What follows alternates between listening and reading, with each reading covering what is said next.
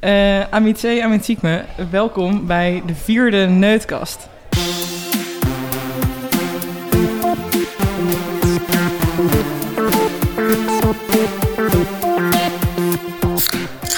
Oké, mooi on cue. We zitten hier uh, live in een opgebouwde studio, um, ergens diep diep in het industrieterrein van Amsterdam. En uh, eigenlijk zijn wij in de studio uh, van Amitse Nils. Nou, welkom. Welkom in de Neutkast. Dank jullie wel. Ja.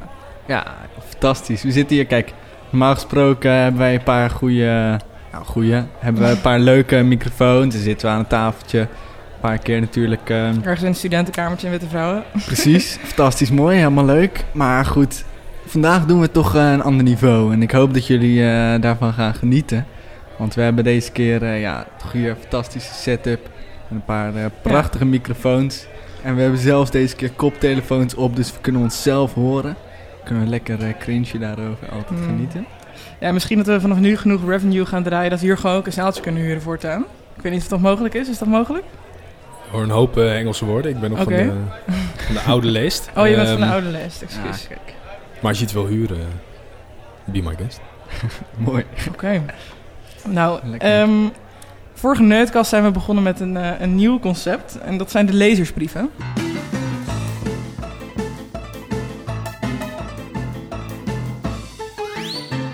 En we hebben wederom we hebben wat binnengekregen. En het zijn alle twee reacties op een discussie die we hadden in de vorige Neutkast. En die discussie ging over eh, wat is een fractie. Eh, en als eerste kreeg ik dit binnen van, eh van Strating. Ik ga het even opzoeken. Het is helaas niet via de, de e-mail gekomen, maar op een andere manier. Goed, daar gaan we. Lieve Neutkast. Als één partij alle 150 kamerzetels haalt, is het dan nog steeds een kamerfractie. Dikke knuffel, mooie baas.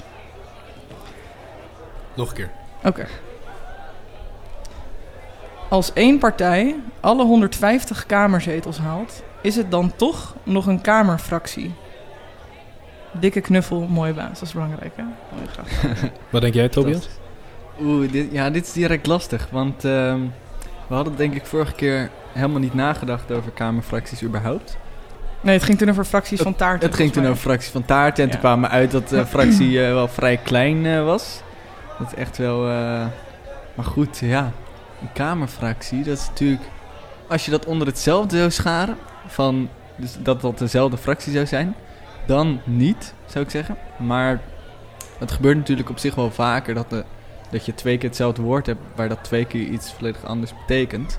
En als dat hier ook het geval is, dan natuurlijk weer wel. Maar verandert de definitie van fractie dan? Nou ja, ehm, goed. Dan kan ik natuurlijk niet direct een voorbeeld bedenken, maar er zijn zeker... Oké, ja, guur en onguur Ja. zijn... ehm, mm, nee, is misschien niet... Nee, is niet het goede. Nee, mm, mm, mm. Even denken of er voorbeelden zijn. Er zijn sowieso woorden die gewoon twee keer hetzelfde woord, maar waarbij het twee keer, omdat het in een andere zin staat, gewoon iets heel anders betekent. En hier, ehm, natuurlijk is de kans wel aanwezig dat een Kamerfractie komt van de fractie waar we het over hadden bij de vorige discussie. En als dat zo is, dan zou ik zeggen dat het ehm, niet meer een fractie is. Maar als het dus een compleet Een ander... Als het hetzelfde... Ja, dat het niet meer... Ja, dat. en als het dus ehm, hetzelfde woord is, maar met een andere betekenis, Ja, dan eh, nog wel. Oké, Laurens, wat, eh, wat denk jij van deze discussie? Wat was de vraag ook alweer? Nee. Ehm, als een, dus de vraag is eigenlijk als een fractie het geheel Hmm, mhm. beslaat Ja, of... van wat we willen beschrijven met een fractie, is het dan nog een fractie of is het geheel? Ja, maar... Pars ik pro weet- totem of totem pro pars? Maar nu vraag ik me af, noemen we een kamerfractie een kamerfractie... Dus in principe is elke partij een fractie, ook al is die heel groot, zoals de VVD. Ja. Dus in die zin is het meer een... Niet een aanduiding van dat het heel klein is, Nee. maar gewoon dat het een deel is van. Dus het heeft wel de betekenis verloren van het klein zijn misschien. Ja, maar gewoon precies. dat het een deel is van, alleen het wordt dan het geheel. Maar een fractie hoeft toch niet klein te zijn, want eh, de helft is ook een fractie. Een, een fractie is gewoon een breuk, toch? In feite. Nou ja, Nou goed. ja, dat is wat ik vorige keer zei, maar daar eh, was Hubert het niet mee eens toen. Maar Hubert is een jurist, hoe weet hij nou van breuk? ja, en definities er zit- zijn- maar goed, daar hebben we het toen over gediscussieerd. Over eh, wanneer het dan eh, fractie was. Als ik zeg een fractie steeds. van een seconde, is het raar als het 0,9 seconden is, toch? Nee, vind ik niet. Oh, daar ging het over, ja. Maar dan hebben we spreekgebruik en eh, strikt genomen, volgens mij. Ja, oké. Daar, daar kan je onderscheid in maken. Kijk, als je dat onderscheid maakt... Maar goed, Ik wil niet zeggen dat ik dat onderscheid maak. Hè. Het is Ah, ja. puur academisch. Ja, precies. Oh, dit is gewoon puur oké. Maar goed, eh, een breuk, in principe drie eenste is drie en is ook een breuk. Is dat dan ook een fractie? Dan is het zelfs meer dan het geheel. Ja, ik merk dat ik hier nog even in je nevertje. Snap je eh, waar ik heen wil? Nee, maar drie eenste, zo gezegd, dat zijn drie helen. Ja, Dus dat, ja, is dat een breuk? Ja, nou ja, goed. Je kunt dat dus opschrijven als een breuk. In Of- theorie kan alles een breuk zijn. Dus je kunt, of, of zeven vijfde of zo. Dat is gewoon, Nou ja, in dat geval, als het daarover gaat, dan is de vraag van eh, Tim. Ik bedoel... eh, mooi baas. OT Rector. Intussen al titels, dat weet ik niet. Ehm, in ieder geval, eh, mooi baas. Eh, zijn vraag gaat er dan over of 150 van 150, of dat een fractie is. Ja. Dan zou ik zeggen nee, dat is een geheel. Ja, dus een Ja. kamer is het dan. Dus ik, ik durf hier wel een standpunt in te Oké, nemen. Dat kun je eigenlijk wel uit mijn woorden oké. mooi. concluderen, ja. Standpunt. Eerste standpunt Ja. vanavond. Mooi, hè? Ja. Of een, en, eh, een belletje in de poster dan in doen, hè? Zo ding, ding, ding. Dat is ook altijd leuk. Maar ehm, mooi, want in de neutkast houden we, houden we niet van mensen die geen standpunten aannemen. Dus dat is, dat is, dat is goed, hè? Dus het gaat al eh, uitstekend tot nu toe. Hebben jullie mensen gehad die geen standpunt aannemen? Innemen? Ja, bijvoorbeeld Martin of zo, die zegt nooit wat. Alleen maar een beetje nuance dit Ja, en dan weer hier dat. Maar goed, je hebt natuurlijk die andere kant. En, eh, Ja, echt zo'n nuance ridder is we willen gewoon een beetje met gestrekt been erin. Dat is natuurlijk uiteindelijk het idee. Dat was ook de kortste podcast, toch? Met Martin? Ja. Ja. Ik zal even naar de volgende lezersbrief gaan. Ehm, daar gaan we. Beste mensen van de Neutkast. In de vorige Neutkast is mij gevraagd helderheid te verschaffen over het begrip fractie. Het enige wat ik hierover kan zeggen is dat het zeer onoorbaar is als een minister iemand uit de fractie probeert te sensibiliseren. Iets anders wat ik kwijt moet is dat Niels een hele mooie baas is. Groet Robert Wicht. Oké, dus we hadden aan de Neerlandicus gevraagd van, hè, kunt u misschien dat eh, uitleg geven? Eh, hopend dat hij zover in de neutkast zou komen. Maar het is dan blijkbaar gelukt, dus dat is leuk. Mooi. En het enige wat hij hierover wil zeggen is dat het... eh, nou goed, eh, wat ik net heb gezegd. Dat het onoorbaar is. We vragen Neerlandicus om zijn uitleg voor een, een soort woordspel. En hij komt Mhm. met een nieuw woord wat niemand kent. Onoorbaar. Ik ga het even googlen hoor.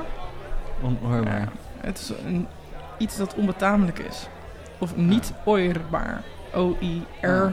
Heeft, eh, O- O-I-R. Ja. heeft Amitse doctorandus de OT rector eh, met de hand die brief geschreven? Hij heeft hem in zekere zin met, met de hand waarschijnlijk eh, samengesteld. Maar is eh, via een digitale wijze naar mij gestuurd. Hebben jullie zijn, eh, met zijn bedoel ik uh, Amitse doctorandus, de OT rector. Hebben jullie wel eens zijn handschrift eh, gelezen? Nee, dat heb ik nooit. niet, nee, nee. Zo over sensibiliseren gesproken. Ja, maar dat, dat zou je eens op moeten vragen voor een, voor een volgende editie. Mooi, mooi, mooi. Over eh, sensibiliseren. Ik weet niet precies wat dat betekent. En eh, goed, ik zit op de HBO, dus dat zal vast aan mij liggen. En misschien een paar sjaars met mij die luisteren weten dat ook niet. Dus zouden jullie dat mij eh, kunnen vertellen? Waarom zit je op het HBO? Nou goed, ik heb de HAVO gedaan en daarna wilde ik snel gaan studeren om lekker bij een vereniging te gaan. En toen ben ik bij NSU beland en eh, op de HBO. Dus zodoende. Maar eh, het punt blijft, eh, ik weet niet wat sensibiliseren betekent. Ik kan enigszins uit context eh, denk ik dingen opmaken. Nou, maar eh, het is op zich leuk dat je het vraagt. Eh, er zijn twee dingen. We komen misschien zo terug op het punt van, eh van eh, HBO en, en waarom doe je dat dan eigenlijk. Maar sensibiliseren zijn twee Dus dingen geen daarover. standpunt, hè? Dus wederom puur academisch. Is het geen standpunt? Nee, nee, Oh, zeker niet. Zeker niet. Eh, Het kan een standpunt worden, maar ik, ik, ik- het is een vraag. nou, wil je nog even doorgaan over het Nee, nee, nee, zeker niet. Jij, jij, jij hebt de Dat leiding. kan. Eh, het sensibiliseren. Nou, we hebben al allereerst eh, die gelekte notulen van de, ministerraad. En daar zei op Hoekstra dat hij Pieter Omtzigt wilde sensibiliseren. Maar dat is eigenlijk grappig, want sensibiliseren is niet een Nederlands woord. Dat is eigenlijk een medische term voor een, eh, van een allergie opwekken. Dus als bijvoorbeeld als iemand voor de tweede keer in aanraking komt met pinda's... en dat is de keer dat hij allergisch wordt, dat is sensibiliseren. Het is niet tot reden brengen. Dat is ook waarom dat overal op NOS, zeg maar, tussen haakjes en dan met RID, weet je wel, punt. Goed. Dat is natuurlijk heel grappig, dat het gelekte natuurlijk een niet-Nederlands woord, of een eigenlijk gewoon totaal verkeerd woord, en dat wordt dan helemaal herhaald. Het is niet een Nederlands woord, maar het betekent in de context tot reden brengen. Of allergisch worden voor pinda's. Niks sensibiliseren als in van, van het Engelse woord sense. Ja, het is een een, Engels woord sensibilize voor, Ja, precies. Ja, ja, ja, voor allergieën. Ja, precies. Dus het is een... eh, ah, oké. ja, kijk. Nu heb ik een beetje... eh, Dat is de context. Ja. Ehm, maar het is natuurlijk wel een taalfout en dat blijft gewoon grappig. ja, precies. Dus het lag niet eens helemaal aan mij dat ik dit eh, woord niet kende. Goed, Nee. daar voel ik me toch wel weer misschien is dat beetje gewoon de McKinsey in, in Wopke Hoekstra die gewoon allemaal vette. Precies. English terms erin wilde gooien. Lekker gooien gewoon. Ik ben intussen eh, een kabel aan het sensibiliseren hier. Oh, oké. Ik ben even stil. Oké, ik, ik, hoor, ik hoor jullie zeggen verder. Je hoort wat wij zeggen. Ja, fantastisch. En eh, ik ben wel benieuwd. Heb jij een beetje het gevolgd, eh Laurens? De gelekte notulen en... Ja, de gelekte De hele notulen, toen, was ik, eh, toen was ik even uit de running. Oh ja, Ik weet wat er gebeurd is, maar ik ben niet van de ins en outs eh, op de hoogte. Dus een, een, een kleine samenvatting of de, de, de smeuïge punten die... eh, Zou ik graag horen. punten. Oké, oké. Dus eh, nou, we hadden het gedoe met Rutte die loog. En, en dan eh, mm. eh, hè, Pieter Omtzigt eh, functie elders. En op een gegeven moment was het zo van... Oké, we moeten die notulen van de ministerraad gaan krijgen over vergaderingen die misschien over... Er gingen heel veel vergaderingen, kreeg ze de notulen van. Maar er werd op een gegeven moment duidelijk dat ehm Wopke Hoekstra, Rutte en Kagen gesprek hebben gehad. En dat ging dan over dat Wopke Hoekstra zou proberen om Pieter Omtzigt tot reden te brengen in het kader van de toeslagenaffaire. Wat natuurlijk wel best wel schandalig is. Ja. Daar ging het debat over. Waarom vind je dat schandalig? Nee, dat is een soort van de, de consensus. Dat was zeg maar de hele, het hele heisa waarom daar een debat over moet zijn. Ik moet zeggen dat ik het zelf... Ja, ik weet niet. Het, doet me niet per se... alsof de toeslagenaffaire, dat vind ik wel heel heftig en heel schandalig. Maar ik weet niet, mensen zeggen wel meer dingen. Gewoon als ze zaken doen, als ze werken Ja. over mensen. En mensen zijn moeilijk om mee samen te werken. Dus jij vindt het niet erg dat dat, dat gezegd is? Dat Hoekstra heeft gezegd van eh, het is mij niet gelukt om de heer Omtzigt te sensibiliseren. Jij vindt dat niet zo'n erge notitie in een, eh, in een vergadering? Ja, misschien. eh, het is niet netjes, maar niet zo schandalig als het misschien is opgeblazen. Nee, maar precies. moet ik ook zeggen dat ik me er iets minder zorgen over maak, omdat ik niet per se een CDA-stemmer ben. Dus zeg Ja. maar, het maakt voor mij niet heel veel uit, want ik stem er niet op, ik ga er niet op stemmen. Dus het klinkt meer soort van als een intern conflict voor hen. Van wat ga je doen met twee grote in je partij. Die dus dit soort dingen, wel, die dus niet met elkaar overweg kunnen. Of Voekstra die eh ja, om zich toch als best wel groot in de partij wil sensibiliseren. Of opofferen soort van. Maar, als je dit breder trekt dan het CDA, als je kijkt naar eh, de figuur Mhm. eh, fractiediscipline, wat, wat, wat vind jij daarvan? Moeten, moeten Kamerleden in één lijn marcheren met wat het, de, de kop aangeeft? Of hoe, hoe, hoe kijk je daarnaar? Nou, fractiediscipline vind ik ehm, in essentie wel eigenlijk niet zo'n goed idee. Maar ik weet niet, ik, ik denk nog... zeg Maar de horrorvoorbeelden zijn natuurlijk voor Wieberen van Haga of zo. Weet je wel, van die crazies die nog gewoon met een zetel er vandoor gaan en dan... Ik Ja. allemaal achterlijke dingen doen. Dus misschien vind ik dan wel dat de zetel aan een partij een soort van wel behoort. En niet per se aan de persoon. Maar... eh, Wat, wat kijk- bedoel je daarmee, dat de zetel nou, bij de partij Wiebren wordt? van Haga, die zat bij de VVD eerst, denk ik. Dat lijkt me logisch. Ik denk VVD. Hm. Ehm, en is er toen vandoor gegaan, eigen fractie gestart. En, nou, ehm, sorry Wendel, maar geradicaliseerd naar toch een bijzonder terrein. En uiteindelijk aangesloten je bij... Wendel? Ja, We- Wendel geradicaliseerd? Was het Nee, onze nee? Nee, nee, ze zei sorry Wendel. komma. Oh, oh. Ja, ja. Eh, terugkoppelend naar de WhatsApp-discussies van afgelopen dagen. Maar, ja, zeg maar, ik denk niet dat Wieben van Haga per se die voorkeurstemmen had gekregen. Het is, waren gewoon stemmen van de VVD. En daar is hij Ja. vandoor mee gegaan alsof het voorkeurstemmen waren. Maar het is een moeilijk balans, maar het is niet helemaal eerlijk, denk ik, om het zo te spelen. Kijk, en dan vind ik het weer moeilijk, want Pieter Omtzigt is het dan weer echt fucking veel voorkeurstemmen. Ja. Dus als hij met de zetel er vandoor zou gaan, zou het er van nog anders zijn. Ja, ik weet het, het is, het is moeilijk, maar Zit daar ergens de grens tussen wanneer dat oké is en wanneer niet? Dat het aantal voorkeurstemmen, dat je ook duidelijk een mandaat hebt voor die zetel, behalve dat dat dan wettelijk zo zou zijn? Nou ja, dat is natuurlijk wel inderdaad een beetje het lastige wat we hebben. eh, gewoon met ons stemsysteem. Dat je dus, je kunt je voorkeurstem eh, geven. Maar uiteindelijk in de meeste partijen stemmen veruit de meeste mensen gewoon op de lijsttrekker. Ja. En natuurlijk, die stemmen worden gewoon doorgegeven aan de mensen die gewoon op de lijst staan. En dan is er dus helemaal niet per se voor die persoon gekozen, maar uiteindelijk gewoon voor de partij via eh, de lijsttrekker. En dan gaat zo'n persoon, die dus helemaal niet op eigen kracht per se in de Kamer is gekomen, natuurlijk opeens er vandoor. En dan krijg je wel een bijzondere situatie ehm, die je niet per se wilt. Dus je moet eigenlijk of inderdaad iedereen. ehm, of je zou een soort van met een volledig voorkeurstemsysteem Ja, ja Moeten of een werken. soort van een algemene stem op een partij en voorkeurstemmen los. Ja, precies. Ja, Hmm. zoiets. Of, ja, dus dat, dat zijn de twee Moeilijk, opties. Of je stemt op een partij en als jij echt voorkeur hebt, kun je dat doen. Of je stemt, eh, of je maakt een stemsysteem waarbij je een soort van geen partijen hebt. Of je hebt dat wel, maar waarbij je dus niet ehm, de stemmen die te veel zijn bij één persoon doorgaan naar zijn partij. Maar dat je puur kijkt naar de 150 mensen los die de meeste stemmen hebben gekregen, voorkeurstemmen. Bijvoorbeeld, eh, toen dat hele gedoe was met Rutte, die eh, duidelijk had gelogen, werd heet het gezegd, ja, maar hij heeft 3 miljoen voorkeurstemmen. Maar hij is gewoon de eerste op de lijst. Mensen, ik geloof niet dat 3 miljoen mensen bewust hebben gestemd op Rutte, maar gewoon stemden op de VVD, want de VVD doet het al een poosje aardig. Dat is natuurlijk pul argument dat Rutte 3 miljoen stemmen heeft. Ja, dat is het ook. voorkeurstemmen. Dat is, Ja. dat is onzin. Ja, Ja, want- dus eh, ja, ik vind het moeilijk, want fractiediscipline is Kijk, Misschien een wie, wie slecht kan de nummer 2 van de VVD noemen? Eh nummer Sophie twee misschien Hermans. nog. Nummer 3, Oeh. nummer 4. ja, nee, alle, alle VVD... partij. Ik kan alleen, eh, hoe heet die, eh, Ikje, uh, Appelmoes... Hij eh, wil die Bergmoes. hij Ja. Bergmoes Maar, noemen, maar dat is juist omdat zij natuurlijk beroemd is geworden omdat Ja. ze zo laag stond. Maar goed, inderdaad, bij- de VVD is dat natuurlijk nu, zeker met de campagne die ze gevoerd hebben, is dat natuurlijk een beetje het grote ding. Ze hebben gewoon Rutte naar voren geschoven in al die filmpjes als... Nou, Vadertje eh, stem, staat. stem niet per se Ja, op, de, op, op de. VVD, maar stem op Rutte, onze man die het goed doet. Wat dat- vind jij van Rutte. Tobias? Wat ik als, van Rutte als persoon vind, dat vind ik lastig. Ik denk dat ik, mijn aanzien ten opzichte van hem is wel wat omlaag gegaan. En ook de partij waar hij bij zit, eh, de VVD, ben ik gewoon niet zo mee eens. Ik ben gewoon wat meer, meer links eh, sociaal daarin.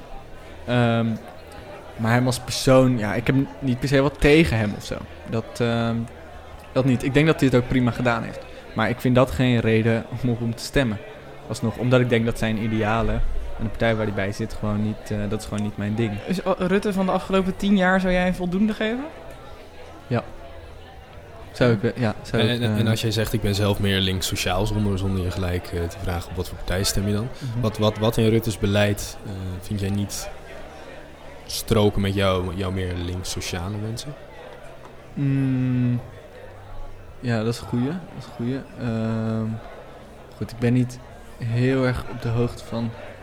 Ik zit even na te denken wat er de afgelopen tien jaar aan grote dingen... Goed, dividendbelasting is bijvoorbeeld een groot ding geweest. Ehm, en... ehm, Geen beleid is ook beleid, hè? Ja, ja, goed, dat is inderdaad. Nee, ik denk dat er gewoon nog steeds bijvoorbeeld is afgehouden van een hoop belasting voor grote bedrijven. Voor een hoop belasting van bijvoorbeeld miljonairs en zo. Ik, ik zou daarvoor zijn voor een belasting op miljonairs, voor een belasting op grotere bedrijven. Meer belasting in elk geval, want Nederland is gewoon toch wel steeds meer een belastingparadijs geworden voor een aantal brievenbusfirma's. Of grote bedrijven die hier een brievenbusfirma hebben. En dan zegt Rutte heel blij: Oh, leuk, we hebben een paar mooie grote bedrijven hier zitten. Ja, dan, dat is op zich leuk. Maar ze betalen hier weinig belasting. En dan moet je dus gaan nadenken: waarom zitten ze hier? Omdat ze hier weinig belasting betalen. Het is niet dat Nederland nou verder per se zo'n fantastisch land is. Want ze hebben hier ook helemaal niet veel werknemers of wat dan ook. Het is puur om die belasting te ontduiken. En, en welk probleem lossen we op met belastingverhoging voor bepaalde actoren? Nou goed, ehm, dan hou je dus geld op daar. Wat je weer kunt besteden aan een heel aantal mensen die dat geld gewoon hard nodig hebben. Aan mensen in sociale. Dus eigenlijk om, eh, om de ongelijkheid eh, Ja, ja, te, goed. te verzachten. Ja. Ja, precies. Ik ben toch gewoon wel voor wat meer, eh, meer gelijkheid. Ik vind dat mooi. Ook al zou ik er zelf door geraakt worden. En dat is natuurlijk altijd wel het lastige punt, hè. Want eh, het is makkelijk om dit te zeggen. Zeker nu ik student ben en gewoon niet zoveel geld te besteden heb. Ehm, maar straks, eh, mocht ik veel geld gaan verdienen, eh, dan gaat dat mij natuurlijk raken op een gegeven moment. Dan nog is het, is het misschien lastiger om dat vol te houden, maar ik zou dat wel mooi vinden, omdat ik nou, denk dat dat wel echt het beste is.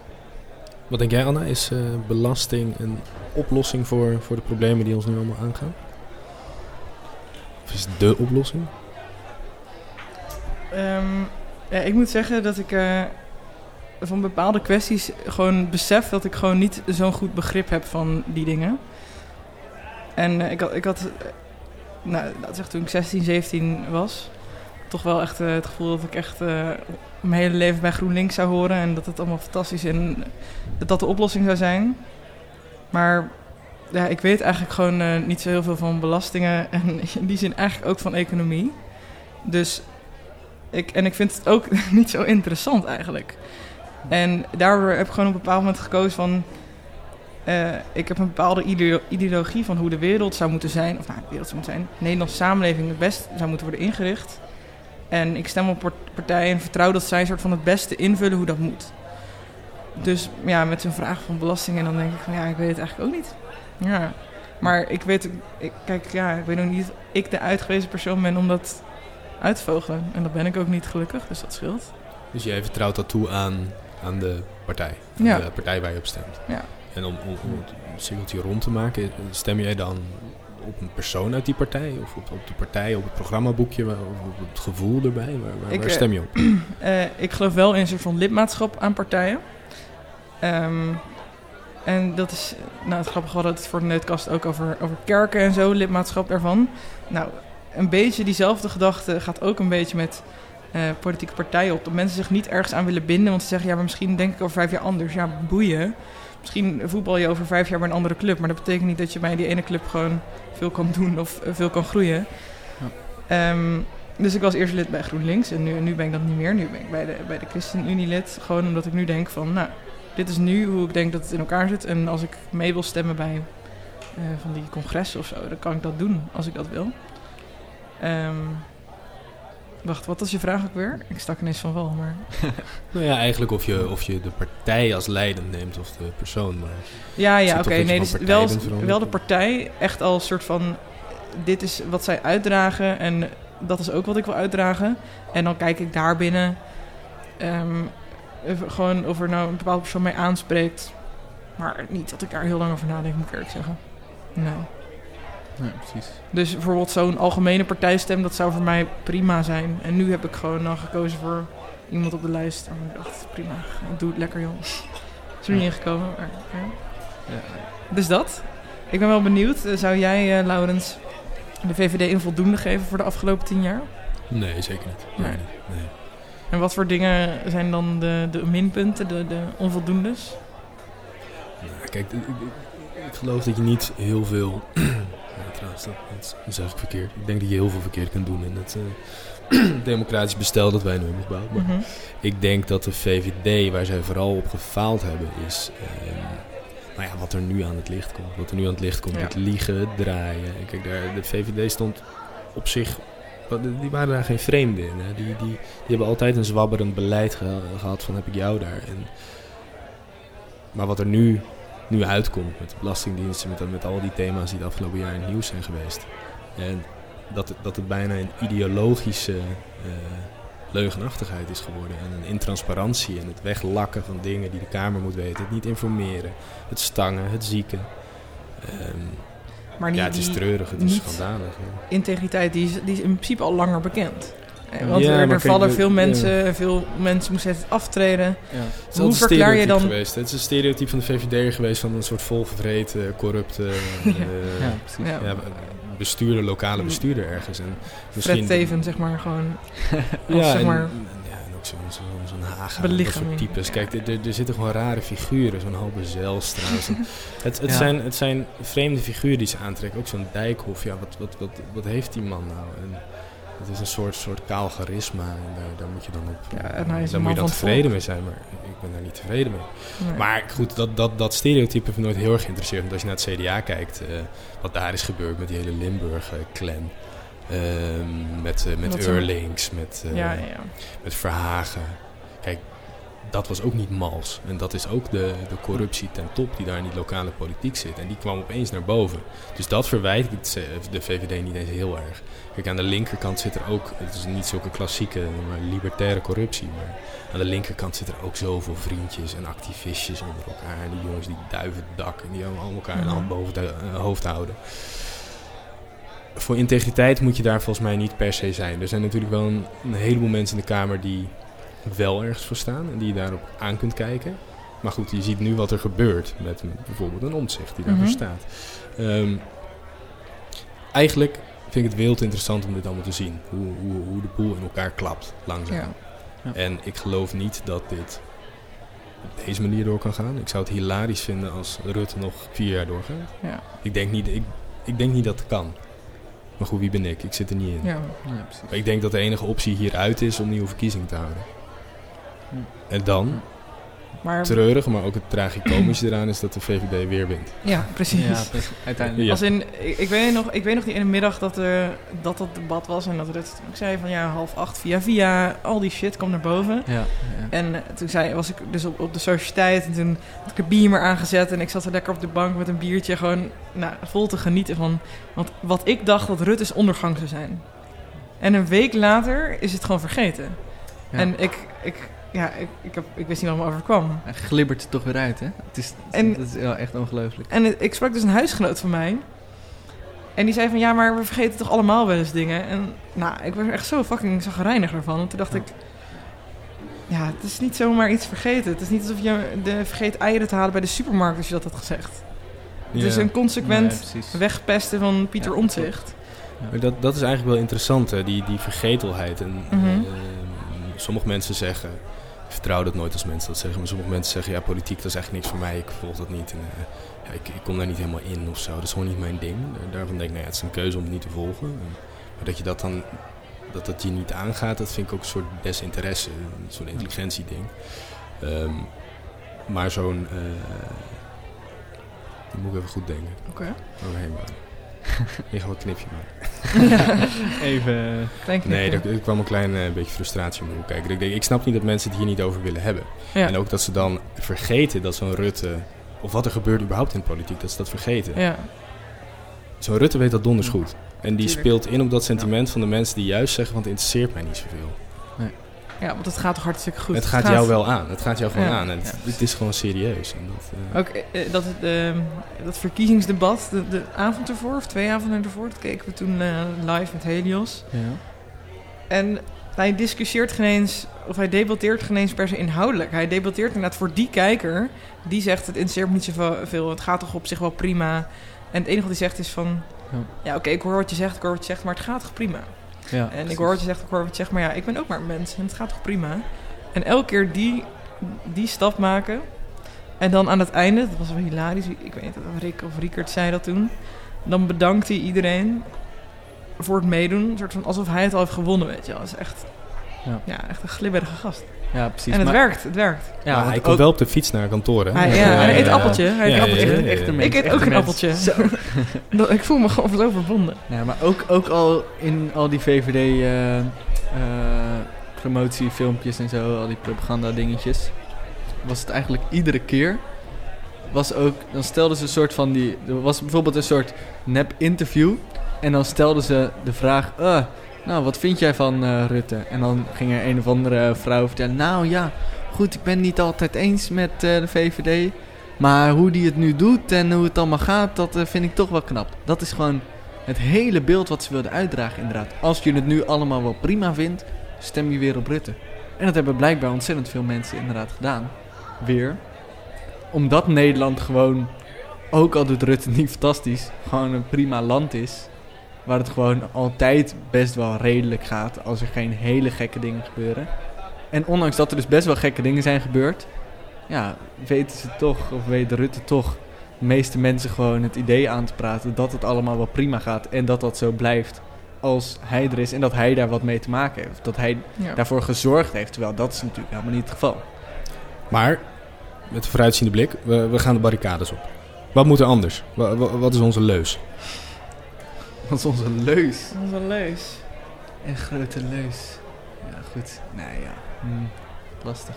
Nou ja, goed, een paar dingen die ik belangrijk vind, maar dat is gewoon puur mijn persoonlijke mening, is... ehm, Stufie. Stufie? Nee, nee, nee. nee. Ehm, ik vind klimaat en ik denk dat we dat kunnen oplossen door een vleestaks. Ik denk dat dat heel belangrijk is. Ik hoor weer het eh, belastingmotief. Belasting Die slaan we even op. Ja. Ja, ja, ja, ja. Nee, ja, goed. Ik denk dat, dat, dat, dat belasting gewoon een heel effectieve manier is. Het is uiteindelijk het middel. De meeste mensen vinden standpunten en dingen leuk, maar het gaat ze pas echt interesseren als ze in de portemonnee worden geraakt. Dat is uiteindelijk toch wat een groot deel van de politiek eh, in mijn ogen ook is, is gewoon het heen en weer schuiven van geld. Dat is uiteindelijk gewoon waar misschien onze hele kapitalistische wereld wel een beetje eh, over gaat. En eh, ja, mensen in de portemonnee raken eh, is denk ik de meest effectieve manier om mensen geïnteresseerd te krijgen en om mensen eh, echt iets te laten veranderen. Wat nou als je iedereen 1000 euro geeft?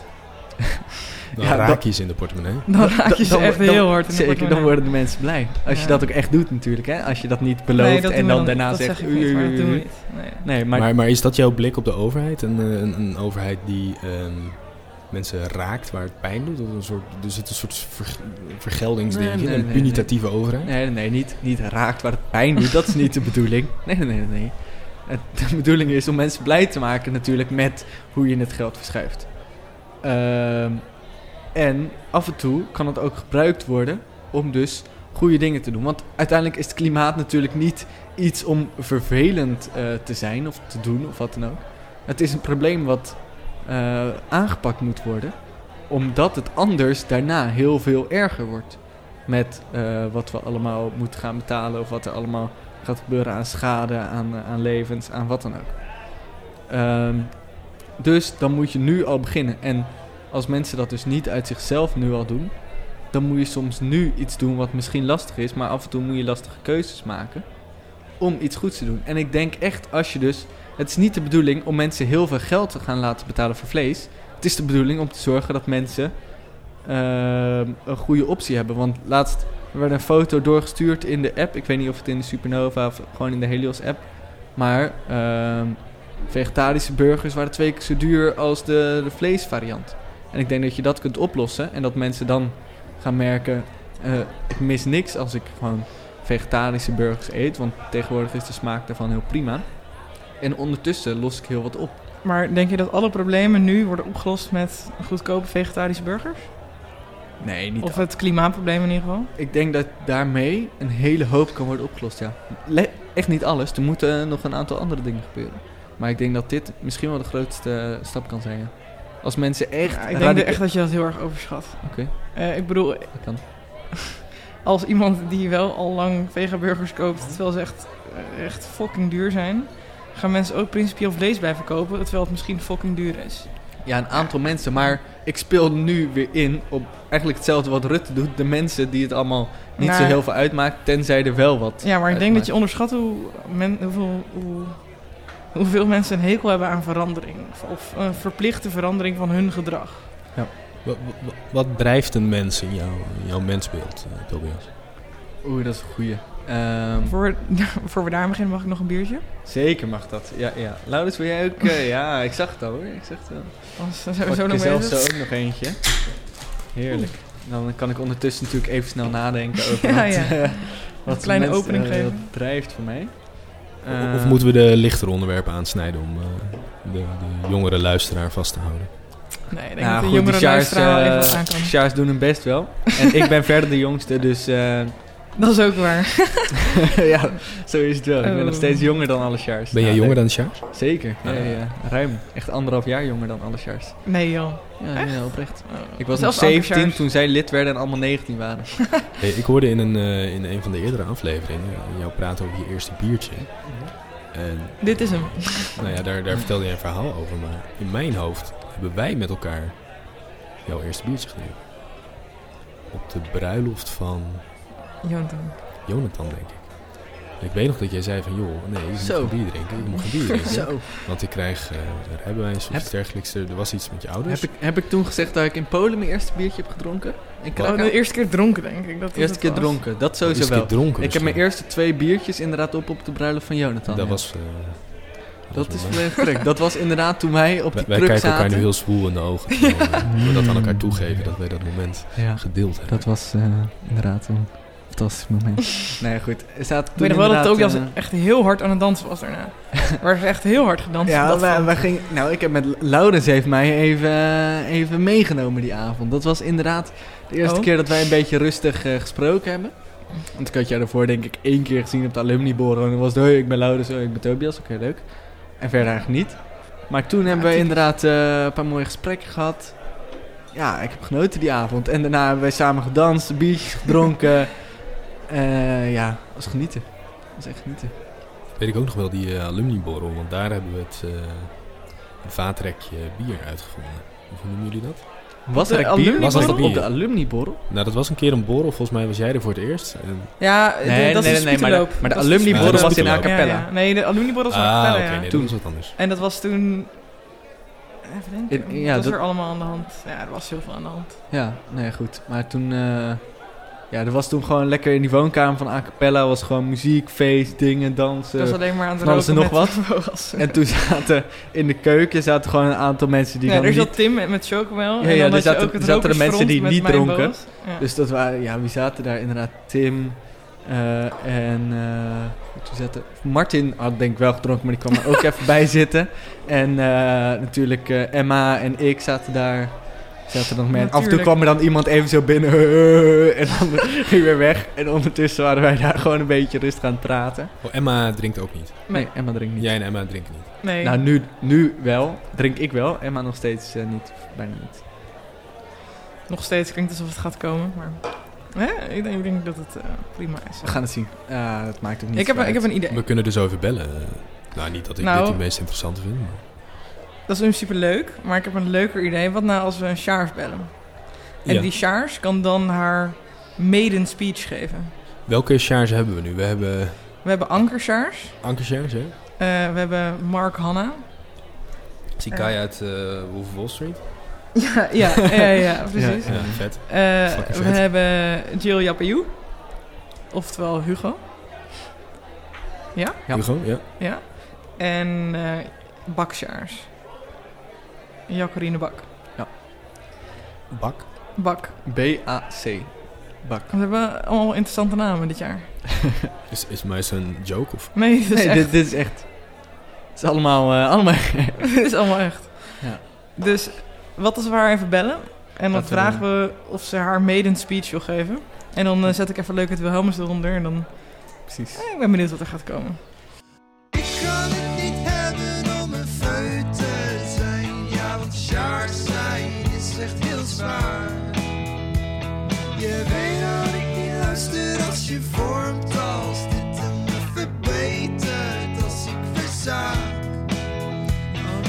Dat, eh, ik zet hem gewoon lekker op de luidspreker. Ja, in de Tot microfoon. nu toe gaat het altijd goed. Oh, daar komt hij. hoor. Misschien iets dichterbij. Oeh, spanning stijgt. Spanning stijgt. Hey, Hey. Hey, Jacqueline, jij zit nu live in de neutkast. Wat is je eerste reactie? oh, goh. Oh. Toch allemaal, ik kan allemaal weer bellen. Maar dat eh zat er natuurlijk aan te komen. Ja, leuk. Ja, dat, dat zat er zeker aan te komen. Ik hoop dat je de eerste paar keer geluisterd hebt. En eh, toen... eh, fantastisch. Nou, goed. Hè, als je dan eh, kunt tellen, dan hebben we vier sjaars. En eh, hè, hebben we er dus drie gehad. En op een gegeven moment komen we dus bij de laatste sjaars. En dat ben jij. Ja. Fantastisch. ja mooi. dat, Voel jij ook eh, de laagste leuk. Kun je, kun je Laurens horen?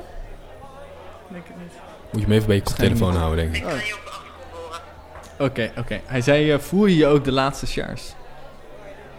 Oh, laatste. Ehm, voel ik me de laatste sjaars?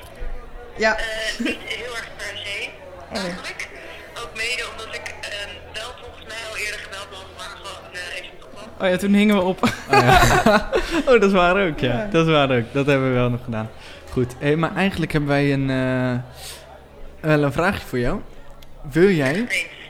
Het is eigenlijk niet echt een vraag, maar meer een, eh, opdracht, verzoek. ja. Een opdracht, opdracht, ja. zou je kunnen zeggen. Eh, hou jij eens even een mooie maiden speech. Sorry?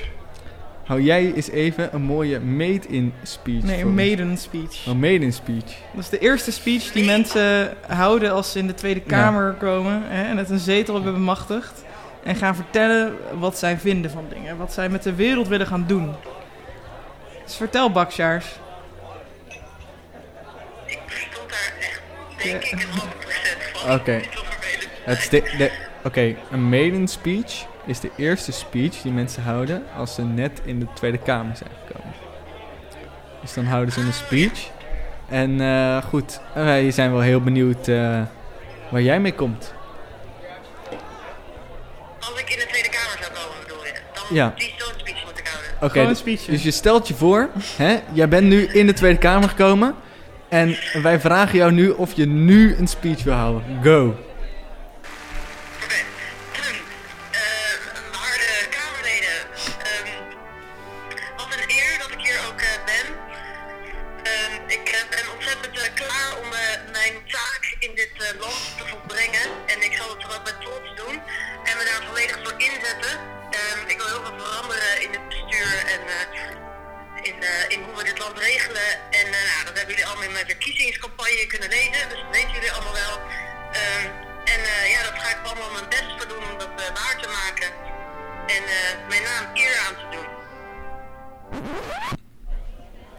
Oké, geen vraag?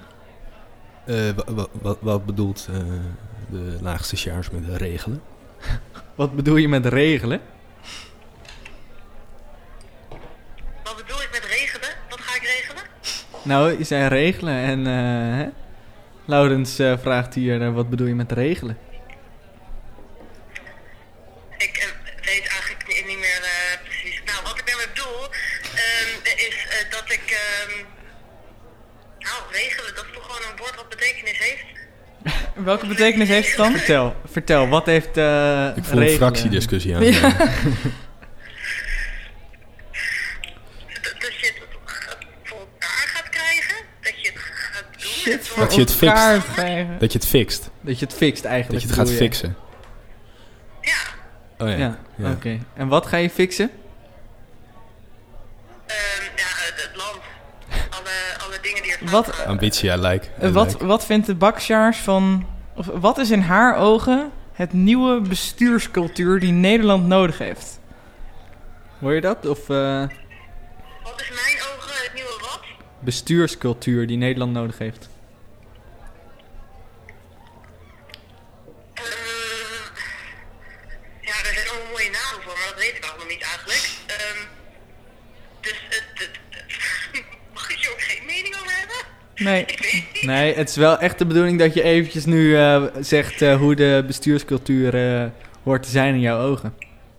Standpunt, zo gezegd. Even, even, gewoon, een sta- even gewoon met gestrekt been erin. Even een standpunt verwoorden. Ehm, nou, Oké. Ja, precies. Nee, eh, dit is ongeveer de, de hoogte die we verwachten van een punt van een sjaars. Maar we Ja. hopen toch dat je dan hè, over een paar maanden tweedejaars wordt. En dan een keer ehm, Iets, zin, iets zinnigs eh, zegt of zo.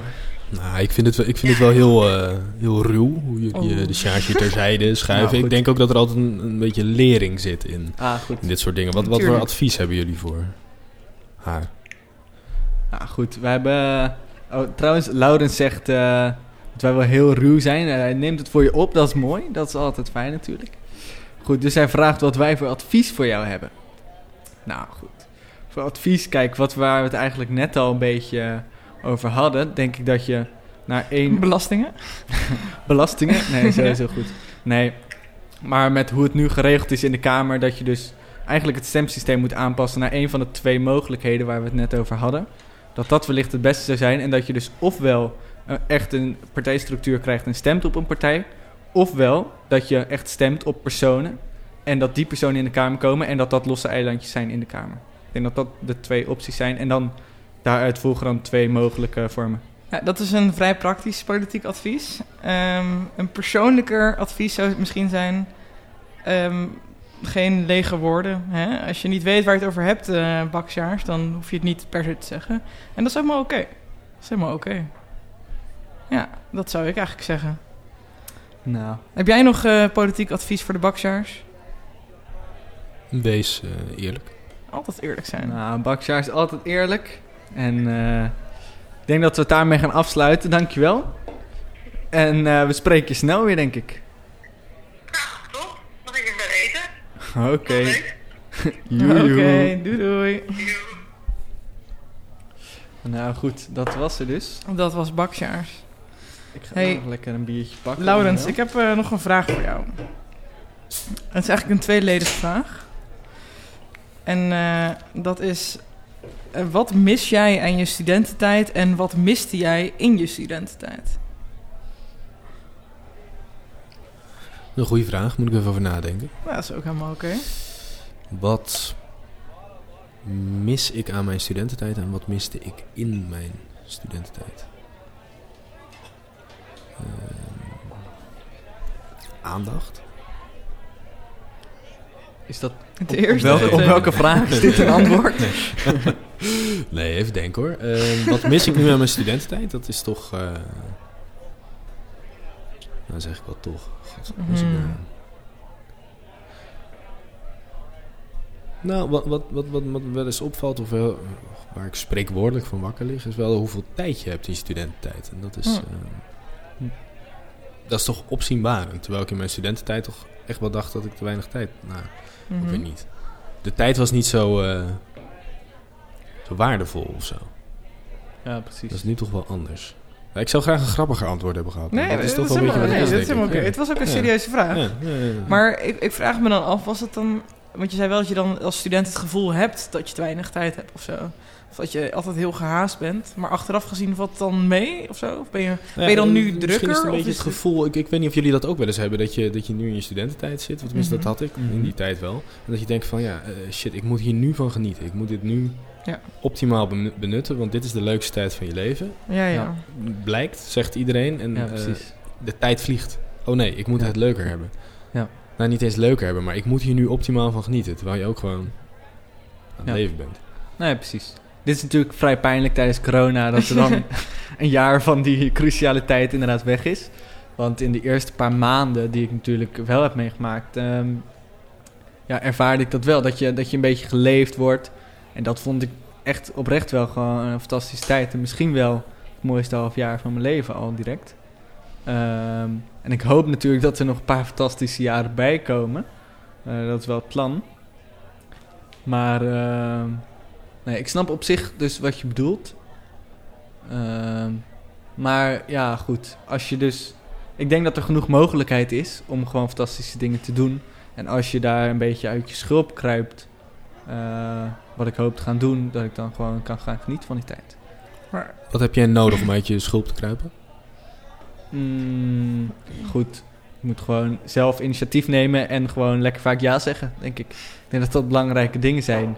En dan maak je vanzelf gek shit mee, want het is je studententijd. En eh, ik zit bij eh, Helios en ik denk dat dat al een paar mooie ingrediënten zijn om zelf goede dingen mee te maken. Dus ik denk dat dat helemaal goed gaat komen op zich. En wat ik nodig heb is dat Rutte eventjes besluit dat alles weer open mag. dat, eh, dat vooral, denk ik. Hebben jullie wat illegaals gedaan in deze tijd? Dat niks mag.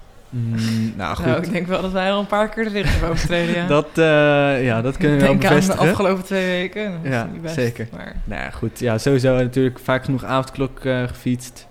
Ehm, ja, kunnen we gewoon eh, eerlijk over wezen. Ja, maar geen boetes, hè? Geen boetes. Nee, geen boetes, geen boetes. Dat is Nee, toch mooi? dat is wel heel netjes Nee, inderdaad. maar bijvoorbeeld met Koningsdag... We waren Ja. wel bijna met complete spuut gewoon lekker in een tuin... een beetje bier aan het drinken en aan het chillen. Ja. En ja... Ja, ik weet het ook niet. Het, het voelt allemaal... Het was wel heel bijzonder, want het voelde een soort van als een voorbode... van wat er nog gaat komen. En de zomer weer, dat je gewoon heel ontspannen met elkaar kan zijn. Ja. Eh, ik bedoel, de vorige zomer voelt echt als een eeuwigheid geleden. Dat je gewoon ontspannen met mensen kon chillen en niet heel schuldig voelde. En Koningsdag was een kleine voorbode daarvan. En dat was echt precies. heel fijn. We gingen lekker aan het kanaal zitten. Ja. dat was echt En even zo'n oplaadpunt. Ik heb dat wel echt nodig hoor. Ja. En ik heb dat ook geprobeerd. Op een gegeven moment werd dat wel steeds lastiger toen die regels steeds strenger werden. Maar gelukkig gaat het nu Mhm. weer langzaam de goede kant op. Zeker met de avondklok die weg is. Maar ik heb wel echt nodig dat ik, als ik wakker word en ik moet een dag studeren, dat ik denk, ik heb iets om naar uit te kijken. En ja, een dispuutavond online of zo, dat, dat is leuk. Maar is niet genoeg voor mij om naar uit te kunnen kijken. Ja, het is niet meer een oplaadpunt. Het is, Nee, het- precies. Het is eerder iets waarvan je denkt van oké, het moet. Want eh, weet je wel, we kiezen als dispuut Ja. dat we dat elke week willen doen. En dat is goed. Maar het kost nu meer energie dan je eruit haalt. Ja. En dat is een soort van oké, omdat we weten dat we elkaar nodig hebben. Maar, Precies. maar al weet je wel. Ja. Dus af en toe echt op z'n allerminst eens in de twee weken of zo... moet je minimaal... heb ik gewoon echt wel één avond nodig... Gewoon een rave met duizend en- mensen. En nee, een paar mensen is prima. En liever eigenlijk gewoon eens in de week. Wat ik normaal gesproken gewoon had. Namelijk dispuutavond en borrel. En meestal gewoon nog wel een avond. Mhm. Twee avonden in de week. Ja. En dan denk je echt, oké, ik kan vandaag er tegenaan. Misschien morgen ook nog. En dan heb ik weer een chillavondje. En dan daarna heb ik weer dispuutsavond. En dan... Dat helpt mij gewoon om geconcentreerd te blijven. En dan, is, dan zijn die avondjes de beloning. Maar als dat wegvalt... heb ik ook echt wel een aantal keer zo'n week gehad... Ik weet niet of jullie dat herkennen, maar misschien Ja. wel dat je dan gewoon in je bed ligt en dan denkt, ja, wat, heb ik nou de komende week? Ja. Waarvoor kom ik mijn bed uit? Eh, en ik kan nu gaan studeren, maar ik heb zoveel tijd, want ik heb helemaal geen avondjes waarin ik wat doe. En uiteindelijk doe je gewoon vrij weinig en dan heb je gewoon een kutweek. Eh, hoe ervaar jij dat, Laurens? Heb jij ook een beetje die sleur een keer te pakken gehad? Van de lockdown sleur? Of ga je elke week naar illegale raves? Nou, ik heb, denk in die zin, ik ben blij dat het niet in mijn studententijd gebeurde. Ja. Want dan zou ik dit heel erg herkennen. En nog Mhm. steeds, ik, ik, ik- nee, ik, ik heb het niet op deze manier gehad. Omdat ik, ik ben natuurlijk aan het werk. Ik heb, een, eh, ik heb een bedrijf te runnen. En dat was meer stress de andere kant op. Van, nou, Mhm. gaan we het overleven in het begin? Ja, wat, wat, oké. wat gaan we doen? Eh, en dat was die eerste maanden, dat was wel heftig, ja. Maar ehm, ja, wij, eh, goed, wij, wij zijn er, nou goed, we zijn er nog.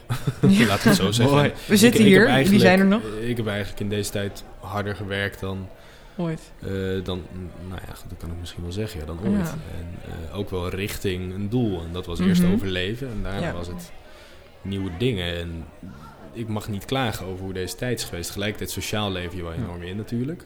Ehm. Maar ik ben altijd hier geweest waar wij nu zitten. Ehm. Ik heb hier altijd heen gekund. Maar ik, ik ken ook veel mensen die aan het werk zijn, die op een kantoor werken en een baas zegt van joh, het kantoor is dicht. Ja.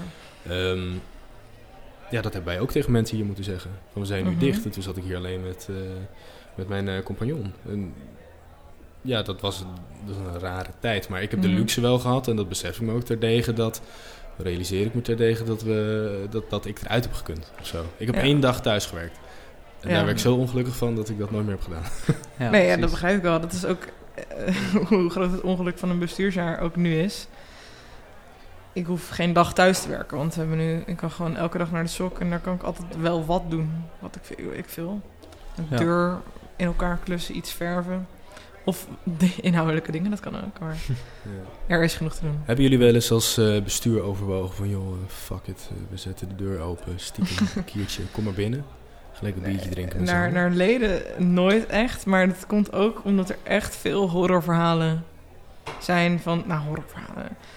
Gewoon, je ziet elke week wel van illegaal feest en dan in, zeker in het begin werd gewoon name and shame, weet je wel. Voetbalvereniging Drenthe, weet ik veel. Of Ja. eh, Vindicat en USC en ja, dat was toch wel dat we dachten van, nou, dat gaan we gewoon echt niet doen. En zeker in het begin was het nog echt van, dat kunnen we echt niet.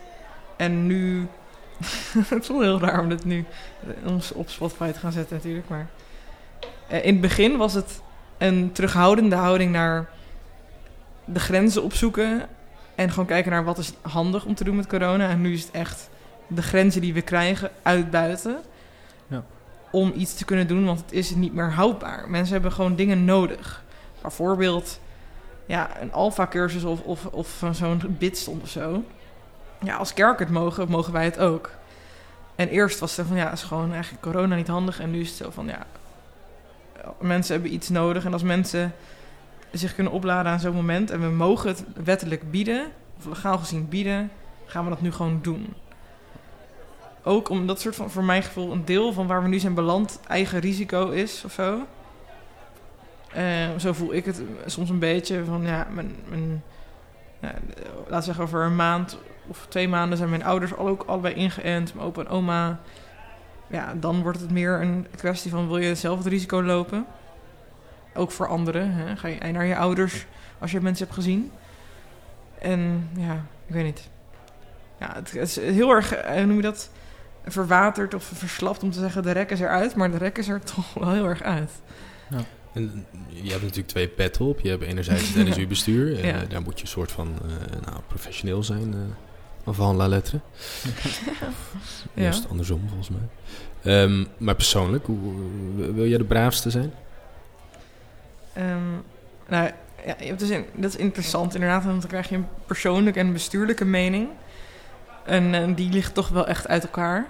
Maar het is wel interessant, want bestuurlijk gezien heb ik wel echt een hele strenge houding. Want dan denk ik van, oké, we kunnen dit echt niet maken als NSU en we moeten ons gewoon aan de regels houden. En als mensen zich buiten NSU niet aan de regels willen houden, prima, maar niet mijn probleem. Weet je wel, echt niet mijn fucking probleem.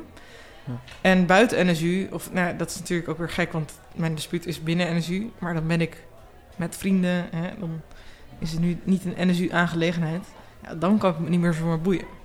Maar ik kan niet echt leven met het idee dat ik als bestuurder van een organisatie daadwerkelijk dingen organiseer die de regels overtreden. Maar persoonlijk maakt het niet zo heel veel uit. Dus het is wel interessant hoor, om te merken dat je bestuurlijke en persoonlijke mening zo ver uit elkaar liggen. En dat mensen dat moeilijk vinden om te begrijpen. Dat je van mensen hoort van, "Hè, maar je was toch eh, laatst naar dat. Of je hebt toch met je dispuut Koningsdag gevierd. Dan zeg ik, ja, maar dat is mij als persoon en dit ben ik als bestuurder. En dat kan ik gewoon niet maken, of dat wil ik niet maken, want ja, een stukje ja, professionaliteit of nee, ik weet niet, ja. Dat is toch wel- gek, want je voelt je ineens heel volwassen, terwijl ik me ook, eh, ja, ook maar gewoon een student ben of zo. Ja, dat is wel gek hoor. En dat vind ik soms wel het moeilijke. Ik denk dat misschien een van de moeilijkste dingen dit jaar is dan eh, weet je van andere besturen dat zeg maar een van de grootste kwesties van de week dan was mag Orion hun das dragen op de, de zweetfeestborrel en dat we het nu hebben over ga je de wet overtreden of niet en met een van de zieke nou bijna politiestaat die rondrijdt over de bootstraat dan denk je wel van weet je wel waar de fuck zijn we mee bezig maar goed dat was mijn rant Zijn Orion nog steeds van die... eh Beunhazen? Ja, ja, ja zeker. is Grappig. Precies eh, bij, de, bij de binnenkomst eh, zei ik al tegen iemand: deze vier, die gaan het worden. En ik had gelijk. Van de charge. Ja, ja. Ah. Gewoon zeg maar precieze typetjes. Ja, precies. Maar ik moet ook zeggen: Orion heeft van tevoren een soort van al mensen gerecruiteerd die lid laten worden en toen bij Orion ge- binnengehengeld. Oh, ja. Snap je? Ja. Dus een soort van Nou, eigenlijk is al goed, voor is nageven. gehengeld en dan. Ja. Waarom doet Helios dat niet? Eh Ja, goede vraag. Ja, zou kunnen. Maar goed, ja, moet je dat kwestie willen? van budget of waar, waar zit hem dan? Nee, maar de vraag, ja, moet je dat nou echt willen? Is dat, eh, zou je dat positief vinden, Laurens? Om dat te doen? Zou jij dat negatief vinden, Tobias? Hebben jullie honger intussen? Eh, ik heb niet, niet honger. Zullen we Ah. wat eten bestellen? Dat lijkt me geen gek idee. Oké, gaan jullie dit uitpraten? Bestel ik wat eten. Oké. Is goed. Zou jij dat een negatief idee vinden, Tobias? Mm, nee, nou, niet per se. Maar ik weet niet hoe positief ik tegenover Nee, bekenden al van eh, leden sta. Om die dan lid... eh, als die ook lid worden. Zeg maar, als ik een vriend van mij lid laat worden... Als, als een vriend van mij lid zou worden bij Helios, dat meer. Ehm, ja, is, is dat dan zo'n goed plan? Ik weet het niet. Met gewoon die agiliteit en dingen die we hebben, is het misschien gewoon beter eigenlijk en handiger als je eh, gewoon een, een onbekend, een nieuw, ja. nieuw persoon binnenhaalt. In plaats van, oh, ik heb nog wel een vriendje, oh, die zou misschien wel leuk bij Helios passen. Nou, die komt bij NSU en die Ja, komt dan ja. bij Helios. Dan, dan krijg je gewoon een beetje ongemakkelijke dingen. Misschien dat is gewoon helemaal niet zo handig. Ik denk niet dat dat, eh, Nee, dat, dat nou echt zo'n goed plan is. ik snap wat je bedoelt, maar dat is wel hoe Hubert Brentjes is binnengekomen. Dus in Ja, die zin is dat wel grappig. Oké, maar- nou goed. eh, ja, nee, dat kan. Dat kan. Heel even intermezzo, wat willen we eten? Eh, Anna, jij bent vegetarisch, hè? Ja, ik heb iets besteld. Oké. Eh, Oké. Ik, eh, Wat heb je besteld? Een broodje falafel. Heerlijk. En Tobias, wat ga jij bestellen? Eh, geen idee. Ik ga even kijken wat, eh, wat, zie- oeh, wat zie ik hier allemaal voor interessante dingen. Kufte. Ik heb daar alleen maar ooit van gehoord in een boek. In een boek. Ja, oprecht. Eh. Het is best wel een interessant boek trouwens hoor. Ehm, Eh, Oké, heel spannend. Daar kan ik eh, op zich wel... Oh, dit ziet er wel lekker uit. Ja, zo. Top. Wil jij eh, beschrijven wat je ziet? Wat ik zie, ik zie eh Turks pizza met dunner. En daar kan ik wel van genieten altijd. Ja, Hoe nee, eh, erg zou jij het vinden als dat een tientje duurder is? Ik eh, vind dat geen probleem. Ik weet niet wat Anna ervan vindt. Eh, Ja, maakt me niet zoveel uit. Kijk, en het voordeel dan weer is, hè... Nou, het is niet waar. De terrassen zijn nu weer open, maar... Toen de terrassen dichtgingen en de borrel dichtging... Nou, heeft natuurlijk wel wat centjes bespaard. Ja, ja, ja. Maar ik was dus met de Raf zaterdag naar een terras. En toen dacht ik ook wel van, ja, fuck it. Ik heb zo lang niet op het terras gezeten. Dus hebben we allebei gewoon elke keer... Doe maar gewoon een duur wijntje. En doe maar gewoon alle nachos die je hebt. En doe Ja, maar gewoon mooi. nog een duur wijntje. Hoe is het met Raf? Ja, met Raf is het wel aardig hoor. Ja, prima. Die, heeft, eh, nu, die doen nu WO dus. Hè. Die doen nu eh, Liberal Arts and Sciences. Dat is wel echt eh, ja, dat is cool. meer zijn ding dan HBO, toch? Ja, precies. Als in die mag dan meer doen wat hij leuk vindt dan dingen die kut zijn. en nou, met de band zijn we dus aan het voorbereiden voor een concertje in juni. En anders juli als het wordt uitgesteld. Ja, dat wordt echt fucking leuk. Ja. Dus dat is wel een grappig verhaal. Ik zal even de meest legale versie proberen te vertellen. we wilden dus met het bandje weer even... Want we hebben het album dus opgenomen eh, in 2020 nog. Toen er nog vrij veel open was. En eh, toen heeft RAF die tijd daarna gebruikt om te editen en dingen na te maken. En. Want eh, Raf is de producer. Raf is de producer, ja zeker. En nou, toen hadden we het idee van laten we een keer een, concert geven. Laten we een keer nog meer doen. Want dat lijkt ons gewoon fucking leuk. Alleen toen kwam de nieuwe lockdown en toen mochten we de studio niet meer in, behalve met twee. Maar dat, is, dat slaat nergens op, want dan heb je of een drummer en een gitarist en geen zanger, of je hebt een zanger en een piano en dan het Ja. helpt, helpt gewoon niet. Nee. Eh, behalve als je een betaalde opdracht hebt. dus wij hebben Oké. met, als ons, met onze band een betaalde op, opdracht gefabriceerd. Die laten zien aan de studio. En die hebben ze goed gekeurd. Dus nu mogen we elke week oefenen. Mooi. dat is echt fucking chill. Oké, ik moet echt ongelooflijk, ongelooflijk nodig zeiken eigenlijk, toch? Oké. Nou, prima. Kan dat, kan een dat beetje- ja, ik hoor ja. je prima zeggen, maar kan dat binnen het format? Ja, joh. Nou goed, dan ga Weet ik je gewoon. zeker? Dus, eh, Weet je het zeker?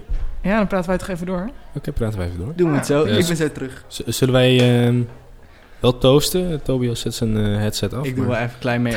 Laten wij eh, toasten. toastje. Gaan we hem eh, nippen of shotten? Ja, ik zeg Ja. shotten. Doen we dat? Ja, joh. Oké, lekker. Zijn jullie Ja. nog bekend met het eh, fenomeen shotje zwanenhals? Een een zwaanhals? Een Zwaanhals. zwanenhals, wat je onderaan eh, een wastafel vindt. Oké, eh, kijk, ik dus denk dus bij dat woord gelijk aan een zeilboot. Hè? Je hebt een mast uit de boot, hier, ik, ik beeld het nu uit. Een boot, een mast, grote zeil, hier zo. Kleine zeil, de fok. En dan heet dat punt vooraan, dat heet de zwanenhals. Lijkt op zich ook op wat je onder een groot zijn vindt hoor. Maar dat kan je dan loskoppelen en dan kan je de mast naar beneden doen. En dan kan je lekker naar de, alle elf steden van Friesland als je dat leuk vindt. Maar de zwaanhals onder de gootsteen. Vertel alsjeblieft wat je daarvoor weet. Eh shotje zwanenhals eh, was in mijn tijd tenminste, toen ik. Sjaars was. En eh, nou, in ieder geval de lichtingen nabij. Eh, dan lezen en schrijven wij 2011. Ja. Shotje zwanenhals was een initiatieritueel. Eh, namelijk, je, je schroeft in het studentenhuis waar je bent, schroef je de zwanenhals los van de eerste de beste wastafel die je Ja. vindt. En die moet je shotten. Oké, oké. Ja, dat Je weet wat een zwanenhals is? Ja. Dat is die S die eronder zit waar alle vel van de, van de wasbak in wordt. Nou ja, vel, goed vel. Wat is vel? eh, wordt opgevangen. Eh, je mag dat aanlengen met wodka, maar je moet hem shotten. Oeh. En eh, heb jij Doen, jullie dat nog? Doen Nee, jullie dat de- nog? ik- in mijn huis niet. Maar misschien in andere huizen. Maar wij deden dat bij Helios. Dat, Oh. is, dat is uit de traditie. Nou, ik heb dat al heel lang niet gedaan. Ik heb dat ook nog echt nog nooit gehoord, moet ik zeggen. Maar leuk dat je het zegt, want er gaan binnenkort een paar stars op kamers. Dus dat is op zich een leuk idee. Shotje zwanenhals zorgt Shotje altijd voor een hoop, eh, hoop vertier. Een ver- Ja, vertier. mensen worden er hard van, dat zeker. Ja, ik kan me wel voorstellen. Uh, Tobias is enorm op zoek naar de wc. Maar die is hieronder volgens mij, toch? Ja, misschien is het leuk om aan de, aan de luisteraar te beschrijven. We zitten hier in een scheepsbouwloods in eh, Amsterdam-Noord. Dat werd net nog een, eh, diep in een industrieterrein genoemd. Eh, we zitten gewoon op drie minuten van het Centraal Station. Maar zij hebben de bus genomen met een enorme omweg. Dus, Ja, eh, dus het was toch ik echt wel wil 25 toch de minuten. plek hier denk ik. even verdedigen. Ja. Maar goed, Tobias is net... wij zitten in een soort vogelnest van glas in, Ja. in de nok van het gebouw. En Tobias is net helemaal naar het verre eind van de loods gelopen. En wij kijken mooi op hem nou, Neer. neer. wil ik niet zeggen, maar eh, wel Nou, ik wil het misschien wel zeggen hoor. Ehm ja, is hilarisch. Had je bij moeten zijn. Had je bij moet zijn. Hey Anna, we zijn nu eh, samen. Tobias is weg. Ja. Zijn er dingen die wij eh, met z'n tweeën willen bespreken? Ik heb wel, eh, wel iets. Ik heb hier openstaan een, een aantal dingen. Bijvoorbeeld nou, ons Neutkast-document of de Neutkast Helios e-mail. Maar ook gedichten voor na het slaap gaan. Oh, zal ik voordragen? Heb jij een lievelings die je wilt voordragen? Eh, misschien moet jij wat inleiding geven bij, eh, bij gedichten voor na het slapen gaan. En dan, eh, Nou, Zal ik wat ik wat inleiding geven? dan zal ik wat opzoeken. Jeetje. Oké, het eerste wat ik zie als ik gedichten voor na het slapen gaan open, dan is dat 58 mensen vinden dit leuk, waaronder 8 van jouw vrienden. Dat is meer dan vroeger. Dat is meer dan vroeger. En ehm, ja, wat vindt men daar dan? Dan vind je een, vrouw, een eh, nou, waarschijnlijk in de renaissance geschilderde vrouw. Eh, en haar billen worden uit elkaar gehouden door baby's. En daaruit komen allemaal belletjes. Allemaal mooie zeepbelletjes. En er staan allemaal gedichtjes voor... Ja, als mensen zijn gaan slapen. Voor na het slapen gaan, als het ware. En ehm, volgens mij, als ik het goed heb, zijn die gedichtjes geschreven door zowel jou als Wouter Groot. Correct me if I'm wrong. En ehm, ja, misschien wil uh, Laurens daar toch eens van voordragen. Eh gaarne, gaarne. Ehm, misschien wat, eh, wat achtergrond bij gedichten voor na het slapen gaan. Terwijl eh, een jonge heer Tobias eh, de ruimte weer betreedt. Ehm gedicht voor na het slapen gaan is een, eh, nou, ik wil wel zeggen, een kunstproject van Hmm. eh, Wout en van mij. Eh, Mooi. Aan de andere kant denk ik, het is ook overdaad. Want eh, veel dingen die Wout en ik eh, doen, die, Zijn een kunstproject? nou ja, die, die doen wij omdat wij het moeten doen. Niet Ja, omdat we het willen doen of kunnen doen, maar wij moeten dat. Ehm, wij hebben de eerste gedichten op bierveeltjes geschreven aan de bar. Ja, in, mooi. in de sociëteit. Die jullie ook wel eens de sok noemen, maar daar ben ik echt nooit in gekomen. Ik vind het echt Ja? walgelijk, walgelijk. Noem het een sok. Een sok trek je aan je voet en na een tijdje stinkt Ja, het idee, dat, het is mij aangeleerd tijdens mijn noviciaat. Want een, een soos, dat heeft je kerk. En een sok, dat heeft NSU. Dat Ja, is ik het heb liever idee. dat je het een soos noemt, maar ik, ik noem het gewoon de sociëteit. Maar Ja, precies. joh, een soos is tenminste eerlijk, maar een sok is echt eh, een aap vies. met een gouden ring.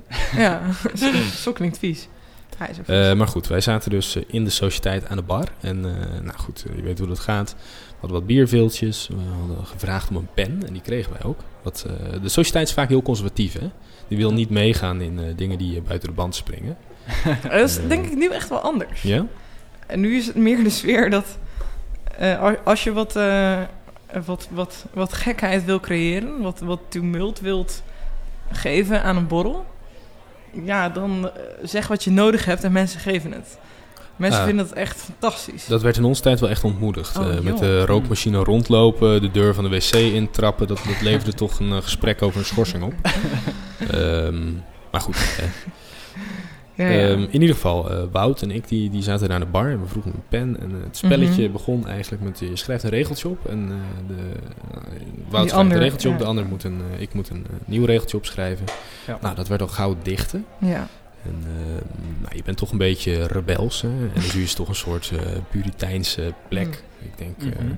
dat er ook heel veel dingen gebeuren die daglicht niet kunnen verdragen. Maar daar Nee hoor. ja, dat is trouwens ook wel een Nee. grappig onderwerp om überhaupt aan te snijden. De soort van, van vroomheid en correctheid onder studenten. Terwijl je juist denkt van, joh, jullie, jullie willen toch juist... Onder studenten, onder energiestudenten.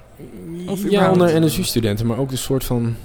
Ja, goed, die zou het bijna met een, eh, een, een anglicisme of gewoon een Engels woord eh, compliance willen noemen. ja. De, de tevredenheid daarin, met het, het, Ja, het ja. meedoen met wat, wat er gesteld wordt aan regels. Dat, vind ik altijd, dat heb ik altijd fascinerend gevonden in NSU, hoe dat, eh, hoe dat werkt. Mensen zijn toch heel erg bezig met dingen waarvan ik denk van... joh, is dit nou het belangrijkst? Is dit nou het allerbelangrijkst? Om heel dogmatisch over te worden. Volgens mij, uh, Amiets uh, Dr. Anders, de OT-rector, die verwoordde dat uh, ooit heel treffend, denk ik, met, uh, met een Facebook-post op een of ander Puriteins gezwets van een meisje. hij zei daarop, jullie willen gewoon neuken. hij bedoelde Ja, natuurlijk, jullie willen gewoon neuten. Ja, ja. Ja, Nee, dat denk kijk. ik ook. Maar goed, fout, ik, eh, ik gebeuren. dwaal af. Eh, maar het is wel eh, uit, uit die geest eh, werd de gedachte geboren eh, tussen mij en Wout. eh, van laat, laten wij erotische gedichten schrijven. En niet erotische gedichten om nou plat te zijn en om nou, kijk ons nou, haha gaaf, eh, wij doen dingen buiten de norm. Maar meer in de traditie van Hafiz. En ik weet niet of jullie Hafiz kennen. ik weet niet of jullie Iraanse mensen kennen. Maar als jullie bevriend raken met een Iranier, dan zal hij of zij je gedichten voordragen van Hafiz. En waarschijnlijk noemen zij Hafiz zelf Hafez. Hafez was een dichter uit eh, nou, de vroege middeleeuwen, nog voor de islam, die eh, erotische gedichten schreef. En, en trouwens, niet eens alleen erotische gedichten, maar het waren gedichten. En in zijn oeuvre zit ook heel veel erotiek. En dat zijn gedichten die mond op mond werden doorverteld onder de Iraniërs. Eh, en zij, de, meeste Iraniërs, zelfs van de huidige generatie, kunnen heel veel gedichten daarvan citeren. Dat is een hele mooie cultuur. Een heel, heel in, in, in, in, cultuur. Ik weet niet of dat een woord is, maar... ehm, en op die, op die gedachte gingen wij eh, erotische gedichten schrijven. En dat was natuurlijk heel gauw heel erg plat. Ja. Ik, eh, als jullie me toestaan, eh, zal ik wat Ja, graag. Zeker. voordragen. We beginnen met een... ja, het, het rijmschema is soms verschillend, maar we beginnen met een wat toegankelijker. Het heet Ik ook van jou. Soms ligt het dan toch echt aan mij. Dat zal ik niet ontkennen. Ik ben geen heilige, geen held. Ook dat wil ik bekennen. Toch merk ik nu steeds vaker lief, tot stille razernij. We praten steeds zo weinig als je mond vol zit met mij. Ehm een voor de Latinisten onder ons. Apologie. Ik ben maar een dichter. Ook ik ken mijn klassiekers. Ibant obscuri sola sub nocte en krijg daar maar de tyfus. Ik wil niet dichten van avontuur, nog minder van goede eer. Dichten wil ik van het avontuur, met jou zo lief en teer. Rank en slank en fijn en smal, maar alles zacht en rond. Woelen in je zachte haar en stompen in je kont. Ik ben maar een dichter. Ook ik ken mijn klassiekers. De laatste, eh, die is van de hand van, eh, van Wout. Eens even kijken. Wout is meer de taalmeester. Ik zit toch altijd vast in de, in de metrums en de Ja. gedachten van anderen. Dat is mijn eh, gebrek. Wout is de, is de ware virtuoos hier. Ehm, we lezen december 23, 2016 om 11 uur 7 in de avond. Mooi. Waarschijnlijk aan de bar. Dat is nog het begin van de borrel. Dat, ik eh. zeggen, dat is best vroeg, vroeg ja. Geen titel. Lichte kooi. Truffelklit. Schuurslons. Drive-in kut. Slettenbak granol snol. Naaipatroon hoer. 16 granen trut. Neukertje flamoeshoes. Daar straks verorberde ik een derde van mijn kerstpakket. Toastjes met maar liefst vier kazen en één de vet. Tussen neus en lippen door vergat ik nog maar één keer hoe je heet. Mooi. Ik, ik moet zeggen, ik, was al, ik weet nog de eerste keer dat ik dit hoorde. Toen denk ik dat Riekert het gewoon uit het niks begon voor te dragen. Toen dacht ik echt, wat de fuck zeg jij nu? Ja. Maar dat ik telkens toch wel onder de indruk ben van... eh, ja, ofwel het metrum, ofwel gewoon de taalkundigheid. En dat het gewoon daadwerkelijk best wel leuk klinkt. Of goed klinkt. Ook al is de inhoud gewoon... eh, zeg maar... Ja, fucking... Nou, absurdistisch bijna. Maar wel heel grappig. En interessant. Maar ook wel heel persoonlijk. Ja. Ja. Hm. Maar eh, als in, ik dacht eerst van, eh, oké, wat voor interessante dingen lees je nu voor? En toen hoorde ik van, oké, nou dat zijn van, eh, dat is van onze eigen leden. En toen dacht ik, oh, dat zal dan waarschijnlijk na dit niet zo heel veel interessants worden. Of gewoon een beetje funzig gedoe. Maar dat was het niet. En dat vond ik dus heel interessant en leuk. Ja. Heb je, heb je eh, eh, Latijn gehad? Of iets van het gymnasium? Dat klinkt heel decadent, maar zo bedoel ik het niet.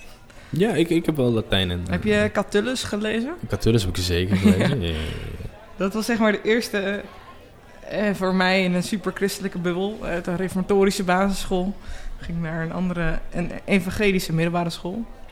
En daar had ik toch wel een vrij excentrieke klassieke taaldocent. Hoe kan je dat ook niet zijn als je klassieke taaldocent bent? Hè? Mhm. Ja, dat is serieus. Als, een- als een, mensen die een passie daarvoor hebben, die zijn vaak gewoon zo... Ja, ik weet niet. Maar was het een theoloog of een echte klassicus? Ehm, hij had volgens mij. eh, Latijn, best- eh, een, een bachelor in klassieke talen en een bachelor in theologie. En toen volgens mij een mengeling daarvan doen. is een eh, theoloog dus. Ja, maar Geen echte klassicus. geen echte klassicus. Hij heeft niet een master in gedaan, nee. Maar echt een enorm lang gestudeerder. Maar goed.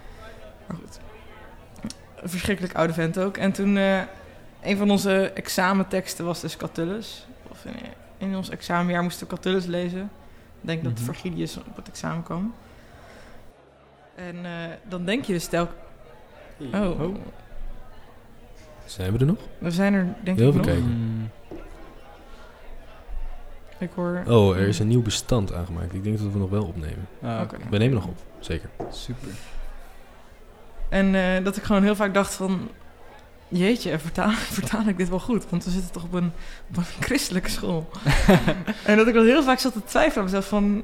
Jeetje, hij zou toch niet betekenen dat eh, dit en dat? En dan betekent, bedoelde hij toch vaak dit of dat? En het was Ja. echt wel heel grappig. Nee, ik, kom maar niet, ik probeer het nu te googlen, maar... Maar was dat Was eind- jij een Puriteinse student, zoals je ze nu veel in de jongere jaren NSU vindt? Die- Nou, kijk, ik moet zeggen, dit was vijf jaar geleden. Dus ik probeer nu... Ik probeer net een beetje tussen neus en lippen door proberen te googlen. Ik kon het niet echt vinden. Mhm. Ik weet nog dat die gedachten toen in mij opkwamen. Ja, ja, ja. Eh, maar ik kwam echt uit echt een zieke bubbel. Hè? Dus eh Revo-bubbel, toen evangelisch, middelbare school.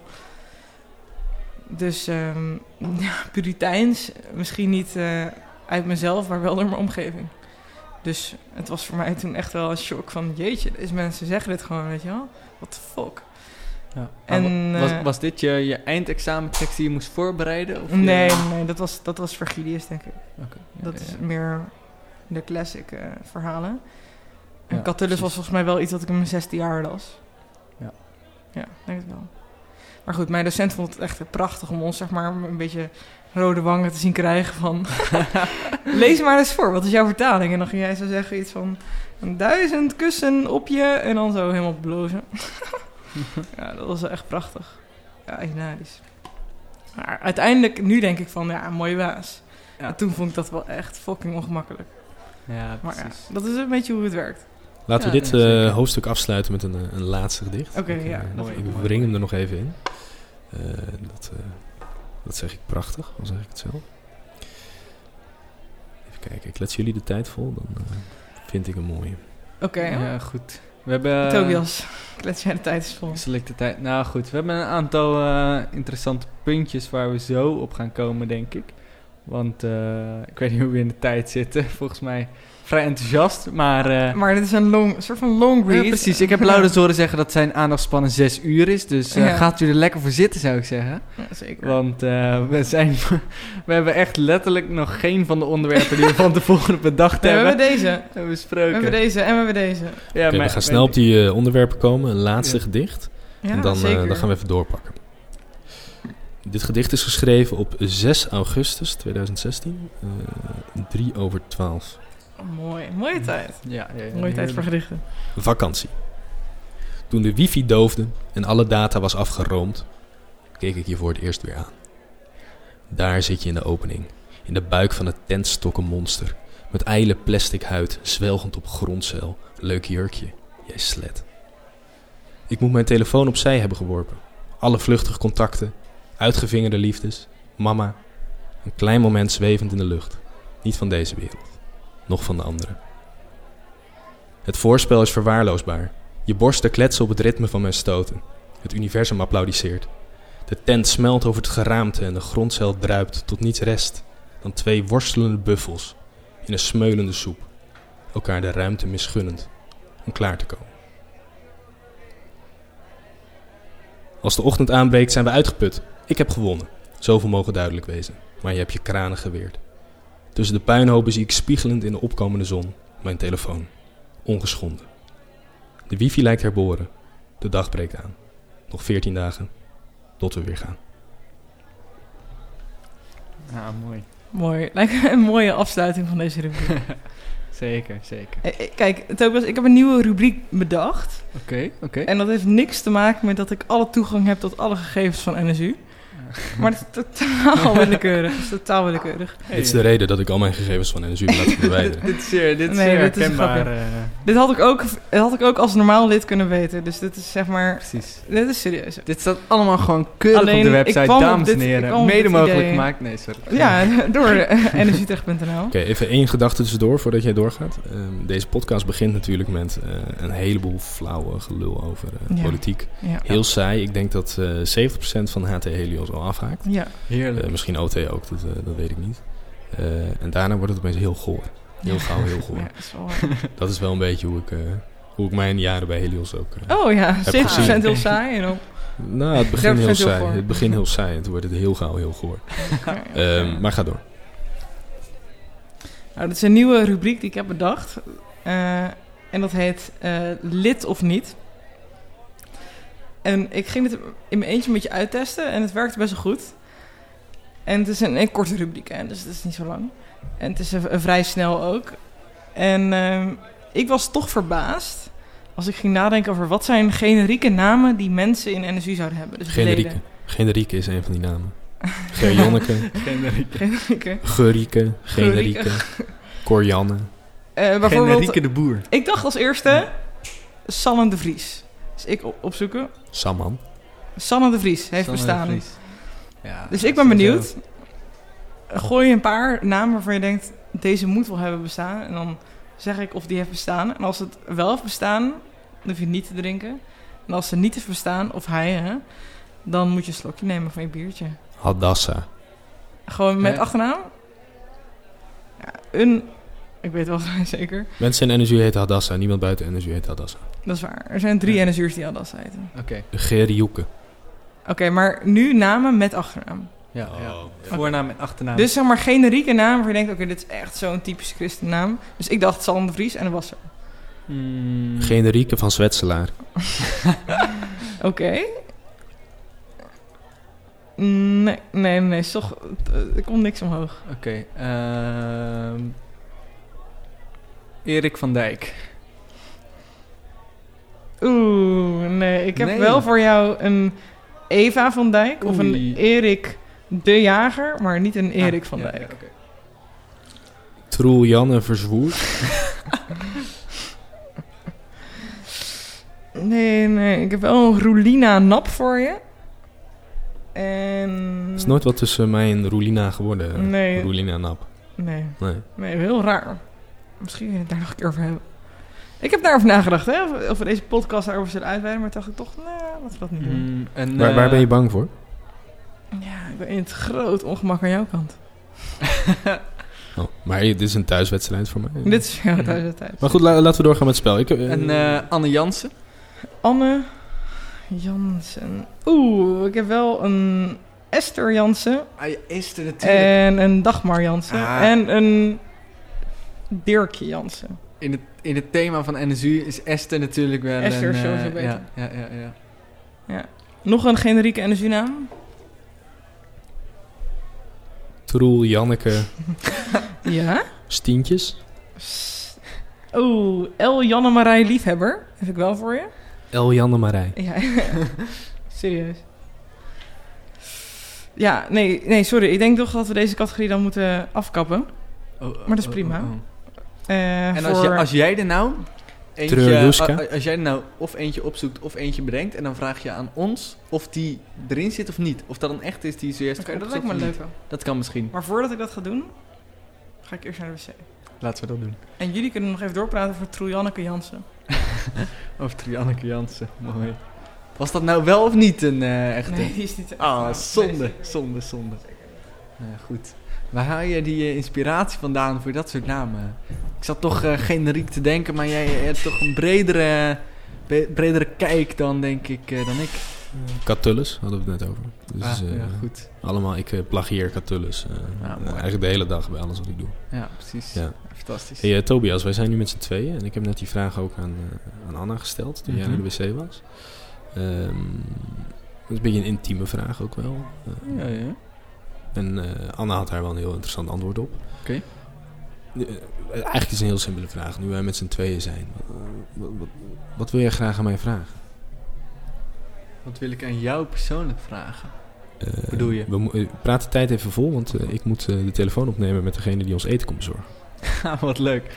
Mag ik in mijn eentje? Valt opeens Hey, iedereen sta je voor de deur? Oh, wat leuk. We kunnen gewoon stiekem meeluisteren met Ja, Laurens. ik, ik kom eraan. Kom maar binnen. Hij komt eraan. Krijg jij de tijd vol? Ik ga de tijd volpraten. Dan zit ik opeens hier in mijn eentje. Maar goed, ik zal jullie, eh, de luisteraars, een beetje een sfeerimpressie geven. Want ik ben nu hier eh, in het kantoor van eh Laurens Niels. En dat is toch wel zeer bijzonder. Het is, wel, het is echt zo'n klassiek, zo'n hip kantoor. Een beetje zo'n loods met allemaal kamertjes erin. Een paar beneden, veel glas, veel plastic. Echt zo'n hypermodern. En dan, we zitten nu precies bij zo'n trap naar boven. En dan boven zo'n kantoortje. En dat je bij het glas, ik weet niet of jullie me nog goed kunnen horen, maar naar achter kijkt. En dan overal van die standaard pallets. Heel veel pallets, overal pallets. Eigenlijk eh, zie ik eh, meubels van pallets. Ik zie, eh, ik zie zelfs, ja, wat zie ik allemaal van pallets? Trappen, metalen trappen. En allemaal bureaus van pallets. Dus je moet je echt voorstellen, zo'n zo'n standaard metalen loods, eh, betonnen vloer. En dan overal pallets en metalen. en eh, metalen dingen. Oké, eh, Metalen Tobias, ik ben Minimaal vier trappen. Nee, ik denk meer dan vijf trappen. Vijf trappen in één loods. hè. Het is niet een heel grote loods. Tobias, maar ik, vijf Tobias, ik ga even los uit het lijden. Ja. Anna is nog steeds niet terug. ja, kutzooi. ik zeg dat je stil moet zijn. Oké, ik wou je een eh, intiem moment creëren. Maar goed, eh, het eten is intussen eh, gearriveerd. Oh, was dat die Lekker. ene guy die ik hoorde? Ja, die zit ook in de podcast. Die. Oh, gaaf. Ehm, nou, ik, ga, ik ga serveren, jongens. Heerlijk. Oké. Wat, de, de, de rubriek waar we waren, of het onderwerp. Waar waren we? Ja, we hadden net... de rubriek waar we waren. eh, we hadden net iets afgesloten. Willen we... Ja, wat willen we? Oh, eh, Ik kan nogal wat namen bedenken en dan gaan jullie raden of ze goed zijn. Ik heb het gevoel... Ik weet niet of het nog opgenomen wordt, maar ik hoor mezelf niet meer. Ik hoor jou wel. Oh, dat is raar. Ik hoor jou ook. Ik oh, hoor jou dan prima. werkt misschien mijn koptelefoon niet meer. Ik praat gewoon lekker door alsof er niks aan de hand is. Ehm, willen we... Kijk, ik heb een aantal discussiepunten. Vorige keer, dat is misschien goed om te weten voor de luisteraars, was het... eh, we hebben een beetje feedback gekregen, of eigenlijk positieve dingen. En dat willen we ook eh, doorzetten. Nou, goed. Ehm, namelijk... Ah, kijk, ik hoor mezelf weer. Leuk. Ehm, dat, het- dat mensen het leuk vonden dat we een beetje discussie hadden. En eh, wij luisteren natuurlijk naar jullie. Wij kijken naar... eh, Wij doen het voor jullie, hè? teruggeven? Wij doen het voor jullie. en daarom dachten wij, het is ik doe het leuk echt voor om het een geld hoor, beetje... maar eh, dat hebben we later wel. dat wel, dat wel. Nee, het is leuk om dat er een beetje in te houden. Dus eh, we hebben geprobeerd... We zijn natuurlijk daar al een beetje mee begonnen, deze eh, neutkast. En dat gaan we gewoon lekker inhouden. En eh, wat ik een beetje wil opwerpen... en dat is misschien... misschien heeft Laurens daar wel een interessante mening over. Ik zag een video... En dat, die, die, die stelde voor... Ik kijk vrij veel YouTube random video's. En dit was een video... Waar het erover ging over... wetenschappers zijn steeds verder met het bedenken hoe wij langer kunnen leven.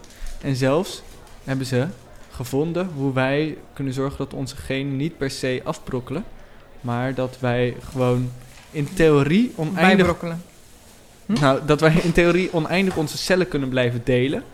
Want dat kan nu niet. Dus dat onze, we moeten Ellen ons even aanvullen, denk ik dat die telomeren niet Dat zou kunnen. zo kort worden of maar er Precies, niet meer zijn. precies. Nee, ja, dat is inderdaad. Dus ehm, ik moet het nu goed vertellen. Ik weet niet of ik het goed vertel, maar er zit ergens, of aan het einde van ons DNA, of iets met. Zoiets zitten een soort eh, stukjes. En die Mhm. brokkelen af iedere keer als wij onze cel delen. Ja, Maar, klopt. nou, Dus dat hebben ze uitgevonden. De telomeren, ja. Precies die. En dan hebben we dus eh, uitgevonden hoe we die eh, potentieel dus niet kunnen laten afbrokkelen. Waardoor we theorie onze cellen op een goede manier kunnen blijven delen. Waardoor we in principe niet dood hoeven gaan van eh, ouderdom. Alleen nog maar doordat wij gewoon een ongeluk krijgen of zo. En de vraag is eigenlijk... eh, is het ethisch eh, verantwoord en, en moeten we dat willen... dat wij niet meer dood kunnen gaan? Ethisch verantwoord vind ik één ding. Maar ja, moeten we het willen, vind- heb ik toch een duid- duidelijker antwoord op. Want bij ethisch verantwoord kom je snel in het terrein van... ja, wie ga je dan langer laten leven en wanneer houdt Ja. therapie op? En bij moeten we het willen, denk ik sterker. Als er niks ooit ophoudt, als, als alles oneindig is, dan heeft niks ook meer waarde. Ja. Of wa- wat heeft dan wel waarde? Wat betekent dat, wat jij nou zegt? Nou, oké. Dus bijvoorbeeld, bepaalde momenten zijn bijzonder of, of, of leuk of fijn, omdat ze niet altijd voorkomen. En dus als alles oneindig is, dan kan je alles tot in oneindigheid doen. En is niks meer zeldzaam, omdat het altijd nog, nog een keer kan gebeuren. Het kan altijd nog een keer, het kan altijd meer, het kan altijd minder. Het is heel moeilijk om dan waarde te geven aan de dingen die je hier doet. En ja, ik vind het moeilijk om in te vullen of we als samenleving dat zouden moeten willen. Maar ik persoonlijk voel me totaal niet aangetrokken tot een, een wereld waarin we in de oneindigheid leven. En dat neemt niet weg dat ik bang ben voor de dood hoor. Dat klinkt natuurlijk alsof ik super apathisch ben, maar Oké, maar dit, dit vind ik wel een interessant haakje. Maar- want de vraag is, moeten we dit willen? Of een Ja. soort ethisch kadertje, eh, whatever zit eraan. Ehm of whatever, dat klinkt er heel cool over. Natuurlijk zit er een Ja. ethisch kader aan, maar ik vind dat minst interessant aan de vraag. Ehm, de vraag, moeten we dat willen? Gaat dat voor wat jij zegt voor jezelf? Of voor de samenleving? Voor de mensheid als geheel? Waar, waar, waar hebben we het over? Hm.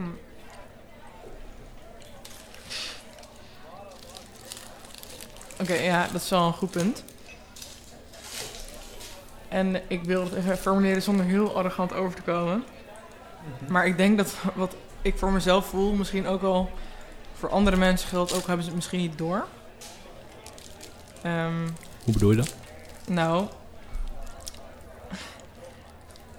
Ehm, dat is een goede vraag. Kijk, dat ik misschien eh, besef dat omdat dingen oneindig zijn, dus dat ze altijd kunnen gebeuren, dus dat je ze vaker kan doen of dat minder vaak, het maakt niet uit, want je kan alles tot eind- oneindigheid doen. Dus niks heeft in die zin meer, niks heeft een meer of minder waarde ten opzichte van iets.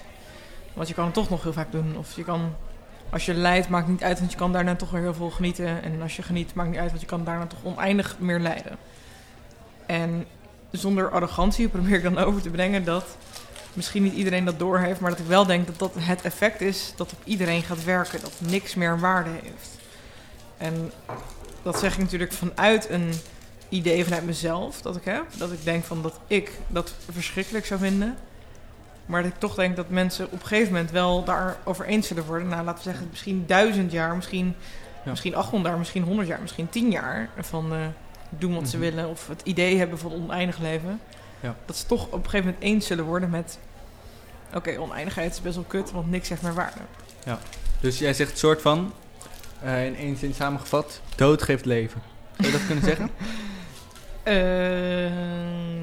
Nou ja, ja, leven als in Ja. joie de vivre of zo. Oké, geeft, geeft zin aan het leven. Maar, en, Ja, als je nou ja, nog- als je nou nog steeds- waarde of zo. ja, precies. Eh, want dood geeft zin aan het leven. Klinkt weer alsof de dood er is om leven te hebben. Dat, ik weet niet, ik vind dat ook weer gek of zo. Ja, dat is misschien een beetje moeilijk te rijmen met mijn godsbeeld. Nou, misschien dat het is. Ja, precies. Dat soort van En als je de nou dood dus, er is om... Nou, als je nou dus kunt kiezen, want je kunt, dat je gewoon wel euthanasie kunt doen of zo op een, op een bepaald punt. Wat zou je daarvan vinden? Mm. Want kijk, want wat die, wat die eh, in die video wat een beetje naar voren kwam is... Kijk, wij denken altijd als de dood als in de toekomst. Maar de dood, wat, wat, hoe die het soort van formuleerde, die, die persoon van die video, is... De dood komt nooit in de toekomst, maar die komt in het nu. Want op een gegeven moment is het punt er dat je doodgaat. En als je dan niet wil, dan ja, is het wel zo. Ja. Maar als je, dat, als je zelf kunt kiezen... eh, en jij vindt nog steeds dat er, eh, dat er een bepaalde zin in het leven is... dan kun je dus kiezen om je leven nog wel door te laten gaan. In plaats van dat op een gegeven moment... op het moment dat jij dat niet wil... dat in één keer die dood voor de deur staat, soort van... en dat je dan moet. Maar nu klinkt het alsof je voor... Als je voor euthanasie kiest, dat je dan nooit per ongeluk doodgaat. Nou goed, dat, dat kan nog steeds, maar in elk geval niet door ouderdom. Op dat moment meer. Ja, ook bij dit standpunt vind ik het dan weer moeilijk om niet uit de hoogte te klinken. Maar misschien is het een betere... Wat vind je daar moeilijk aan?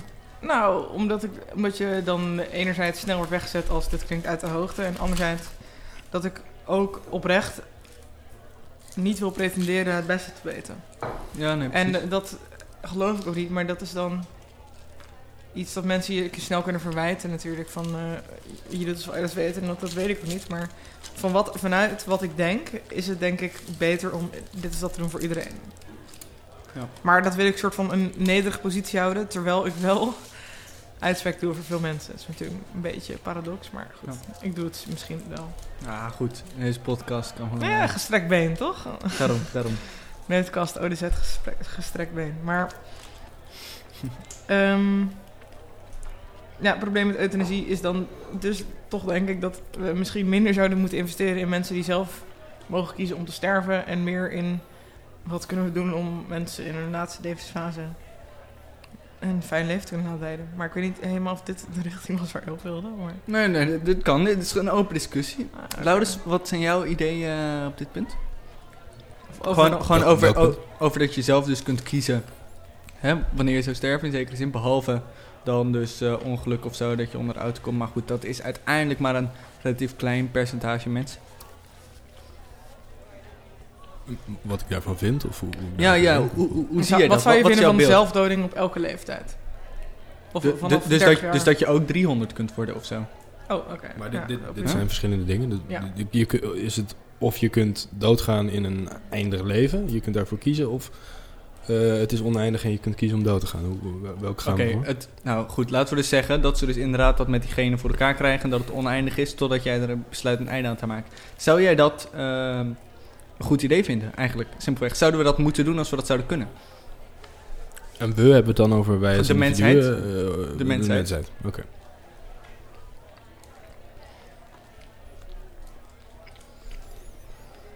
Ik denk dat dat onwenselijk is. Maar ik denk dat die vraag ook tweeledig is. Eh, is de situatie dat het al zo is en we moeten daarmee leven en we moeten er iets van vinden? Of is dat een situatie die zeg maar, nog uit te vinden is, die in de toekomst ligt? En is de discussie, moeten we daarheen gaan of niet? Want als het eenmaal zo is, dan is er een andere discussie. Nou goed, er zijn natuurlijk wel meerdere dingen, zoals bijvoorbeeld klonen of zo. Wat al. eh, Is er een in- hele andere... in- nee, nee, maar nee, nee. wa- waar we, wat we in principe, in theorie, eh, bijna of misschien al helemaal zouden kunnen. En wat we op dit moment besluiten nog niet te doen. Eh, maar hetzelfde hiervoor. Kijk, als wij besluiten dat we dit willen en daar geld naartoe gaan pompen, wat op het moment dus nog niet zoveel gebeurt, dan ehm, is de kans dat dit een mogelijkheid wordt gewoon vrij groot binnen redelijk, zeg maar binnen onze levens nog. Nou, even, even op straffen van dat het klinkt alsof ik om de hete brei heen wil draaien en geen antwoord wil geven. Dat, Mhm. Maar ik vind het toch heel belangrijk om die discussie af te baken. Om om niet in het luchtledige, luchtledige te, eh, te, te kletsen hierover. Ehm, de vraag is dus of wij daar geld heen moeten sturen of middelen heen moeten sturen, whatever, om eh, op dat punt te komen. Dat we de keuze kunnen maken om eerder dood te gaan omdat we een soort oneindig leven hebben uitgevonden. Moeten we het Ja. willen, is dus de Ja, vraag. dat is eigenlijk de vraag. Moeten, Moeten, we die richting op willen? Ik, willen? Ja. En als we het kunnen, moeten we het dan dus gebruiken. En dat heeft dus als consequentie dat we het nu dus al dan... Ja, daar research... Want er wordt nu door een klein team volgens mij research naar gedaan. Maar goed, je ziet zoals met het coronavaccin... als ergens veel geld naartoe gaat en er komen een hele hoop slimme koppen bij elkaar... dan kan iets vrij snel geregeld zijn. Nou, dat wil ik bestrijden, maar, maar voor, voor, voor een academisch gehalte van deze podcast wil ik er wel meegaan. Ehm, moeten we het willen? Nou, in mijn optiek, en dan hebben we het over mijn optiek voor de mensheid en niet voor mijzelf, eh, Mhm. denk ik nee. Ik denk dat het evolutionair echt een kut idee is om eh, iedereen te laten bestaan. Want dat is Mhm. het hele idee, evolutionair, dat we, eh, Oké. we vooruit gaan. En dat we afsterven en laten groeien. Maar, oké, sorry. Maak eerst je punt af. Maar dat gaat over oneindig leven dan? Ja. Ja, precies. Maar, want... We stagneren als mensheid als we dat doen. Mhm. Maar is dat niet al lang gebeurd? Want we houden nu toch nog steeds gewoon, om het heel hard te zeggen, de, de oude, zieke en gehandicapte mensen gewoon in leven. En die laten we ook voortplanten. Goed punt, wat vind je daarvan? Ehm, vanuit sociaal oogpunt vind ik dat goed. Maar inderdaad, ik denk dat de evolutie gestopt is qua mensen, wat mensen betreft. Ja, ik weet niet. Denk je dat oprecht? Ja, grotendeels. Misschien niet helemaal, maar ik denk wel echt grotendeels. Want ook... ook Misschien, eh, misschien beschouw je evolutie dan te biologisch of zo. Als in... Mhm. ehm, als we kijken naar populatie en evolutie, misschien dan niet. Maar als we kijken naar bevolkingsgroepen, Ja. denk ik dat we daarbinnen wel echt een soort van selectie zien. Dus eh hoogopgeleide, Ja. hoe vaak gaan die nou trouwen of settelen met laagopgeleide? Toch wel minder. En Ja. niet dat ik daar iets als een, ik, ik heb daar geen mening over, maar dat is gewoon een, een feit. Mhm. En ik kan mezelf ook goed voorstellen dat ik met een hoogopgeleid iemand eindig. Ja. Dus in die zin eh, vind ik het moeilijk om het als evolutie te beschouwen, want het klinkt alsof ik het beter vind. Maar is er wel echt een, een, een groei richting gescheiden vormen. Ja, gescheiden. Dat is inderdaad het punt. Want ik denk dat dat inderdaad zo is, dat er, dat er een scheiding misschien wel optreedt.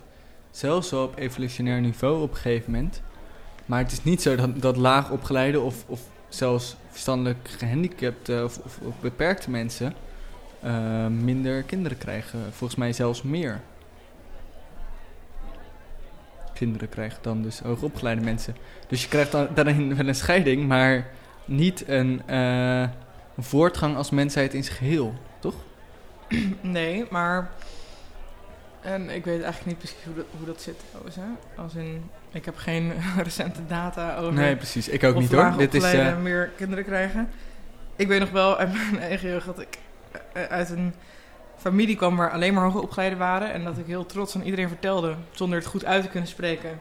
Ik wilde aan iedereen vertellen dat ik naar VWO ging. Ja. Maar ik kon het helemaal niet goed uitspreken. Dus ik zei tegen iedereen, tegen iedereen super trots dat ik naar VMBO ging. mooi. Iedereen vond het helemaal mooi. En toen kwam ik erachter dat het niet betekende wat ik dacht dat het betekende. Maar ik had gewoon nog nooit van iets anders gehoord dan VWO. Dat was gewoon totaal de, de bubbel waarin ik, op, waar ik in opgroeide. dus ja, ik weet het. Ik vond het altijd heel moeilijk om te begrijpen. En ik weet ook niet goed hoe dat dan zit met die groeps, eh, groepsvorming. Dat klinkt weer heel corona. Met, met de groei daarbinnen. Ja. Maar gaat het daar dan om? Want het interessante vind ik... eh, is dat misschien een, een kleinere bevolkingsgroep veel meer macht over de grotere heeft. Ja. Dus die, die hoogopgeleiden hebben meer macht, hoe klein ze ook zijn, over de laagopgeleiden dan... Nou, ze kunnen zo, zo groot worden. Nou, Ja. sorry, dit wordt echt heel hard daar, maar... Maar la- laten we het even terug in de Ja. abstractie trekken. Ik zie geen reden om het eh, concreet te maken. Nee, dat zie ik ook niet. Ehm, die, die evolutie voor, voor Ja. de mensheid op zich, of het, het, uitvinden van de onsterfelijkheid, het bestormen van de hemel, eh, wenselijk? Nou, dat is waar ik, toen ik deze vraag ook eh, op papier zette, even over nadacht. Van, eh, hè, vanuit christelijk perspectief ook. ehm, goed, wij, wij, wij eren God en, en Jezus ook omdat hij de dood heeft overwonnen. Natuurlijk, Wat bedoel je daarmee? nou, dat hij is opgestaan uit de doden. Hè? Jezus is eh, doodgegaan en opgestaan uit de doden. Dat is toch, ja, een, ik, denk, ik mag wel zeggen het grootste wonder wat, eh, wat, wat Jezus heeft gedaan. Wat God heeft gedaan. Maar als wij nou wel op een andere manier, maar toch in zekere zin ook de dood overwinnen, moeten wij, ja, moeten wij dat willen? Is dat iets wat we, wat we willen? Ga, gaan wij de, de, de Jezus achterna als wij de dood overwinnen? Is dat, is dat het Nee, punt? ik- Of- nee, is, ik denk is het de dood uitstellen de dood overwinnen? Ehm, nee, misschien niet. Nee, oké. Niet helemaal de dood overwinnen. Dus dit is echt niet eh, hetzelfde als natuurlijk wat Jezus doet. Maar het is wel een, een, een stap meer die richting in. Want het is, niet, het is namelijk zo dat dan niet iedereen doodgaat. Maar ik, ik snap heel even niet de, de overwinning van, van Jezus op de dood in zekere zin. Ik, daarom vraag ik, wat bedoel je met die, met die woorden? Ja, oké. Mhm. Toch een beetje traditie die daar doorheen klinkt.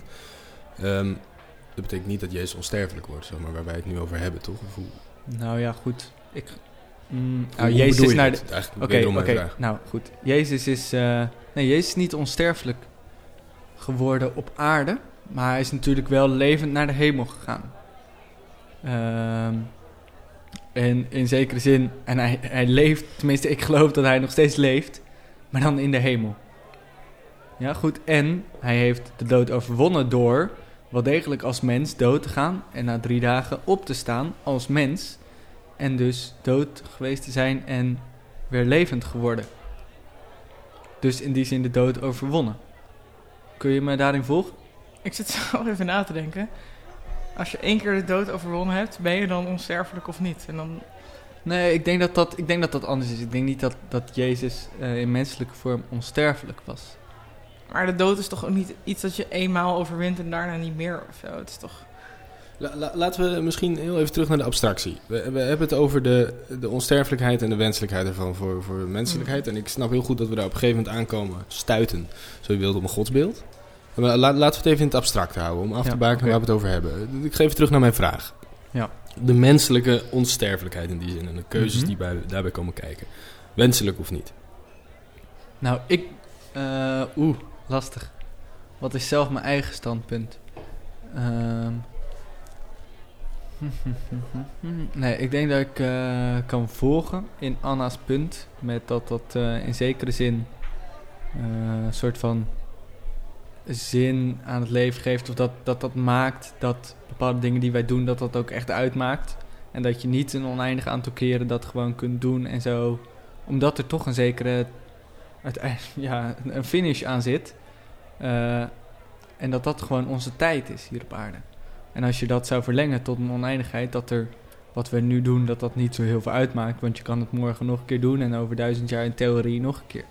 Eh en Laurens, ken je het boek eh, de, de Stad van de Onsterfelijke van eh, Simone de Beauvoir? Nee, nee. Ja, dat is wel een grappige roman van haar. Is, ik denk, max 300 pagina's. En eh, nou, ik, je weet misschien waar ze staat in de traditie. Ja, oké. En eh, nou, ik denk dat zij het wel eens is met wat ik net zei over hè, de dood geeft enige soort van waarde aan je leven. Of na waarde. Onsterfelijkheid eh, maakt misschien dingen moeilijker om waarde te geven of een plek te geven. En haar boek gaat over een, eh, een, een ridder. In de middeleeuwen volgens mij. En eh, die ridder die krijgt op een gegeven moment volgens mij gewoon een soort van eh, po een soort potion, een soort, een drankje aangereikt. En iemand zegt, dit is onsterfelijkheid. En hij denkt, oké, chill, ik neem het. Zonder na te denken of zonder echt goed na te denken. eh, ne- neemt hij dat drankje. en eh, hij denkt, oké, top. Ik ben een constante factor in het verbeteren van de wereld. En ik weet precies wat er is gebeurd en ik ga het verbeteren. En komt hij bij de eerste generatie aan. En zeg maar, zijn eerste generatie is de middeleeuwen. Zo zegt hij van, nee, we moeten mensen niet vervolgen. We moeten niet heksen gaan vervolgen. Eh, stop hiermee. En dan doen ze het alsnog. En dan komt hij bij de renaissance aan en zegt hij van... En misschien in Nederland zegt hij dan iets van... eh, stop met de protestanten vervolgen. En niemand luistert. En een gegeven moment komt hij erachter dat er in elke tijd soort van een iets mis is. En dat mensen niet naar het rationele willen luisteren. Of misschien naar... Het rationele is misschien gek, maar naar het goede willen luisteren. En dat zijn stem soort van vervaagt in oneindigheid. En dat hij op een gegeven Zijn eerste zin in het leven is... Ik ga nu het goede brengen. Want ik ben een soort van de enige onsterfelijke. Dat weet hij ook wel. Dus ik kan iedereen lessen brengen over alles wat eeuwig is. En alles wat er is gebeurd. En mensen gaan naar mij luisteren. Maar dat gebeurt helemaal niet. En hij is gewoon een stem in een soort van ravijn. En hij weet gewoon geen, geen houding meer aan te nemen op een gegeven moment. En dan... eh, Ja, ik weet niet precies hoe het eindigt, maar het- nou, hij weet gewoon niet meer wat hij moet doen. Omdat zijn stem dus op een gegeven moment een stem in een ravijn is, niemand naar hem luistert en niemand echt wil leren van geschiedenis. Ja. Nou, ik vind dat op zich wel een interessante. Ja, eh, dat is natuurlijk in, in de vorm dat één iemand onsterfelijk zou worden, maar ja. Ja, precies. Wat, eh, wat leert het jou? Nou, eh, dit is een soort van de meer. Misschien. eh, ja, ik weet niet, maatschappelijke dingen die dat boek wil zeggen. Maar het gaat ook dus over een stukje. Kan, ja, hoeveel is een mensenleven waard als het oneindig is? Ehm, kan je dan met andere mensen echt samenleven? Dat is een stuk moeilijker, denk ik. Omdat je met mensen samenleeft in de zin van. Ja, dat wordt heel zweverig. Je leeft samen in een soort van tijdelijkheid, in eindigheid. Als die ander oneindig zou zijn, denk ik dat je heel anders met iemand samenleeft. Eh, in een, bijvoorbeeld een vriendschappelijke relatie of een romantische relatie bijvoorbeeld. En ehm, nou ja, dat. En dan ook nog dat je soort van dan misschien een soort van eh, eh, altruïstisch motief kan hebben van ik ga de wereld verbeteren met mijn oneindigheid. Want ik weet precies wat er gebeurd is en ik weet hoe mensen werken. En zelfs dan luisteren mensen niet.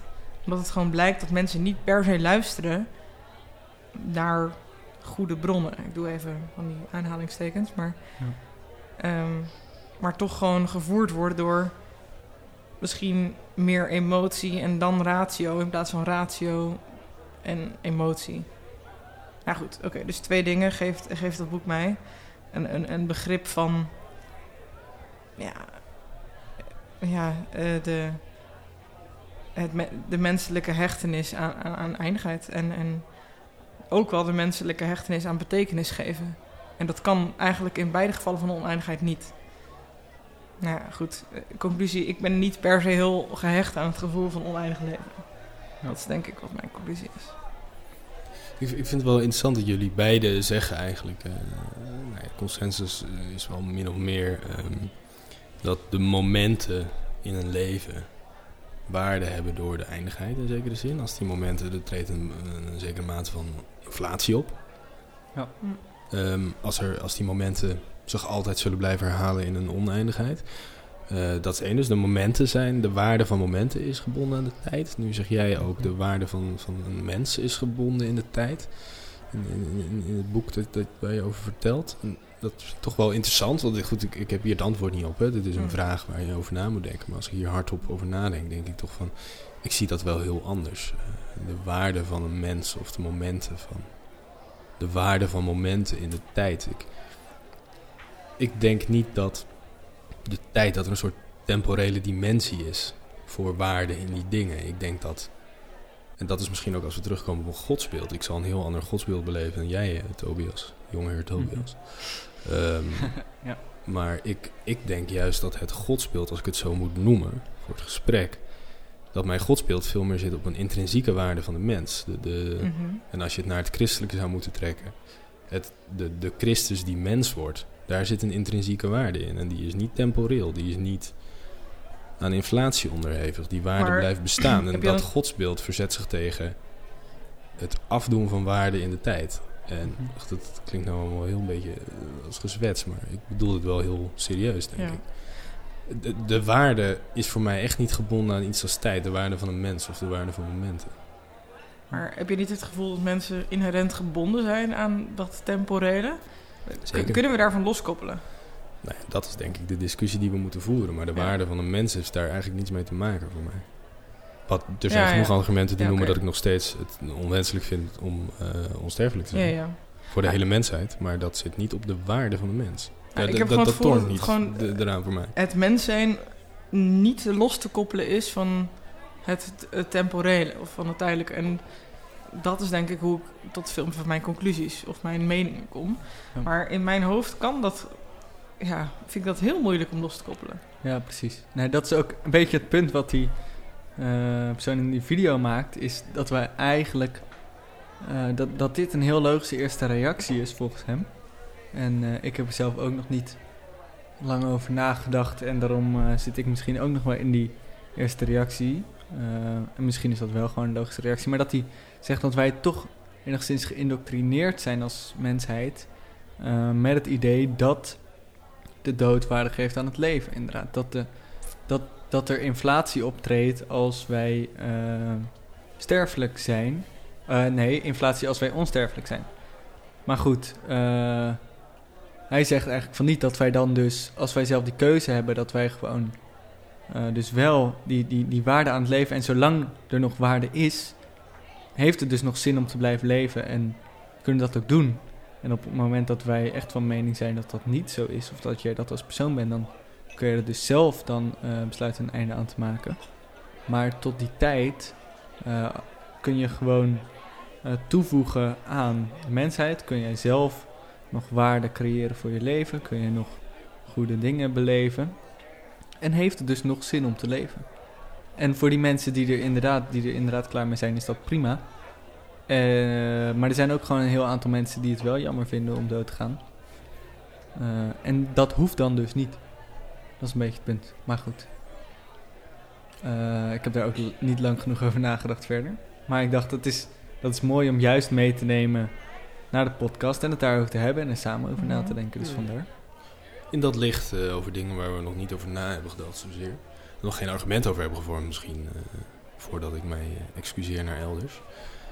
temporeel, eh, denk ik dat de, de, de, de, de eindigheid of de tijdigheid, zou ik willen zeggen, van dingen, dat die een afwaardering zijn van waarde. Ik heb daar nog geen argumenten voor, maar ik merk wel aan alles in mijn lijf dat ik me daartegen wil verzetten. Dat, dat is oneindigheid niet per se afdoet aan waarde. Dat Daar- tijd afdoet aan waarde. Daar wil ik me tegen verzetten. Ik weet nog niet waarom. En met die woorden ga ik Mhm. jullie heel even verlaten. Dan ben ik zo weer terug. Ja, ja. Yes. Wat een sukkel is het ook, hè? jongen, jongen, moet je helemaal naar Amsterdam Ah, hij gekomen hoort ons voor helemaal niks. niet. Ja, sukkel. Nee.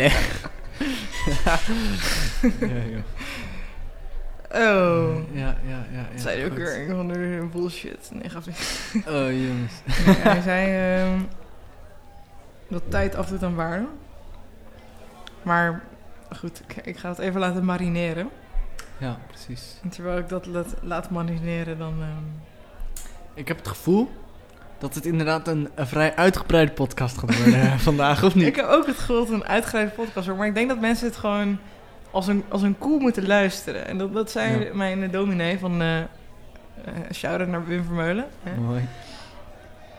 Als een koe lezen of luisteren is met kleine stukjes en dan daarop kauwen.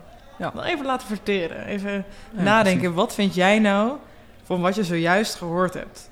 Wat vind jij nou van nou, eh, de inflatie van, van, van herinneringen, van, van, van ervaringen? Ja. En ehm, Mocht je hier nou trouwens dan eh, denken, hé, hey, Ja. hier heb ik wat over. Maak dan een mooie brief, eh, Ja, stuur hem in. Neutkast.helios.nl Precies, want dan kunnen we dat natuurlijk weer behandelen de volgende keer. Wij zien dat graag van jullie. Want eh, ja, goed, misschien hebben jullie fantastische dingen waar jullie op komen. Jullie kunnen daar natuurlijk langer op kouwen dan dat wij dat kunnen hier op het moment. dat is allemaal één take. Ik heb mensen dat herinneren. We zijn hier live gewoon een broodje aan het eten. Precies. Alles eh, gaat gewoon in één stuk door. Ja. En dat is mooi. Nee, maar eh, inderdaad, luister dit gewoon lekker in een paar keer en dan komt het helemaal goed. Ja. Het is gewoon, gewoon genieten. En eh, besef, een borrel eh, is ook niet een uurtje. Dat is ook een aantal uur. En hoe lang kou je daar op? De hele ochtend daarna. lig ik in, ho hoofdpijn in bed. Dan ik zo enorm te kou op al die gesprekken. Precies. Ja, En dan ja, kou ik en dan kou ik en dan kou ik een ibuprofen weg. En dan, ja. Ja. precies. Dat is hoe het gaat. En dat is echt precies hoe het gaat. Ja, we willen hier natuurlijk lekker een beetje die sfeer creëren. Dus dat gaan we ook gewoon lekker doen. Oh, Oké, we waren net klaar met vertellen hoe kut Laurens is. Maar is er weer. Jongen, jongen, het is wat hè. Maar goed, hij is er nu weer, dus nu moeten we weer, eh, even lullen weer leuk gaan doen en zo. Nou goed. Ik hè. kijk even weg. Hij hoort niks.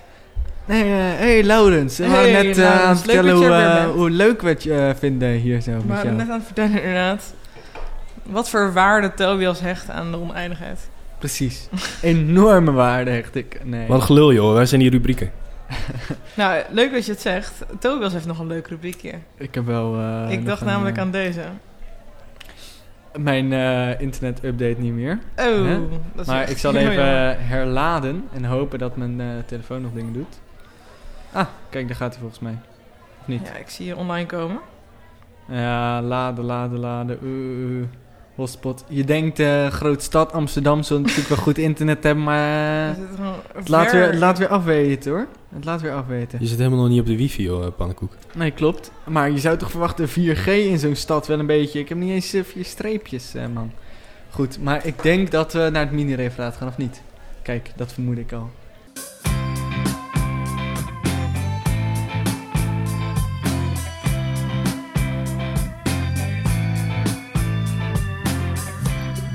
Mijn, eh, heb je vorige keer geluisterd en eh, het concept van mini-referaat, ken je dat? Goed, ik... ehm referaat zijn natuurlijk mooi en het is bij Helios gewoon mooi om nieuwe dingen te leren. En eh, zo willen we ook in deze neukast dat wat brengen. Maar een kwartier praten of 20 minuten en vragen en zo, dat is natuurlijk ook alweer wat uitgebreid.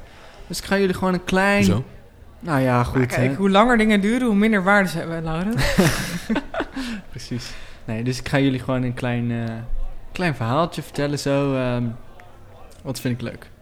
Weer dat gelul over belasting beginnen. Nee, dan, eh, dan ben je van mij. Goed, eh, het Nederlandse belastingstelsel. Nee, oké, sorry. ik hou van belastingen. Ik als Precies. niet betalende Burger. Precies. Daarom eh, gaan we het niet over het Nederlands belastingstelsel oké. maar over het Amerikaans. Nee, oké, ook niet.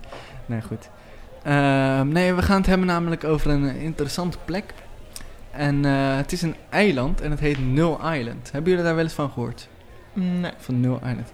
Nee, dat is interessant dat jullie daar nog nooit van hebben gehoord. Want er zijn miljoenen foto's genomen op Null Island. En er wonen duizenden mensen op Null Island. En eh, het interessante is af en toe, opeens, pam, is er iemand voor een paar seconden. En dan een paar seconden later teleporteert die persoon weer weg. En ook foto's, miljoenen foto's, filmpjes, zijn er voor een paar seconden en gaan dan weer weg. Sommige zijn er een paar maanden. Dat ligt er een beetje aan. En hoe kan dit? Nou goed, dit is natuurlijk niet hoe wij dit zien. Als wij naar Null Island gaan, dan zien wij eh, een stukje zee. En eh, één eh, weerboei die daar zo staat. Maar wat ik zojuist vertelde, dat is wel hoe je computer het ziet. Null Island is namelijk het plek in de oceaan. Onder de, zeg maar, een beetje links onder die flinke bult die Afrika aan de linkerkant heeft. In die ongeveer hoek. Links onderaan bij Afrika. En daar is, eh, zijn de coördinaten 0, 0. En daarom heet dat Null Island. En waarom denken computers nou dat daar heel veel foto's zijn genomen? En dat daar heel veel mensen wonen en af en toe naartoe gaan en opeens weer weg zijn? Dat komt doordat eh, programmeurs meestal wel eh, goede dingen doen, maar af en toe heel erg dom zijn. Er is namelijk in programmeerland en in databaseland een ding, als jij iets wil opslaan, dan ehm, zet jij gewoon daar het getal neer, zoals bijvoorbeeld hè, de, de, de, de coördinaten. Dat zet je daar dan neer. Maar als dat onbekend is, dan is daar een woordje voor, N-U-L-L, 0. En dat betekent, er is geen data op dit punt. Want je laat een vakje niet leeg in een database, maar je zet dan 0 neer. Dat betekent dan, hier is niks bekend over. Maar domme programmeurs hebben bij een aantal apps eh, gewoon gezegd... Oh, als er geen data bekend is, 0, nou dan zal het vast wel gewoon een 0 zijn. Dus gewoon het cijfer 0. En wat krijg je dan als er dus ergens een locatie is opgeslagen, maar je telefoon weet niet waar dat is, of je een laptop of zo, dan zet hij 0, 0. Maar door, door domme programmeurs krijg je dan dat er 0, 0 staat. En dat dus in superveel databases overal ter wereld staat dus dat allerlei dingen qua locatie 0, 0 zijn. Dat is dus gewoon ziek dom. En dat is waarom er op dat eiland, wat dus geen echt bestaand eiland is, maar gewoon een stukje zee, dat daar volgens je computer ontzettend veel eh, foto's en dingen zijn genomen. Nou, dat vind ik gewoon hilarisch. Het was zelfs zo dat in Amerika op een gegeven moment mensen wilden stemmen. En dan wilden ze geloof ik per post stemmen of digitaal stemmen, zoiets. Ik weet niet precies het verhaal. Maar eh, er was een stukje in eh, Nevada volgens mij waar dus niet bekend was waar die mensen waren. En toen dacht zelfs een systeem van de Amerikaanse overheid... Oh, ah, 0-0 is onbekend, prima. Oh, het zal wel, eh, 0, eh, het zal wel eh, coördinaten 0-0 zijn. En mochten die mensen dus bijna niet stemmen... ging uiteindelijk net goed, omdat mensen... omdat een andere programmeur wel aan het opletten was... Mhm. mochten die mensen bijna niet stemmen... omdat ze opeens niet in Amerika zouden wonen. omdat het gewoon onbekend was waar ze woonden... en dat dat slecht geprogrammeerd was. Nou goed, dit is eh, het verhaaltje voor vandaag... En eh, hè, hoe slecht programmeren af en toe kan leiden tot interessante situaties waarbij je computer denkt dat er een heel eiland bestaat met miljoenen foto's, wat helemaal niet het geval is. Bart Brentjes is toch eh programmeur? Bart Breintjes is programmeur, ja, dat klopt. Ja. Ja, Noem je hem dom? Nee, zeker niet. Zeker niet. Nee, ik hoop, ik hoop dat Bart Breintjes eh, wel eh, slimme code schrijft. Maar volgens mij is hij inmiddels de, de filosofie-wereld ingedoken. En eh doet niet zoveel meer programmeren. Maar goed, ik ben nu eh, begonnen aan een studie informatica. Dus ik vind dit soort dingen interessant. En ik hoop dat ik wel goede code ga schrijven in plaats van eh, dit soort dingen ga doen. Maar kan dus- bijvoorbeeld mijn MacBook, doet hij dan ook dat soort dingen? is er Eh, ergens een 00 van mijn MacBook?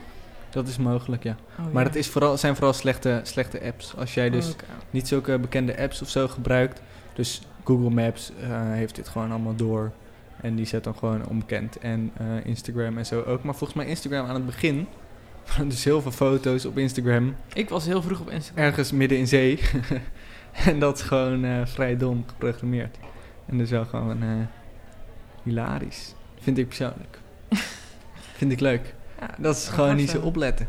Wat zou er als jij, Laurens, bij jouw werk, als jij eh, niet zo oplet en je zou een klein eh, foutje maken, zou er dan eh, vervelende dingen kunnen gebeuren? Wat kun je bedenken? Een doemscenario, wat er gebeurt als jij even niet oplet? Nou, ik doe niet zo belangrijk werk eh, als jullie programmeurs. Dus even te denken, wat gaat er mis als ik even niet oplet? Ehm,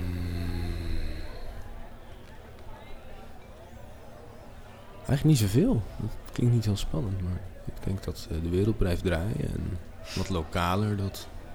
Ja. Er toch wel eh, wat redundantie in tussen in de, in de tent zit. Dus als ik niet oplet, komt het goed. Tot op zekere hoogte, tijdelijk. Ik Maar weet het niet. je Ik vind het niet zo interessant dat je eh, gestrest was over of je bedrijf nog zou, wel, wel zou bestaan. En dan klinkt de redundantie niet, niet zo... Ja, alsof het de, de, de orde van de dag is.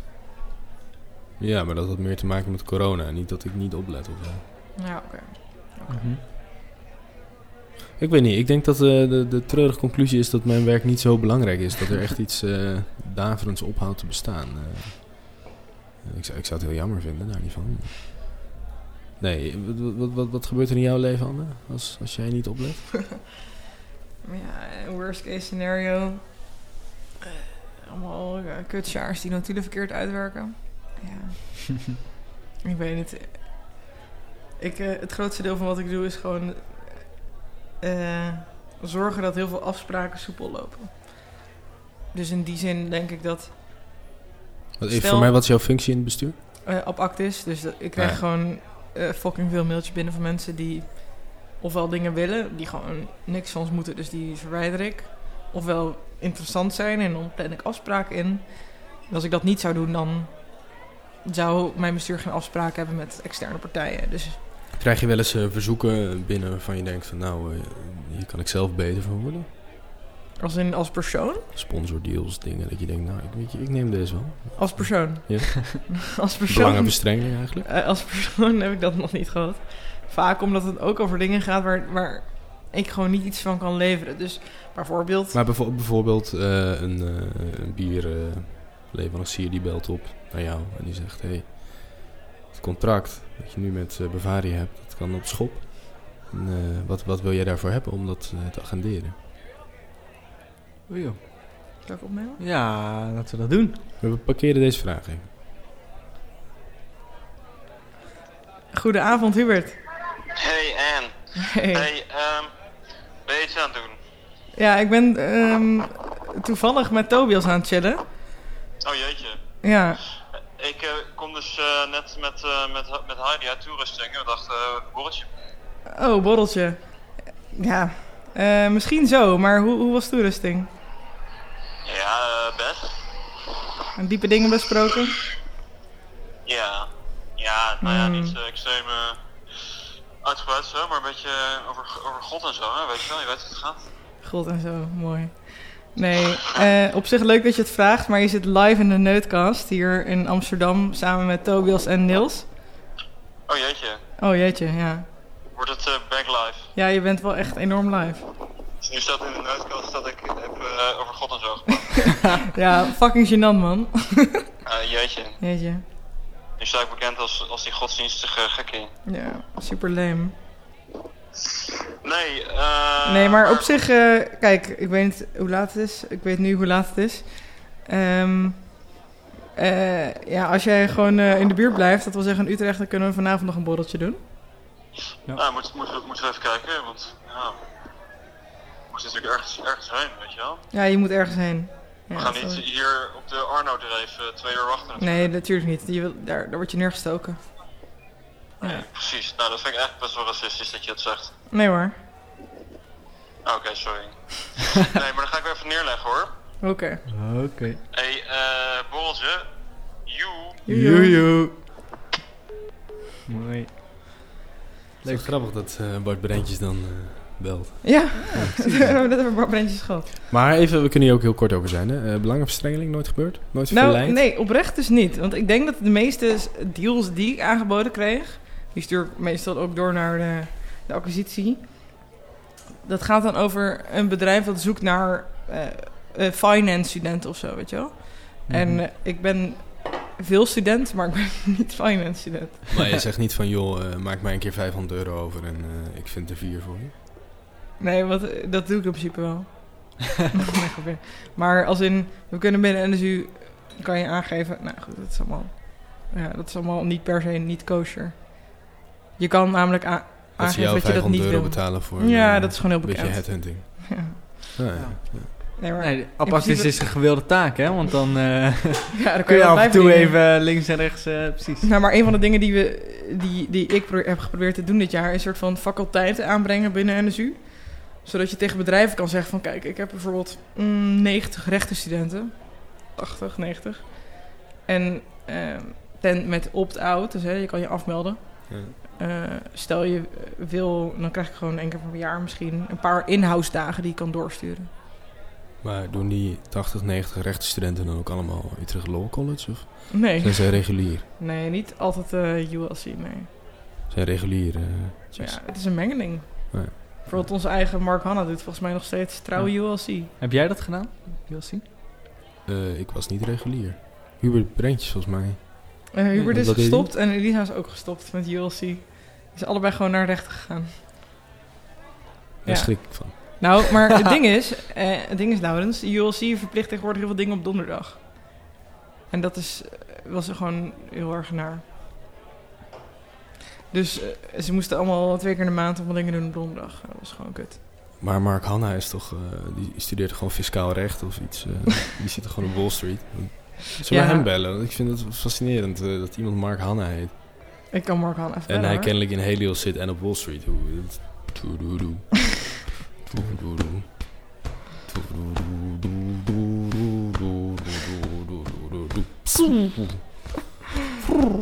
Ja, Kijk of die opneemt. film, Zo'n goede film. Nee? Ja, hij lijkt niet op te nemen. Oké, maar even dat verhaal van jou, Tobias. Eh, wat, wat, Mhm. wat, wat gaan we daarmee doen? Ja, goed. Heb jij nog vragen of dingen erover? Ik eh, deel gewoon wat interessants. Nee, ik vind, En, ik vind het heel eh, interessant. Ik, ik neem het ter kennisgeving aan. Ehm, Mooi, mooi, mooi. Ja, dat is leuk. Nou, we hebben al een aantal... Ja, goed. Ik weet niet of Anna daar nog vragen over heeft. Nou, anders, ik moet eh, zeggen dat het... eh, ik heb natuurlijk zeker één vak informatica gedaan. Mooi. eh, omdat ik dacht dat het leuk was voor mijn bachelor. Het was verschrikkelijk, bleek. nee, maar dat is van omdat ik gewoon eh, dat niet goed kan. Maar dat het... ehm, ja, het, het doet niet heel veel... Ik kan me voorstellen dat dat zo'n plek is binnen allemaal apps. Maar ik krijg niet heel veel vervolgvragen ervan. Dat, dat is een beetje wat het met me doet. Nee, dat kan. ik Maar dat is ook oké. Ja, dat is ook oké, toch? Ja, Want we ja. hebben al... eh, we zijn toch al bijna anderhalf uur aan het opnemen, dus dat is prima. Hebben we nog eh, rubrieken? Want we moeten Ja. nog een beetje format in dit eh, gesprek eh, duwen, toch? een beetje format. Postuum. Ja, postuum een beetje format erin duwen. Eh, dat lijkt me een goede format om erin te duwen. Nou, ik heb nogal een rubriek. En dat is de, de Hugs-rubriek.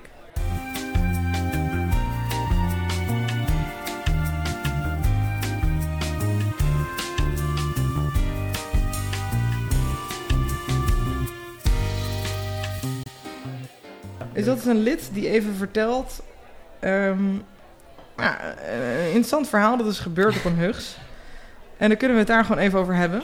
Leuk. Nu is dit verhaal toevallig heel lang, dus ik, misschien dat we het af en toe pauzeren. Dus als je even denkt leuk, van leuk. hier wil ik op inhaken, dan doe je even zo. En dan... Maar ga je het voorlezen of is het een verhaal uit eigen? Oh, ik heb hem hier. Ja. Eh, een van mijn huchtsverhalen met jullie te delen. Oh. Oh, alles gaat fout.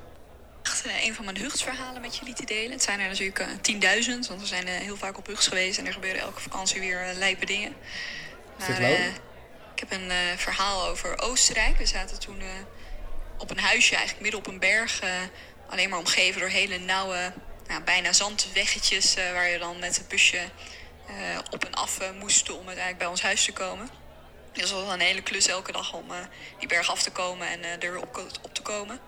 En eh, eh, het was ook wel een episch huisje, want we hadden een sauna in het huisje en een uh, vijver buiten. En we hadden ook een vleessnijmachine, dus eh, we kochten elke dag van die hompen ham in de supermarkt en dan konden we die zelf snijden. Goed, op, op een dag waren we op weg, ik weet niet, naar een supermarkt of zo in een busje. En toen zagen we ergens een poster hangen van dat er een, een volksfestival aan zou komen. In een van de dorpjes dichtbij ons. Dus wij dachten, nou vet, gaan we heen.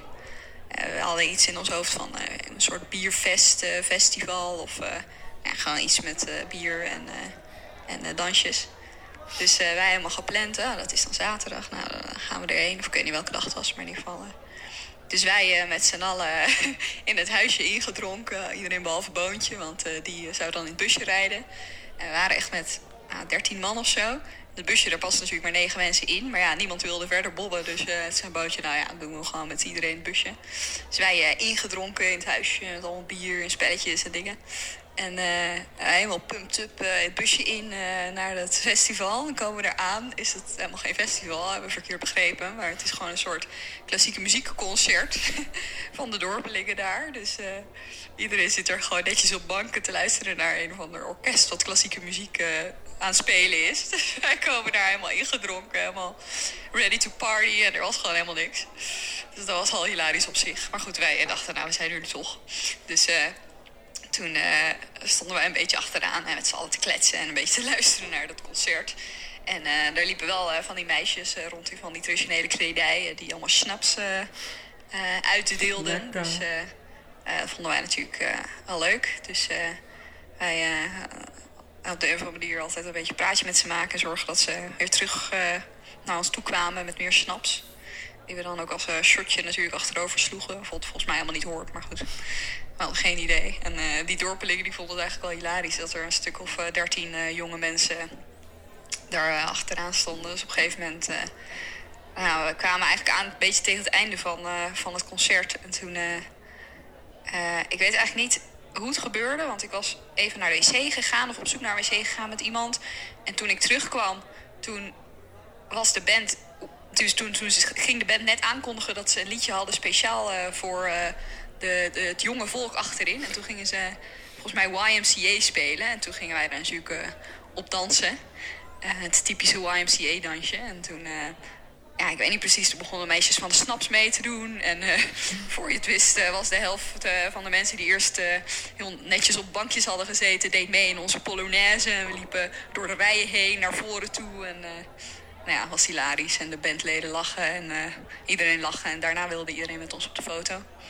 Dus, nou ja, wat, ja, wat een fout leek, bleek eigenlijk een denderend succes. En, ik denk, dat Jeetje.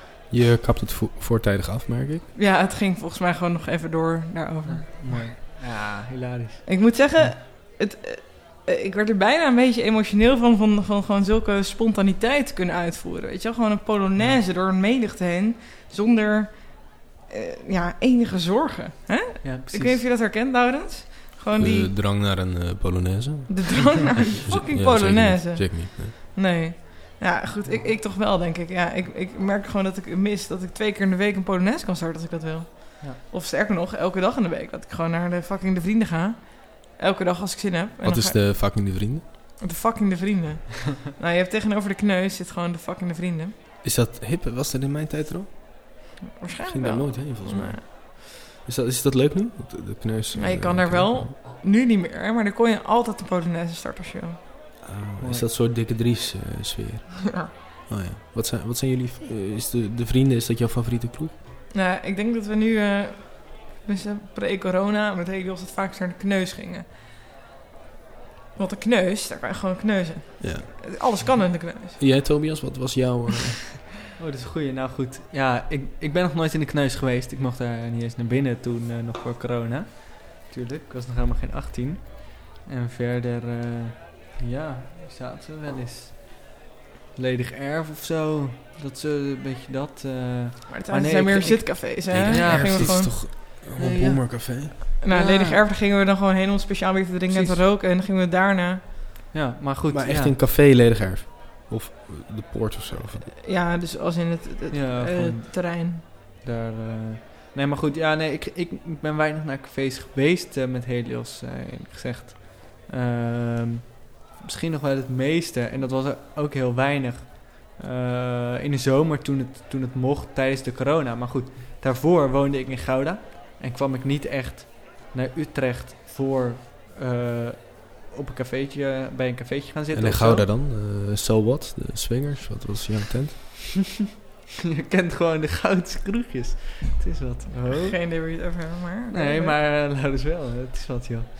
Eh, nee, eigenlijk ook niet. Ik ben op mijn zesde... Ik dronk nog niet toen, nou, dat, weet je. En toen ben ik op mijn 16 lid geworden bij Je, NSU. je dronk consequent 0.0 raad er maar zelfs. bij de, 0.0 so what, bier. bij de so what kun je gewoon voor een muntje ook een eh, cola krijgen hoor. Ja, Ja. precies. Maar ik, ik, ik ging ook niet eh, uit naar dat, dat soort kroegen. Ook niet naar, eh, naar Friends of eh Woody's heette dat vroeger nog. Ik weet niet of je het onder die naam toevallig Ja, kent. Woody's ken ik ook wel. Ja. Ja, ja, Woody's. Nou goed, tegenwoordig is een omgedoopt. beetje te oud eh, voor jou. ook, Omgedoopt eh, tot leeftijdsgroep destijds. dan. Nou, nee, dat was juist eh, waar, waar, waar de jonge garde naartoe ging. Waar je ook af en toe met schoolfeesten naartoe ging. Dat soort dingen. Want eh, daar mocht je dan, normaal gesproken geloof ik 18 plus, maar iets van 15 of 16 plus als je eh, van, eh, van, van school dan een schoolfeest daar had. Dus dan was dat een beetje de kroeg. Maar ik, ik ben eigenlijk nooit in Goudse, Goudse clubs of kroegjes geweest.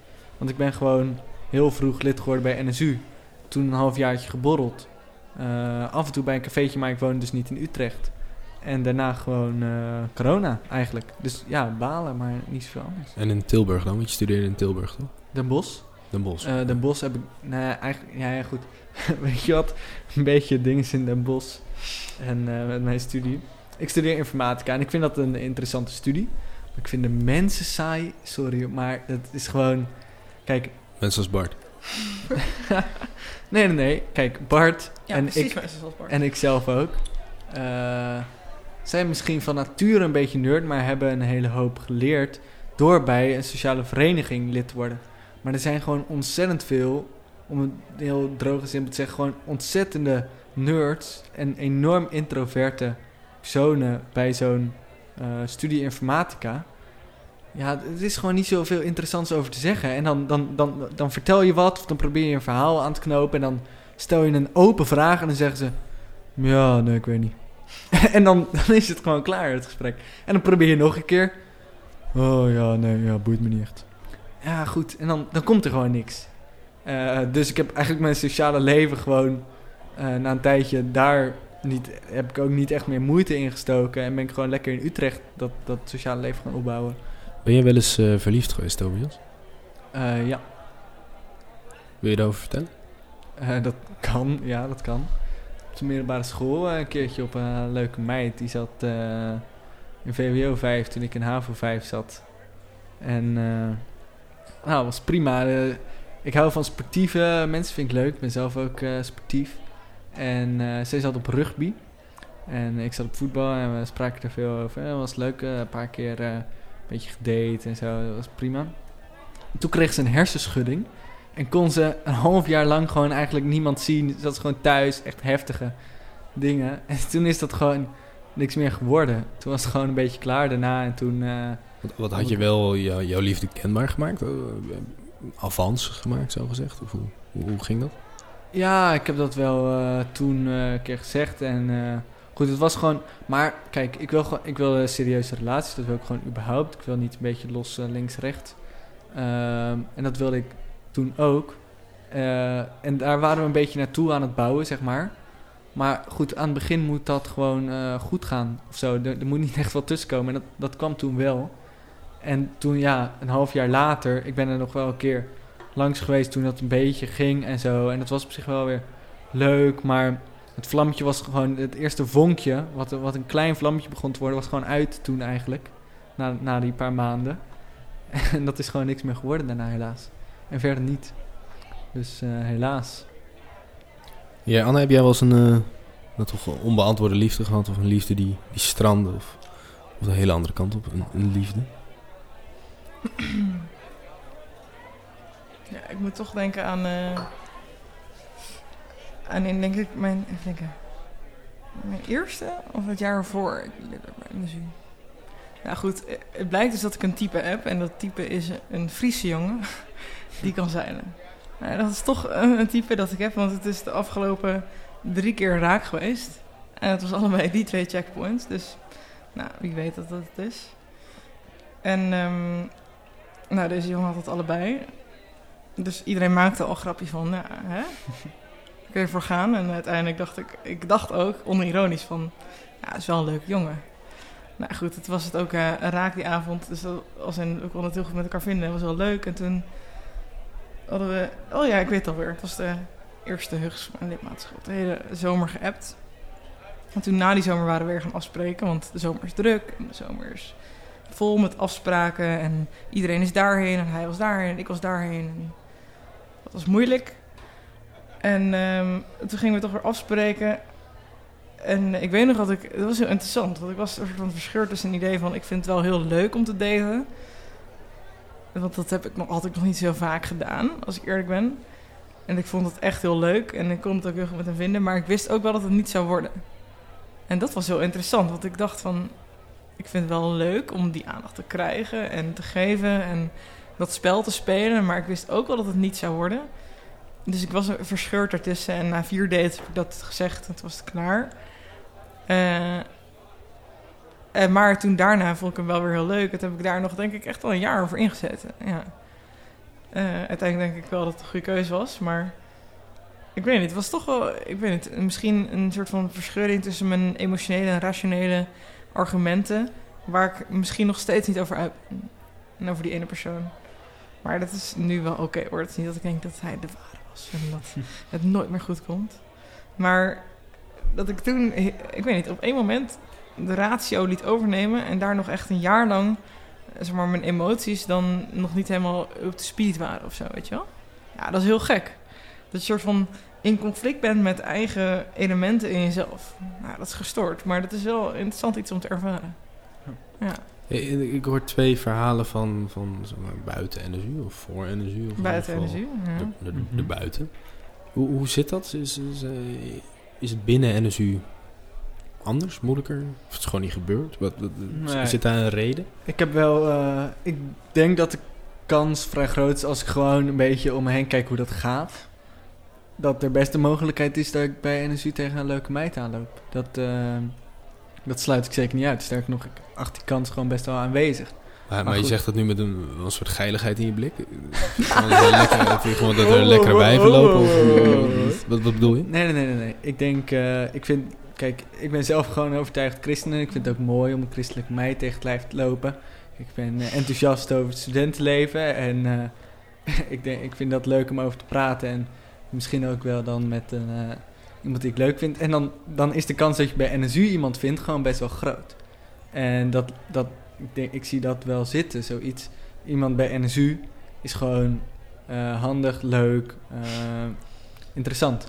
Maar Handig, ja, goed. leuk, interessant. Het motto van energie. Maar wat, wat, Maar- ik, wel, wat ik wel heel mooi vind, is dus- dat... eh, sorry. Voordat ik je verder. Wat ik heel mooi vind, wat ik in je ogen zie als je dat zegt, is toch gewoon echt een blik van gewoon, gewoon echt geilheid. Waarom druk je dat weg? Oh, waarom druk ik dat weg? Wat bedoel je? Wat druk ik weg? Geilheid? Want ik ervaar dat zelf niet. Of misschien wel, maar dat weet ik niet. Niet eh, dat ik dat zo herken op dit moment. ik zie jou mij heel indringend aankijken. Dus dat is altijd eh, interessant als er tussen ons een beetje zo'n spanning eh, begint op te bouwen, of niet? Ja, weet, weet ik niet, weet ik niet. Oké. Nee, mooi. Nee, goed. Oké. Ehm, Ik moet zeggen dat het, het glaasje van Tobias nog verdacht vol is ook, hè? Eh, ja, oh, daar wilde ik trouwens ook nog even over inhaken. Dat eh Laurens net eh, even die fles pakte met je neef, was mooi. En er stonden zo onze drie glaasjes. En dat hij zo bij Anna gewoon een half glaasje deed, prima. Dat hij bij zichzelf toch best wel een miserig klein beetje deed. En dat hij die van mij even goed tot het randje inschonk. Dus eh, Dat dat gaat er nog niet heel goed in. gaat er nog... Nou goed, ik zal dan even een mooi lekker slokje nemen. Lekker. Maar, nee, maar voordat ik je heel flauw eh, onderbrak. In de NSU, het zou, Ja. ik hoor, het zou makkelijk zijn, omdat je toch bepaalde dingen deelt met elkaar. Mhm. Goed, dat snap ik heel goed. Ehm, is, is er in NSU een sfeer dat mensen met elkaar uitgaan? Hoe, hoe zit dat nu in zeg maar, HT en NSU? Ja, ik heb het idee dat dat gewoon ehm, wel vrij veel gebeurt. Goed, mijn zus had eh, jarenlang een relatie met een andere NSU'er. Ik zie natuurlijk Riekert als mijn vader, die heeft een, eh, een relatie met. Het was pre-NSU, maar... Ja, goed, was, was pre-NSU, maar nu wel allebei NSU. Ehm, en dat, je ziet het gewoon vrij veel. Ik zie het vrij veel om me heen. En ik zou dat zelf gewoon ook als een goede optie zien. En ik vind het jammer dat ik nu dus tijdens dit coronajaar eh, buiten Helios gewoon niet zoveel NSU'ers ontmoet. Dus eh, ik zou dat leuk vinden om dat gewoon meer te doen. Maar ik hoop dat dat, als de corona weer iets meer eh, weg is, dat dat wat meer komt. En dan eh, ga ik gewoon lekker om me heen kijken zoals ik dat altijd doe. En dan, eh, dan zien we wel wat er op mijn pad komt. Ik denk dat ik een leuk genoeg jongen ben om ooit een keer iemand tegen het lijf te lopen. Dus dat komt vanzelf goed. Ik heb daar geen, geen haast of stress over of wat dan ook. Dat sowieso niet. Ik zie Laurens eh, knikken. Hij- Maar ik ben nu eigenlijk wel, wel benieuwd naar, naar jouw visies en verhalen. Heb je nog een eh, liefdescarrière binnen NSU gehad, Laurens? Ik ben even hard denken. Nou, wel in het pand, maar niet in NSU. Zozeer. nee, volgens mij niet. En wat was dan de reden Nou, ik heb, nee, ik heb wel een lange, lange tijd een relatie gehad. Dat, dat was trouwens wel, dat begon wel in NSU, maar zij ging toen al redelijk rap weg bij... eh, oh, daar we gaan weer een nieuw bestand. Dus zij ging al redelijk rap weg bij, eh, bij NSU. Eh, dus ik heb dat nooit zo gezien als een relatie binnen NSU. Maar Maar die begon wel bij NSU. Ja. In jouw eerste jaar dan? nee, wat was ik, derde jaar? Zoiets? En wat is de reden dat... want Net eh, vroeg je die vraag natuurlijk aan, eh, aan Tobias. Van wat is dan de reden dat je binnen NSU eh, zo naar mensen kijkt? Of zo naar jezelf misschien in de toekomst? Hoe keek Nou, jij naar eh, relaties binnen NSU? En, en hoe mensen die vonden en zo? Nou, wat, wat, waar- de vraag natuurlijk wel vandaan komt een beetje is in NSU. Kijk, ik ben nu een aantal jaar eh, zeg maar eruit. En word ik wat ouder of zo. En niet dat dat dan opeens alle wijsheid in pacht heeft. Maar ik vond in NSU de, de relationele sfeer toch altijd wel een beetje, een beetje heftig. Een beetje van je, je vindt elkaar. Nu moet je ook wel echt het, het traject op om te gaan trouwen. Een soort Het rat wordt race de trouwen. huwelijksmarkt genoemd ook. hè? Ja, en, Weet en je, gewoon- enerzijds snap ik dat ja. heel goed. Je hebt gelijkgestemden bij elkaar en iedereen is eh, nou, joh, eh, helemaal van de heer en eh, wil er graag voor gaan. en dat, dat snap ik heel goed. En iedereen is jong en staat Mhm. open voor dit soort dingen. Maar ik vond toch ergens altijd een... er hing iets klams overheen. En dat zeg ik niet uit een soort van... eh, Nee, maar ik, ik herken het wel wrangigheid hoor. Maar is- meer ja, een soort van... eh, als het lukt, dan is het leuk. Maar als het niet lukt, dan is, het, is er iets of zo. En dat is heel beklemmend een beetje. Hm. Ik, ik begrijp het wel. Kijk, bij mijn bijvoorbeeld algemeen bestuur... en ik zeg het uit de vrijheid dat niemand van hen nu luistert... weet ik vrij zeker...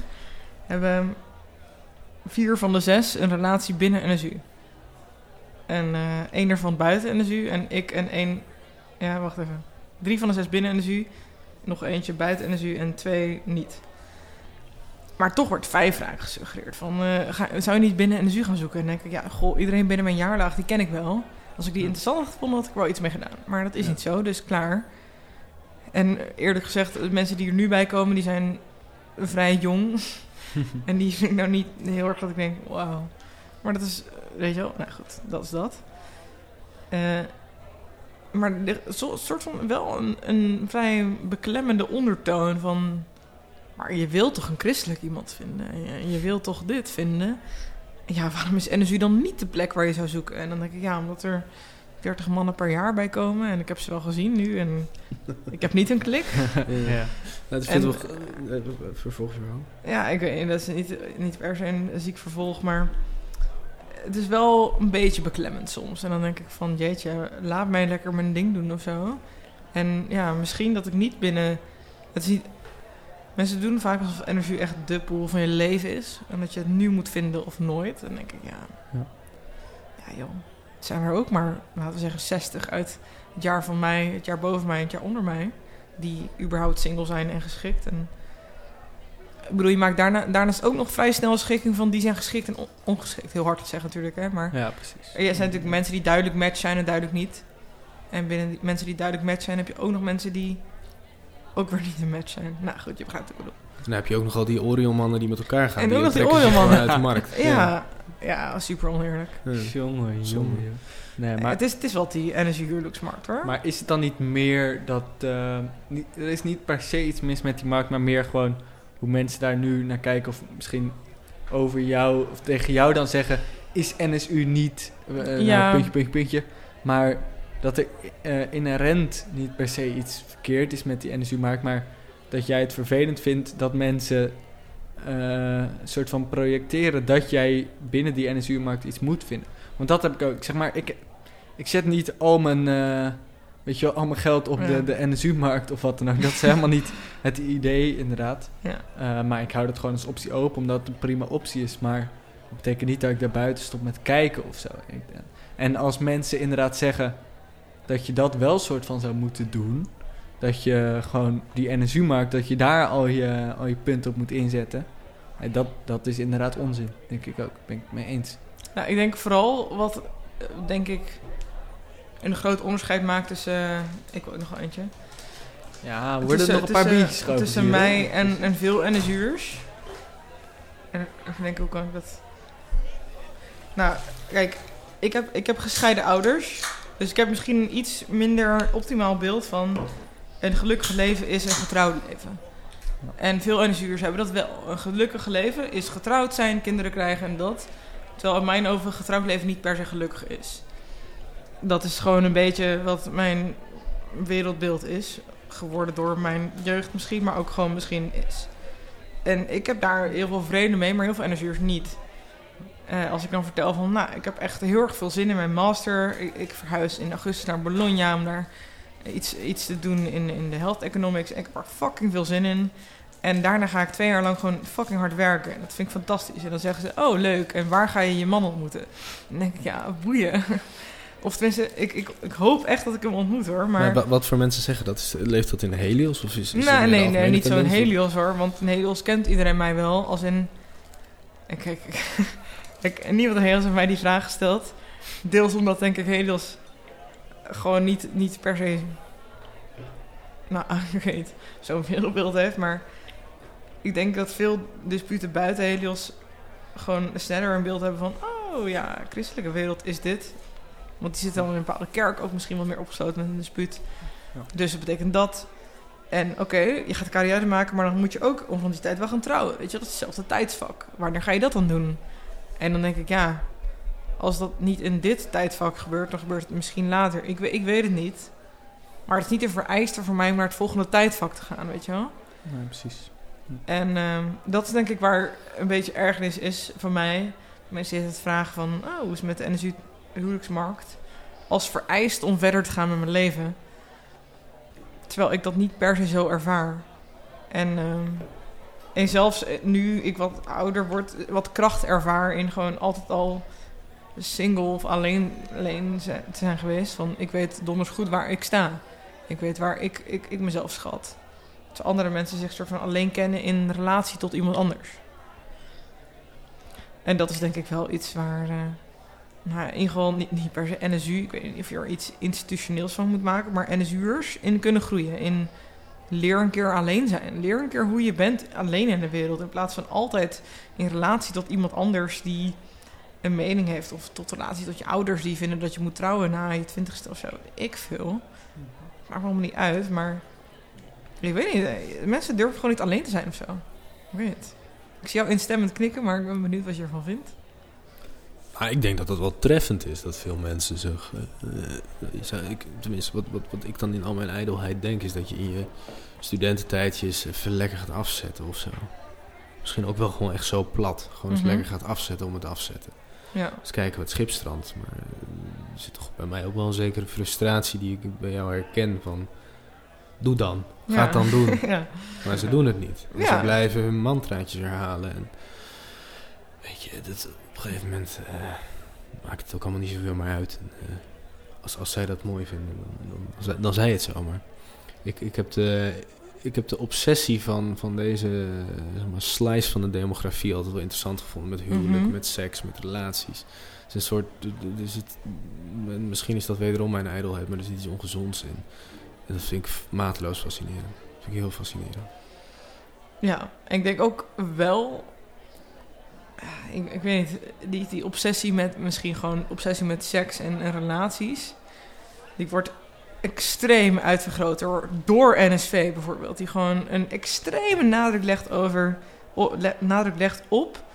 Als jij iets wil, dan moet je eerst uitleggen hoe jij ten opzichte van seksualiteit staat. Terwijl ik denk, ja, fucking boeien, weet ik veel. Want dan Hoezo ik- vraag je dat? Dat is persoonlijk. Nou ja, dat. Ja. Maar ik kwam bijvoorbeeld in zo'n MVP-gesprek. En eh, dus ik zei van ja, ik, ik, weet, ik ben nog nooit in een serieuze relatie geweest.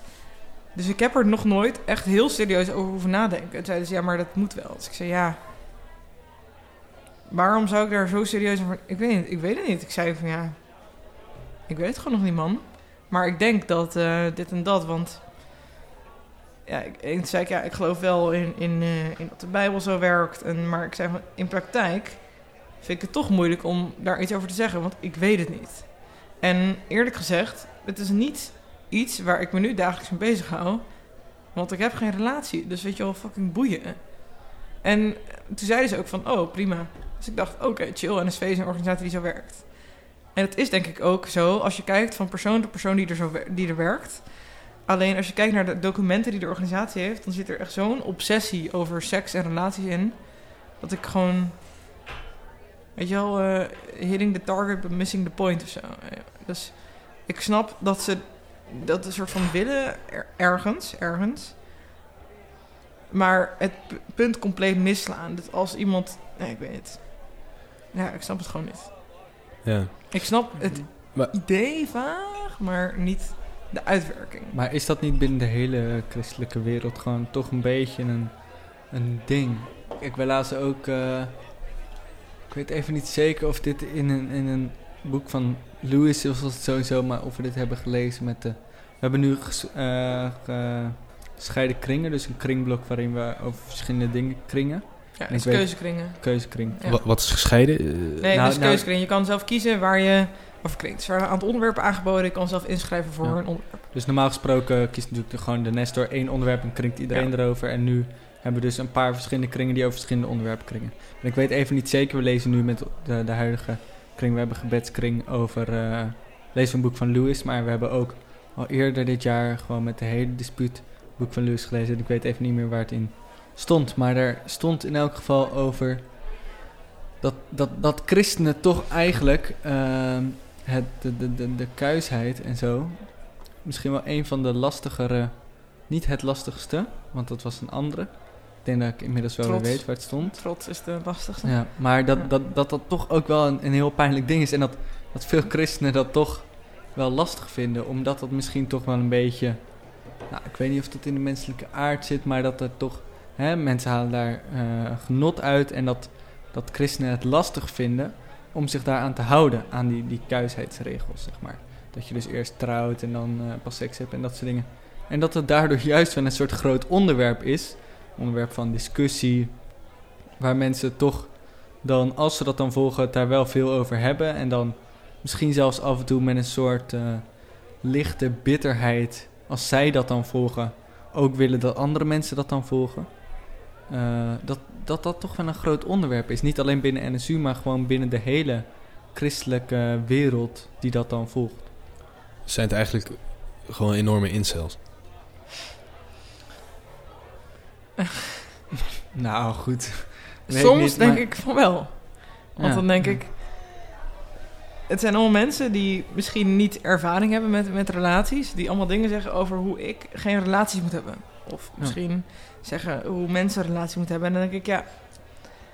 Oké, maar ik zou ook niet een predikant geloven die niet gelooft. Of zo, weet je wel? Een predikant die niet zelf weet waar die voor staat. Zo'n moralist die niet neukt, dat geloof jij niet. Ja, zo'n moralist die neukt, daar wil ik gewoon geen seksadvies van. Ja, hou op. Ja. Ja, En dat, is toch een beetje wel de situatie hoe nou, het is nu- wel een beetje hoe- de hoe het situatie. nu vaak Het is. is leuk, ik, ik weet niet of je veel op Twitter zit. Zit je het een beetje op Twitter? Nou, oké. Ik, ik, ik Dus- ken het. Ik, ik weet wat Je, het je weet wat het is. Ken je Facebook? Ooit van gehoord? Dat is zo'n Nee, klein maar, bedrijfje. ehm, Nee, oké, sorry. Eh, de laatste mm, drie weken is Baudet dus op een interessante tour... waarin die vraagt van, van, van eh, ja, subscribers of, of volgers... van in ieder geval aanhangers van FVD... om essays in te sturen. En de eerste essay ging over de, de waarde van de, de clownpil... ten opzichte van de red pill. Nou, dat zijn allemaal alt-right bla bullshit. De nieuwste essay ging over seks en sublimatie... en de waarde van maagdelijkheid. Wat, wat is sublimatie? Nou, eh, moet ik eerlijk zeggen, ik weet niet precies wat de term is, maar de, de Ik probeer maar connotatie... even te sensibiliseren. Ja, Eh, ja, probeer. Mhm. De, zeg maar, ik weet nog, dat was de titel. En dan de uitleg was de waarde van maagdelijkheid, et cetera, et cetera. En nu, natuurlijk is het vaak het idee dat eh Thierry Baudet, of in ieder geval veel incels, fan zijn van Thierry Baudet. En dan is dat nog een keer bevestigd omdat hij vraagt om essays over, nou goed, eh, sekssublimatie en de waarde van maagdelijkheid. Dat is wel grappig natuurlijk, ook ergens ironisch dat terwijl Baudet ook in zekere zin een playboy mm, status heeft en dat is ook deel van zijn aantrekkingskracht, Ja. trekt hij heel veel incels aan. Ja. Ik vind, ik vind die, die spanning tussen incels en, en, en toch een soort, de, de klassieke bad boy, de, de, de fuckboy nosem, daar zit een spanning en die trekken elkaar aan, stoten elkaar af. Ik, ik, ja, ik ik vind dat heel sappig. Eh, ik vind het ook eh, fascinerend hoe gewoon. ehm, nou, eh, bijvoorbeeld, ik en Riekert zitten wel echt veel op Twitter. Misschien iets te veel, dat, dat geef ik ook wel toe. En dan sturen we af en toe dingen naar elkaar. En dan, dan zie je dus. Je hebt een paar bekende, bekende Twitteraars. En, en die zitten dan echt in een netwerk of duidelijk forum of Baudet-aanhanger. En dat zijn dan duidelijk gewoon mensen waarvan je denkt: ja, joh. Jij probeert het ook niet te verbergen, gewoon eh, waarom je hem stemt. Want je wil gewoon duidelijk, dan zeggen ze dat gewoon van eh, minder blanken in Europa. Dan denk ik, oké. En dan eh, retweet Baudet dat, dan denk je, oké, nou, dat, je weet donders goed waar deze guy voor staat. En je retweet hem, dat is duidelijk. En het interessante vind ik dan dat iemand daar iets van zegt. Hè. Dan retweet, weet ik veel, persoon X hem. En dan vallen al die supporters daaromheen met, je begrijpt hem verkeerd. En dat gebeurt gewoon elke keer weer. Een hele cascade van mensen die het uit gaan leggen van waarom hij dat kan zeggen en waarom hij dat doet en waarom hij dit en dat. En het is zo fucking vermoeiend. En elke keer denk ik van het kan toch niet weer dat ze dit gaan doen en het kan toch niet dat ze dit gaan uitleggen. En het gebeurt elke keer weer. En ik ben er op een gegeven moment een beetje klaar mee. eh, ik was er op een gegeven moment klaar mee. Dus toen met de 40 dagen tijd ben ik toen 40 dagen gestopt met Twitter. Eh, en dat was eigenlijk echt een zieke verlossing. Want ik, maar wat wat ik elke dag deed, was ik werd wakker en ik ging me frustreren over mensen op Twitter. Ik ging me frustreren over mensen die ik veel eh nou, Baudet volgen of andere mensen. En ik ging slapen en ik ging me frustreren over mensen op Twitter. En ik stopte ermee en toen verdwenen ze gewoon uit mijn hoofd. Alleen ze zijn er wel. Je, kan, je kan ze vinden. Je kan, je kan je helemaal gek maken ermee. Maar het is gewoon, ik weet niet. Ik weet niet waarom ze het doen. Maar ze doen wel iets met je of zo. Als je het leest. Heb je die frustratie nodig? eh, Nou, op een bepaalde manier? Eh, toen ik dus ermee stopte, vond ik het wel moeilijk om, om af te kicken of zo. Want ik, ik dan- lag dan in bed en dacht ik, hm, vredig of zo. Vredig. Maar toen ik ermee stopte, toen was het ineens van, eh, zeg maar na, laten we zeggen, twee weken. Toen sliep ik wel echt beter. Ja, ik sliep wel echt beter. Dus ja, nodig, nodig. Ik was er misschien een beetje verslaafd aan, maar eenmaal gestopt, eh, ja, niet meer. Maar het is wel verslavend om soort van te voeden op de agressie tussen mensen bijna misschien. Of, of nou niet agressie, maar... Ja, het is natuurlijk gewoon een soort van super elitaire privé die je leest, Twitter. Een privé als in het magazine. Gewoon zieke gossip tussen mensen op Twitter. Van eh, die heeft dat getweet, dus hij bedoelt dit. En de, de privé is natuurlijk een soort van een super fotografische versie van publieke mensen die dingen doen. En Twitter is een soort van super... eh, Ja, voor mijn gevoel best wel een elitaire versie van roddelmagazines. Mensen roddelen de hele fucking tijd. Je leert er niet heel veel van. En, en toch is het super vermakelijk. En mensen voelen zich beter dan de privélezers. En ik werd er ook helemaal niet beter van. Ik werd helemaal niet beter van, maar het was echt fucking verslavend. Dus toen ben ik ermee gestopt. En ik doe het nu nog steeds één keer per dag of zo, maar op mijn desktop dan. Dat is anders. Dat is gek, maar dat is anders. Want dat zit je niet in je bed te doen, dus je wordt niet oneindig aan het swipen. Eh, maar ja, die menselijke agressie is toch, dat voedt je of zo. Ja, daar ga je dan wakker van blijven en dan ga je dan gewoon doorswipen. Ja, dat is gek hoe dat werkt. Ben jij verslaafd aan dingen, Toby? Mm, lastig, lastig. Ehm, ik heb wel eh, op de middelbare school denk ik dat ik eh, gamen gewoon wel vrij, eh, vrij veel deed. Ik had gewoon weinig te doen. want de middelbare school, ja, daar besteedde ik gewoon weinig tijd aan. En kwam af en toe met vrienden, maar die vrienden ontmoette ik vooral online. En dan was ik gewoon vrij veel aan het gamen. En dat, dat, dat beheerste mij wel. Als het aantal uren dat ik per dag gamede. Ja, goed. Nou, dat, dat valt naar maatstaaf van andere gamers nog wel mee. Iets van, ik denk gemiddeld anderhalf uur per dag of zo. Sommige dagen meer, sommige dagen eh, niet. Maar ehm, wat, wat ik wel merkte, is dat dat gewoon mijn, eh, mijn gesteldheid beïnvloedde.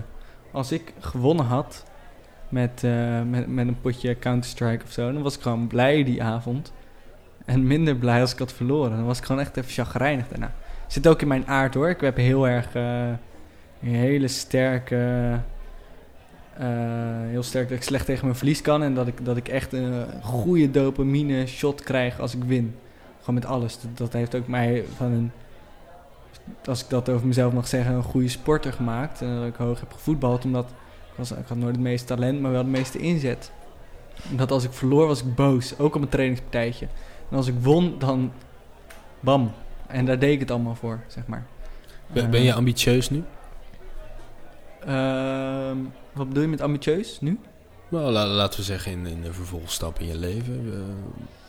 eh, ga- ga je hard? Zeg maar. wat, wat, wat is je plan? Mm, ja, waarmee? Met, met NSU, met, eh, met mijn studie, met wat bedoel je? Met, Met wat je wil? Ehm, nou goed, ja, ik wil gewoon lekker verder studeren. En ik hoop, maar dat, dat lukt mij nu nog niet zo goed. Maar ik hoop dat dat eh, iets meer lukt eh, als misschien de corona weer voorbij is en ik meer mensen kan zien. Dat ik mijn studie als een soort competitie kan zien. Want als ik dat doe, dan haal ik opeens hoge cijfers, joh. Want dan ga ik ervoor. Maar dat is nu omdat ik te, weinig sociaal contact heb met andere mensen, weinig. Want ik wil winnen, maar winnen van het systeem, dat, dat, is, dat is helemaal niks. Je moet winnen van andere mensen. Hm. Tenminste, dat heb ik. Ehm, en als, als ik die mensen niet ken, namelijk omdat alles online is, dan is dat niet zo. Maar als ik, als ik kan winnen van mijn klasgenoten, dan ga ik opeens. En dan, eh, weet je wel, dan, dan, dan komt er een bepaalde energie vrij. Dan, dan heb ik opeens alles over om dat te doen. En dan ga ik goede cijfers halen. Dat is wat ik op een gegeven moment op de middelbare school kreeg ik dat voor elkaar. Eh, in het laatste jaar ongeveer. En toen, bam, ik had altijd, deed ik altijd gewoon net genoeg. eh, zodat ik dan verder gewoon lekker een beetje kon chillen en gamen. Maar in dat laatste jaar kreeg ik het voor elkaar en bam, opeens eh, ben ik gewoon op de HAVO. Want ik was inmiddels bij, naar de HAVO na het tweede jaar. wel gewoon bijna, bijna cum laude afgestudeerd. 7,9 uiteindelijk gehaald. Omdat ik in die laatste weken opeens met dat eindexamen. Ik had voor mijn schoolexamens gewoon zesjes en, en een paar zevens misschien gehaald. Prima. Maar opeens voor het eindexamen kreeg ik dat. Kreeg ik het voor elkaar. Om die, die mentaliteit te krijgen. Ging ik opeens eh, eindexamens leren en wist ik mijn cijfers in één keer op te krikken. eh, met die eindexamens die ik gewoon dus zeer goed gemaakt heb. Tot, eh, tot, tot bijna een 8. En dat is eigenlijk wat ik met mijn studie ook wil. En als, als ik dat voor elkaar krijg mentaal. Maar dat is vrij lastig. Ik moet dat dus als een soort spel gaan zien. Dan eh, denk ik dat er veel in zit. En eh, met NSU, ja, heb ik niet per se dat, eh, dat, dat, dat win- of verlies factor. Eh, maar als ik dat dus ergens in krijg, en dat kan ook in kleine dingen zijn, dan, dan komt er in één keer die energie bij mij vrij om, om ergens echt voor te gaan. Dus als ik iets wil en ik wil dat graag genoeg en er zit een competitief element in, dat is, dat is mijn, mijn sleutel tot succes, zou ik zeggen, voor mij als persoon. Maar ik heb ook gehoord dat jij eigenlijk eh, later graag docent wil worden. Klopt, ja. En eh, welk competitief do- eh, element zie je daar dan in? Ehm, Oeh, dat is een goeie. Want ja, Vind ik wel heel makkelijk al die kinderen als competitie nemen. Ja, kan ik makkelijk sukkel. winnen. Yes! Jullie zijn slecht. Nee, oké, grap. Nee, ehm dat is een goeie. Nee, dat, dat is misschien meer een andere pas voor mij dat ik het heel interessant vind om, om random feitjes en informatie op te slaan en door te geven. Dat is een beetje... En misschien zit dat daar ook er ergens wel in. Dat ik het leuk vind, misschien toch ook wel, af en toe om te bewijzen dat, dat ik de slimste ben. Terwijl dat lang niet altijd het geval is. Maar, maar dan, dan, ik ben heel goed in random feitjes dan opslaan. En die op random momenten gooien om toch even te laten zien van... eh, toch wel op de hoogte. En eh, ik vind het toch leuk om, eh, om over van alles en nog wat wat te weten. En ik vind dat ook heel gaaf om dat dan te laten zien en door te geven. Maar ik weet niet precies of dat, of, zeker of dat te koppelen is aan, hieraan. Ik weet gewoon dat ik wel geïnspireerd ben door een aantal van mijn middelbare schooldocenten sowieso. om zelf docent te gaan worden, want dat, dat lijkt me gaaf inderdaad. Eh, en om mensen te inspireren. Dat is, ik denk dat dat, een, ja, dat zijn gewoon een beetje mijn sterke punten. Dus, dus mijn wil om altijd te winnen. Eh, als, ik, als ik dat echt als een competitief element kan zien. En ten tweede, dat ik het gaaf vind om, om kennis door te geven. Dus kennis verzamelen, maar echt met als doel om door te geven. Dat is bijvoorbeeld ook waarom ik de, de, de rubriek eh, mini-referaat heel leuk vind. En waarom ik mijn eigen referaat altijd eh, het leukste vind van alle referaten. Omdat ik het mooi vind als ik dan eh, hè, wat kan vertellen. En eventjes, eventjes de slimste in de kamer te zijn. Want dat ben ik, dat was ik eh, vrij vaak op de basisschool en op de, op de middelbare school ook wel. Maar bij Helios niet meer. Dat heb ik wel gemerkt. Ehm, maar op sommige elementen, op sommige momenten kan ik dat toch even zijn en daar geniet ik van.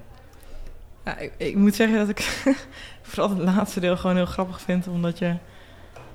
eh, ja, je komt er bij dus op een gegeven moment eh, dan voor de vergadering en dan, eh, dan, is er zo'n moment van, nou, je hebt hier een van de kutfeut voor je staan en dan is ze van, ja, wa- wat kom je nou toevoegen? En dat is gewoon een redelijk normale vraag van, wat kom je nou toevoegen aan deze groep?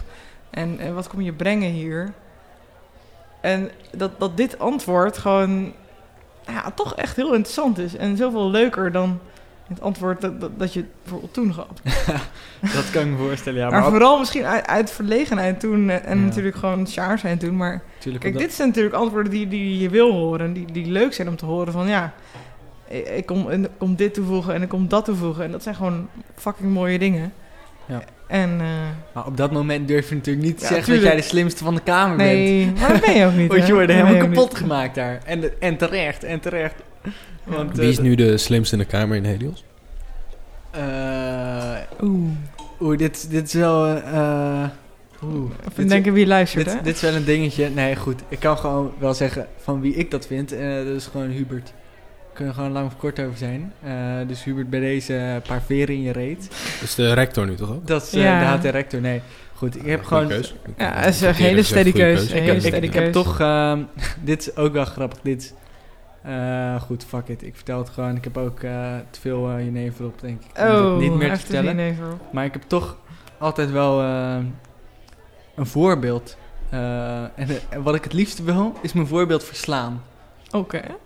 Dat, dat is natuurlijk het mooiste wat er is.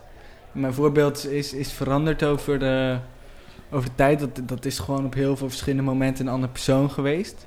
En dat zijn ook wel Helio geweest. En Hubert is dat ook wel op een bepaald moment geweest. Ik weet niet precies wie dat op dit moment is. Nou goed, maakt er niet zoveel Heb uit. je Hubert verslagen? Ja, ik ben ook wel eh, benieuwd. Nou, hoor. wat, wat is een interessant voor, Gaat het over schaken weer? Gaat het over schaken? Onder andere, bijvoorbeeld, inderdaad, dat Hubert op een gegeven moment eh, prima eh, schaker was. En dat ik toen echt even tijd ben gaan investeren in dat schaken. En dat wij nu eh, nog steeds bezig zijn ook in een potje schaak. En dat wij gewoon vrij regelmatig tegen elkaar schaken. En dat Hubert verslaan, ja, dat, dat vind ik gewoon echt mooi. Omdat Hubert daarin dan mijn voorbeeld was. Eh, misschien nog steeds is, weet ik niet. Ehm, ik weet nooit op het moment. Ik weet meer van, van, van wie het geweest zijn of zo, wie mijn voorbeelden zijn. Ehm, maar dat, de- en, en dat is dus niet een, een, een, beroemd, een beroemdheid of zo, is mijn voorbeeld. Het is echt iemand in mijn directe omgeving. En dat kan op verschillende punten verschillende mensen zijn. Het is ook niet één persoon op, op elk moment. Maar bijvoorbeeld met schaken en ook met, met de retorica of zo is Hubert dat echt wel geweest. En eh, misschien nog steeds wel. Qua retorica denk ik zeker wel. Eh, dat, ik dat, dat ik dat mooi vind hoe hij dat doet. Hoe hij gewoon even de, de aandacht pakt. En eh, zijn punt maakt. En dat iedereen gewoon luistert. Misschien ook wel omdat hij natuurlijk fariseer is. En dat ook in Helios En gewoon... En rector. En, en, en Helios zeker sinds zijn... Nee, maar ook voor zijn rector. Ja, ook vorig jaar gewoon... eh, weet je wel, Riekert was rector. Maar als Hubert zei hoe het zat op de hel, dan zat het zo. En dat, dan, dan was het gewoon zo. Ja, Terwijl een er, terwijl er nog ouderejaars bij waren. Ja, ja. Eh, als Hubert zei hoe het zat, dan zat het zo. En dat, ja, dat vond ik mooi. Daar kon ik echt van genieten. Hoe En vond eh Riekert dat? Sorry? Hoe vond Riekert dat?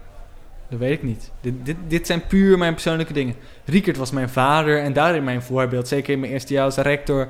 Hoe hij op een nonchalant, naar, in mijn ogen op een nonchalante manier... eh, voor die groep kon staan. Even een klein grapje hier, even een dingetje daar. Zo'n gesprek. eh, even, bam, als hij wat moet zeggen, wist hij meteen even goede woorden. Ook dat vond ik heel gaaf. Boontje, als het ging om speeches. Fucking mooi, hoe Boontje gewoon opeens even, hoppakee. Even zo'n speech eruit gooide. Dat ik dacht, nou, het is wat. Eh, dat zijn dingen. En, en dat is dan, wat ik dus wederom dan wil, is die personen verslaan. Wat ik het liefst zou willen is beter kunnen eh, speechen dan Boontje. Beter even een, een los grapje maken dan Riekert. Beter eventjes eh, de, de, even de, de, de ruimte vullen en even de autoriteit zijn op een bepaald punt dan Hubert. En als je ze hebt verslaan, wat dan? dan kies ik een nieuwe persoon. Eh, als, ik, als ik nu... eh, ik heb Hubert inmiddels wel eens verslagen met eh schaken. Heeft me een lange tijd gekost, maar daar was ik toch vrij blij mee. Maar ehm, als me dat... als, ik- als ik beter zou worden dan Hubert in schaak... dan zou ik een nieuwe persoon kiezen. In zekere zin. On- onderbewust. Dit gebeurt allemaal onderbewust. Hè? Dit is Mhm. allemaal dat ik dit observeer bij mezelf. Niet dat ik dat bewust doe of zo. Maar dat zijn mijn drijfveren. Toch andere mensen die gewoon net een stapje hoger zijn dan ik.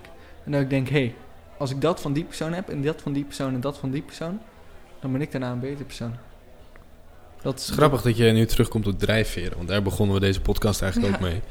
Ehm, we hadden het over belasting en wat, nou, politieke bullshit.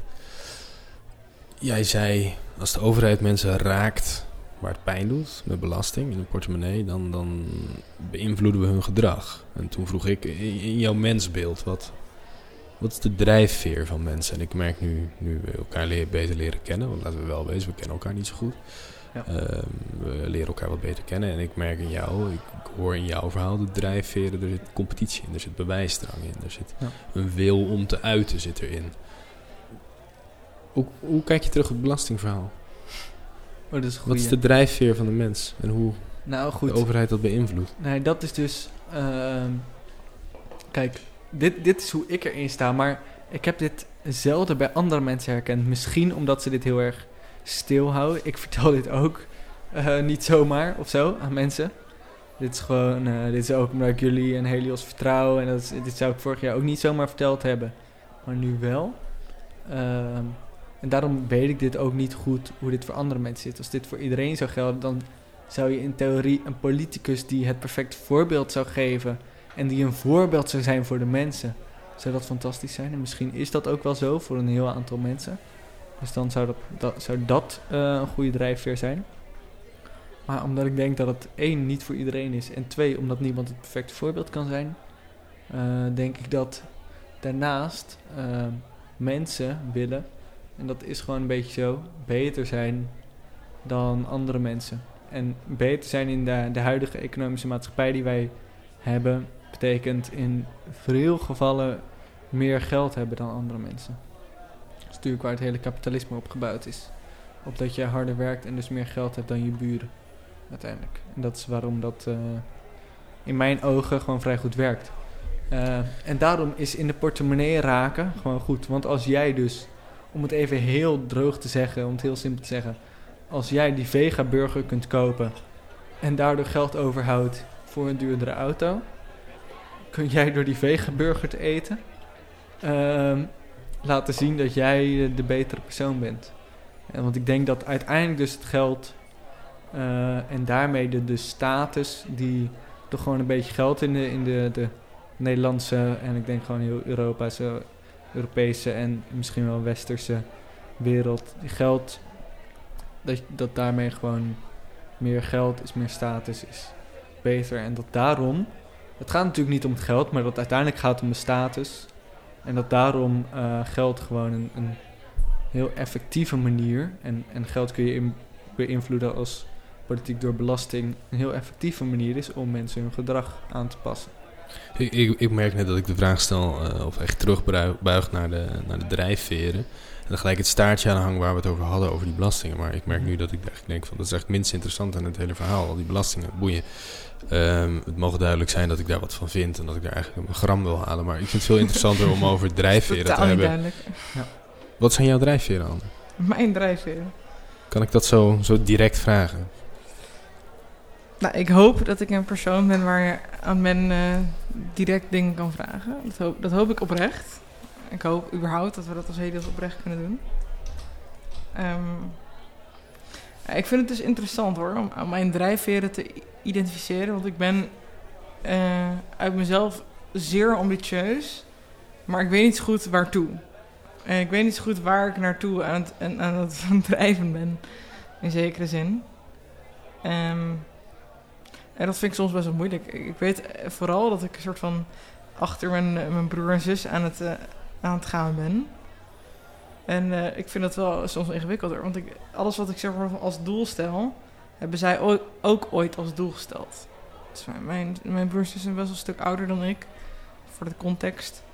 En ze zijn allebei nu PhD. Dat wil ik allebei niet doen. Maar wel die kant op, dat wil ik sowieso. En ik vind het dan moeilijk om te onderscheiden, wil ik dat of hebben zij dat ooit gewild? Maar dan hebben we natuurlijk weer een andere vraag. Wat drijft mij? Dat is natuurlijk iets anders dan welke, welke carrière richting wil ik op. Ik weet het, eh, wat mij wel drijft, en dat komt dan wel een beetje terug op wat ik zei, is omdat het leven eindig is, zijn er gewoon ehm, bepaalde dingen die ik wel en niet kan doen. En ik weet dat ik op een gegeven moment een gezin wil. Dat, dat, dat weet ik gewoon van mezelf. En ik weet dat er ook een bepaalde tijd is dat ik gewoon volledig wil gaan voor wat ik zelf kan. En dat is een soort van de carrière tijd die ik voor mezelf heb. En ehm, ik weet dat ik dat alles doe. Dus die carrière tijd en die soort van gezintijd. Allemaal in het kader van dat ik dan geloof dat we soort van allemaal iets kunnen doen in het koninkrijk. En, en dat wil zeggen iets doen voor de greater good. En dan, dat betekent dat we dan iets kunnen betekenen voor dingen buiten jezelf. En dat vind ik fucking vaag. Ik vind het heel moeilijk om te rijmen. Maar ik vind het heel moeilijk om soort van gemotiveerd te raken voor dingen die alleen voor mezelf zijn. Dus ik heb heel lang gedacht, ik wil voor de grote pharma werken, bijvoorbeeld. Hè. Dat was echt een carrièrepad dat je kon kiezen. Maar de gedachte van, daarvan maakte me toch best wel ongelukkig of zo. Omdat ik niet wist met wie ik dat dan moest delen of zo. Als ik geen relatie had, met wie moet ik dat dan delen? En dan kwam ik bij de vraag, oké, stel ik heb geen relatie en ik maak carrière. Met wie moet ik dat dan delen? Moet ik dan iemand zoeken om dat mee te delen? Of moet ik gewoon iets doen wat mij überhaupt richting geeft, weet je wel? En dat is een beetje ja, waar ik nog steeds in zit, denk ik. Ja. Daar ik ben natuurlijk nog steeds student. Ik ga volgend jaar pas een master beginnen, maar eh, wel iets wat ik in mijn hoofd hou met, met de keuze voor een bedrijf. Van, ik wil niet iets doen dat mij alleen richting geeft als ik ook een gezin heb, maar ook dat mij als persoon zelf richting geeft. Of in ieder geval mij een stukje betekenis in de wereld geeft of zo. En eh, ja, dat, dat denk ik. Ik weet niet. Het voelt heel narcistisch om dat te zeggen. Omdat ik alles weer naar mezelf trek van ik, ik moet betekenis geven. Maar anderzijds, ik weet niet, ik denk dat iedereen dat aan het doen is. En dat het misschien gek zou zijn als niemand dat zou doen. Ik weet niet, eh, wat, wat drijft jou, Laurens? Terwijl Laurens dat vertelt, ga ik nog even naar het toilet. Maar eh ga vooral door. We turven even dat dat eh, de tweede keer is. Ja, we durven dat Onze enorm. Jonge heer Tobias. Wat drijft Wat, mij? eh, Dat betekent dat ik wel genoeg drink. Dat is mooi. Hij kwam heel dichtbij. Hij kwam heel dichtbij. dat, dat drijft mij wel, in, in zekere zin. Dat drijft jou. Ja. Nee, de vraag wat drijft mij, dat vind ik een... eh, dat vind ik een moeilijke vraag. Maar Je stelt hem wel makkelijk. Ja, natuurlijk. Ja, maar er, zit- er zit wel een bepaalde, ja, nou, wat zullen we zeggen. Het is een mengelmoes, hè, wat, wat we allemaal merken. Dat er een bepaalde bewijsdrang in zit. Maar ook wel een, een drang om te uiten zonder Mhm. externe factoren. En ik denk, ik ga echt niet ontkennen dat er een soort van eh, schreeuw om aandacht in zit. Maar er zit ook wel, ik denk dat er vooral, wat, wat vooral de motor is, is een drang om te uiten. Mhm. In wat voor vorm dan ook. En daar geef je verschillende vormen aan. Erotische gedichten. Dat is een keuze. eh, de andere dingen die ik doe. Eh,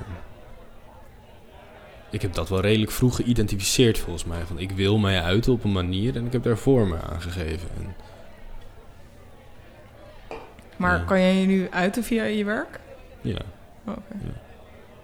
Is dat een soort van verademing geweest? Of is het er van iets dat je nog nooit had, dat je je eindelijk kon uiten via je, ja, je werk? Kijk, als ik denk aan mijn bachelor, denk ik niet, ik kon mij uiten via mijn essays of deadlines, weet je wel? Nee, dat denk ik niet. Dat, dat zou echt absurd Nee, zijn. maar in die zin is mijn werk, ben ik, ben ik ook wel gezegend daarin of zo. Eh, een afschuwelijk woord overigens. nee, ik, ik, ik, ik, ik werk niet zeg maar, voor mijn vrije tijd. Of ik werk niet om mijn leven te onderhouden of iets dergelijks. Ja. Ik, was, toen ik jong was, was ik al bezig met wat ik deed. En Mhm. daar heb ik mijn werk van gemaakt. En dan heb je altijd van die bedoelers die zeggen van... Ja, je, je hebt van je hobby je werk gemaakt. En dan zeg ik... Gadverdamme, nee. Het was nooit een hobby. Het was geen hobby. Het is nooit een hobby geweest. Mhm. En ik ben dat nog steeds aan het doen nu. Ehm, en in die zin kan ik mij uiten. En ik doe natuurlijk ook genoeg dingen waarvan ik denk van... Nou, dit is niet direct mijn cup of tea. Ja. We maken een heleboel dingen hier nou, die gewoon zijn om te bestaan. Om, te, eh, om een bedrijf te runnen. Maar dat is voor mij allemaal omlijsting voor, voor het werk dat ik maak... wat wel uit mijzelf komt. En waar die drang om te uiten in zit. En, Ja. en dat is niet... En ik zou heel graag een soort van... eh Schöpfung verhaal daarin hebben. Van toen, toen is het gebeurd en toen ontstond het allemaal. En toen zag ik het licht. Maar het is altijd zo geweest. Ja. Maar dat is ook eh, een soort van fairy tale die we misschien ons, onszelf vertellen. Dat, hè, dat we ons leven achteraf bezien als een soort van fairy tale. Waar we op een bepaalde punt allemaal openbaringen hadden. Hè? Dat we dachten van, dit is mijn roeping. En dit moet ik gaan studeren. Dat je komt gewoon door falen erachter dat misschien dit of dat niet is wat je wil. Of misschien dit of dat wel is wat je wil. En dat kan best wel kut zijn eigenlijk. En dat kan, eh dat kan super mooi zijn. hey, omleng. nee, omleng. Omtrent de lengte van deze podcast. Stel ik voor dat we naar de WFTTK gaan. En de WFTTK betekent hè, eh, wat er verder te tafel komt. Dus ik ben benieuwd, is er nog iets verder te tafel gekomen dan falafel, nog iets, ehm, denk een shawarma of zo? Heel, heel even één, één versnelling terug. Ja, Eh, hebben sorry. we alle rubrieken gehad die we wouden hebben? Nou, ja, Ik, Ja. ja? ja, zeker. Ja, we hadden vandaag natuurlijk, zoals eh, al eerder genoemd, wilden gewoon naar aanleiding van een beetje de, de feedback of de, de positieve berichten eigenlijk die wij terugkregen naar aanleiding van de vorige podcast. Willen wij eh, wilden gewoon wat meer lekker een beetje discussie en vrij gesprek erin Ja. creëren. Dus dat hebben we vooral gedaan eh, vandaag. En de rubrieken die we hadden voorbereid zijn er ingel geweest. Dus dat is allemaal super mooi. Dus ja, als er niks verder te tafel komt, gaan we direct naar een rondvraag. Wa- Wat, eh, wat, wat moet ik me voorstellen bij wat er te tafel komt? Van alles. Willen we nog wat opgooien? Wat idee? Of wil je qua eh kijken naar de lengte? Ik zie natuurlijk niet. Ja, kijk, ik denk, ik kijk dat- enorm naar de lengte. moeten. Ik kijk enorm naar de lengte. Dat we enorm door moeten Ja, eigenlijk wel. Ik hè? stel voor dat we gewoon lekker een afronding gaan. Laten we dat misschien doen. Want kijk, ik, ik vind wel belangrijk, ik, ik, ik wil ook naar de afronding in principe. Ja. Willen, ik denk Ja. dat het goed is. Eh, maar als er nog iets aan tafel komt, ik wil niet dat we dat onbesproken nee, laten. wat er we tafel komt keer. is gewoon spontaan. Spontaan. We hebben niks meer voorbereid. Dat is oké. Dus ik stel voor, we gaan naar de rondvraag. Ik vind het helemaal prima. Dat is helemaal goed. Zijn er nog eh, vragen die... eh, Willen we hier nog... ehm, Goed, we kunnen nog allemaal vragen opgooien die eh, weer een half uur duren om te bespreken. Maar ik weet niet of dat inderdaad eh, precies het plan is. Eh, ik heb verder niet direct een, een korte, snelle vraag nog. Dus misschien, Laurens, heb jij nog wat om aan ons te vragen? En, Heb je een lange vraag waar ik een kort antwoord op kan geven? nee, misschien ook niet. Meer vragen die ook al een beetje invulling van mijn kant vereisen. En dan eh, hè, is de invulling al een paar minuten en dan... eh, ja, dat kan, maar dan, dan gaan we meer richting een tweede mini-referaat met daaraan koppelend een discussie hopelijk weer. Maar ik weet niet of dat op dit moment eh, een goed plan is. Oké, Laurens, wat is het, het gekste studentenkapsel dat jij hebt gehad? Studentenkapsel. Hmm, Wat was het ergste dat jouw mat ooit is geworden? helmhaar. Eh, Helemaal, classic. Mat. Ik heb best wel lang haar gehad. Mm, een beetje... eh, ik weet niet of jullie eh, Johnny Depp in eh, Sweeney Todd, de Demon Barber of Fleet Street kennen. Maar dat haar heb ik wel gehad. Dat is een beetje niche. Een beetje niche, ja. Ja, Ja. Niet, dat ge- niet dat grijs ge, ge- geverfde gedoe, maar wel die vorm. Vaak later op de avond ook. Ik heb ook wel één keer gehad dat eh, iemand naar mij toe kwam. eh, een of ander eh, eh, meisje van eh, Maurits of zo. Die kwam naar mij toe op de borrel en die zegt... eh, Jij hebt wel echt eh, regisseurshaar. Oh, En daar heb ik wel een aantal nachten van wakker gelegen. Of dat nou een Ja, ja. compliment was of niet. ja, ja. ik weet, ik weet ook nog wel een specifiek kapsel dat ik herinner is... Je kan altijd herkennen aan Rick Schout of hij dronken is aan zijn haar. Want hij doet heel veel moeite. Hij steekt heel veel tijd in zijn haar. Maar zodra hij dronken is, gebeurt er iets met zijn haar. Wat heel interessant is, want dan valt het gewoon neer. Dan gaat het hangen. Dan gaat het hangen. Ja, dan gaat het hangen. En zodra het Ja, hangt, ja, is hij dronken. Is gewoon dronken. Ja. Dat is echt En dan heeft hij fascinerend. drie never op. Dan zegt hij ineens, ik heb drie never op, ik ben dronken. Ja, dit is een Hugs eh, dingetje. Afgelopen Hugs, de enige Hugs natuurlijk waar ik bij was, was heel grappig. Ik denk dat eh, de ene laatste avond was zoiets. Gewoon zo'n mooi, mooi avondje. En op een gegeven moment we waren gewoon lekker, lekker bezig die avond natuurlijk. Zoals dat van ons verwacht wordt op een Hugsavond. En, en Amiet Schouten riep de hele avond redelijk flink dronken. Ja, ik ben best wel dronken, maar dat komt. Ik ben deze avond begonnen met drie neventjes. En dat heeft hij Ik heb minimaal drie tien keer geroepen. Ja, nee, eh, dat klopt dat ik dronken ben, maar ik heb drie neventjes op. Dat zei hij ongeveer tot vijf uur s'nachts, terwijl hij ondertussen al tien bier op had Ja. en drie. Maar... Ja. Weet je wat hij ook eh, minstens tien keer heeft gezegd? Oh, oké. Dat eh, Trump een eh, nucleaire Ja. oorlog zou starten. Dat is waar. Ja. Dus ik zou me gebeurd. afvragen of hij drie jenever op had. Dat is waar. Nee, dat, ik, ik was er wel bij toen hij drie neventjes eh, op had, moet ik zeggen. En het was ook wel te merken. Iedereen, iedereen had zeg maar net één of twee biertjes op. Ik hou en wel hij van had Jorik. toen al drie neventjes op en één of twee biertjes. Dus hij had wel een lekkere voorsprong. Dus Ja. daarom, dat is natuurlijk de reden dat iedereen dit nog weet en doorhad. Omdat iedereen gewoon nog vrij Nuchter, was en hij niet. En dat was gewoon heel grappig. Dat was heel mooi.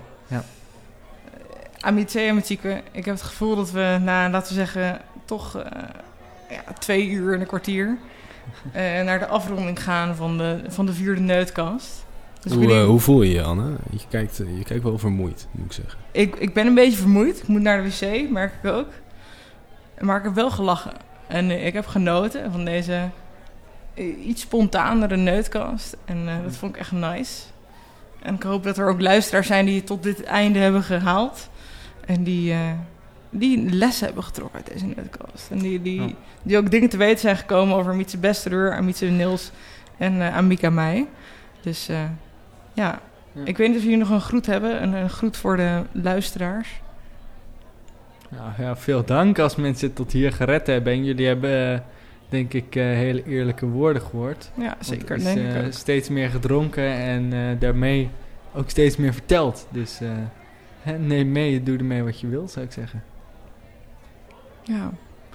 Nou, als er geen woorden meer gesproken worden, dan eindig ik met de volgende bierslag.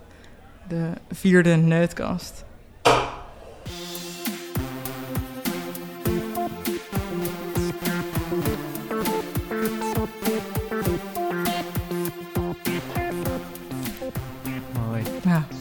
Ik ga even naar de wc, denk ik. Dat was hem. Oké. Ik heb... eh, ik vind het best wel chill om te praten terwijl je gewoon eh, iedereen heel relaxed kunt horen in je koptelefoon. Uiteindelijk. Dat komt door die eh, jonko die ik je net gevoerd heb. Ah, vandaar.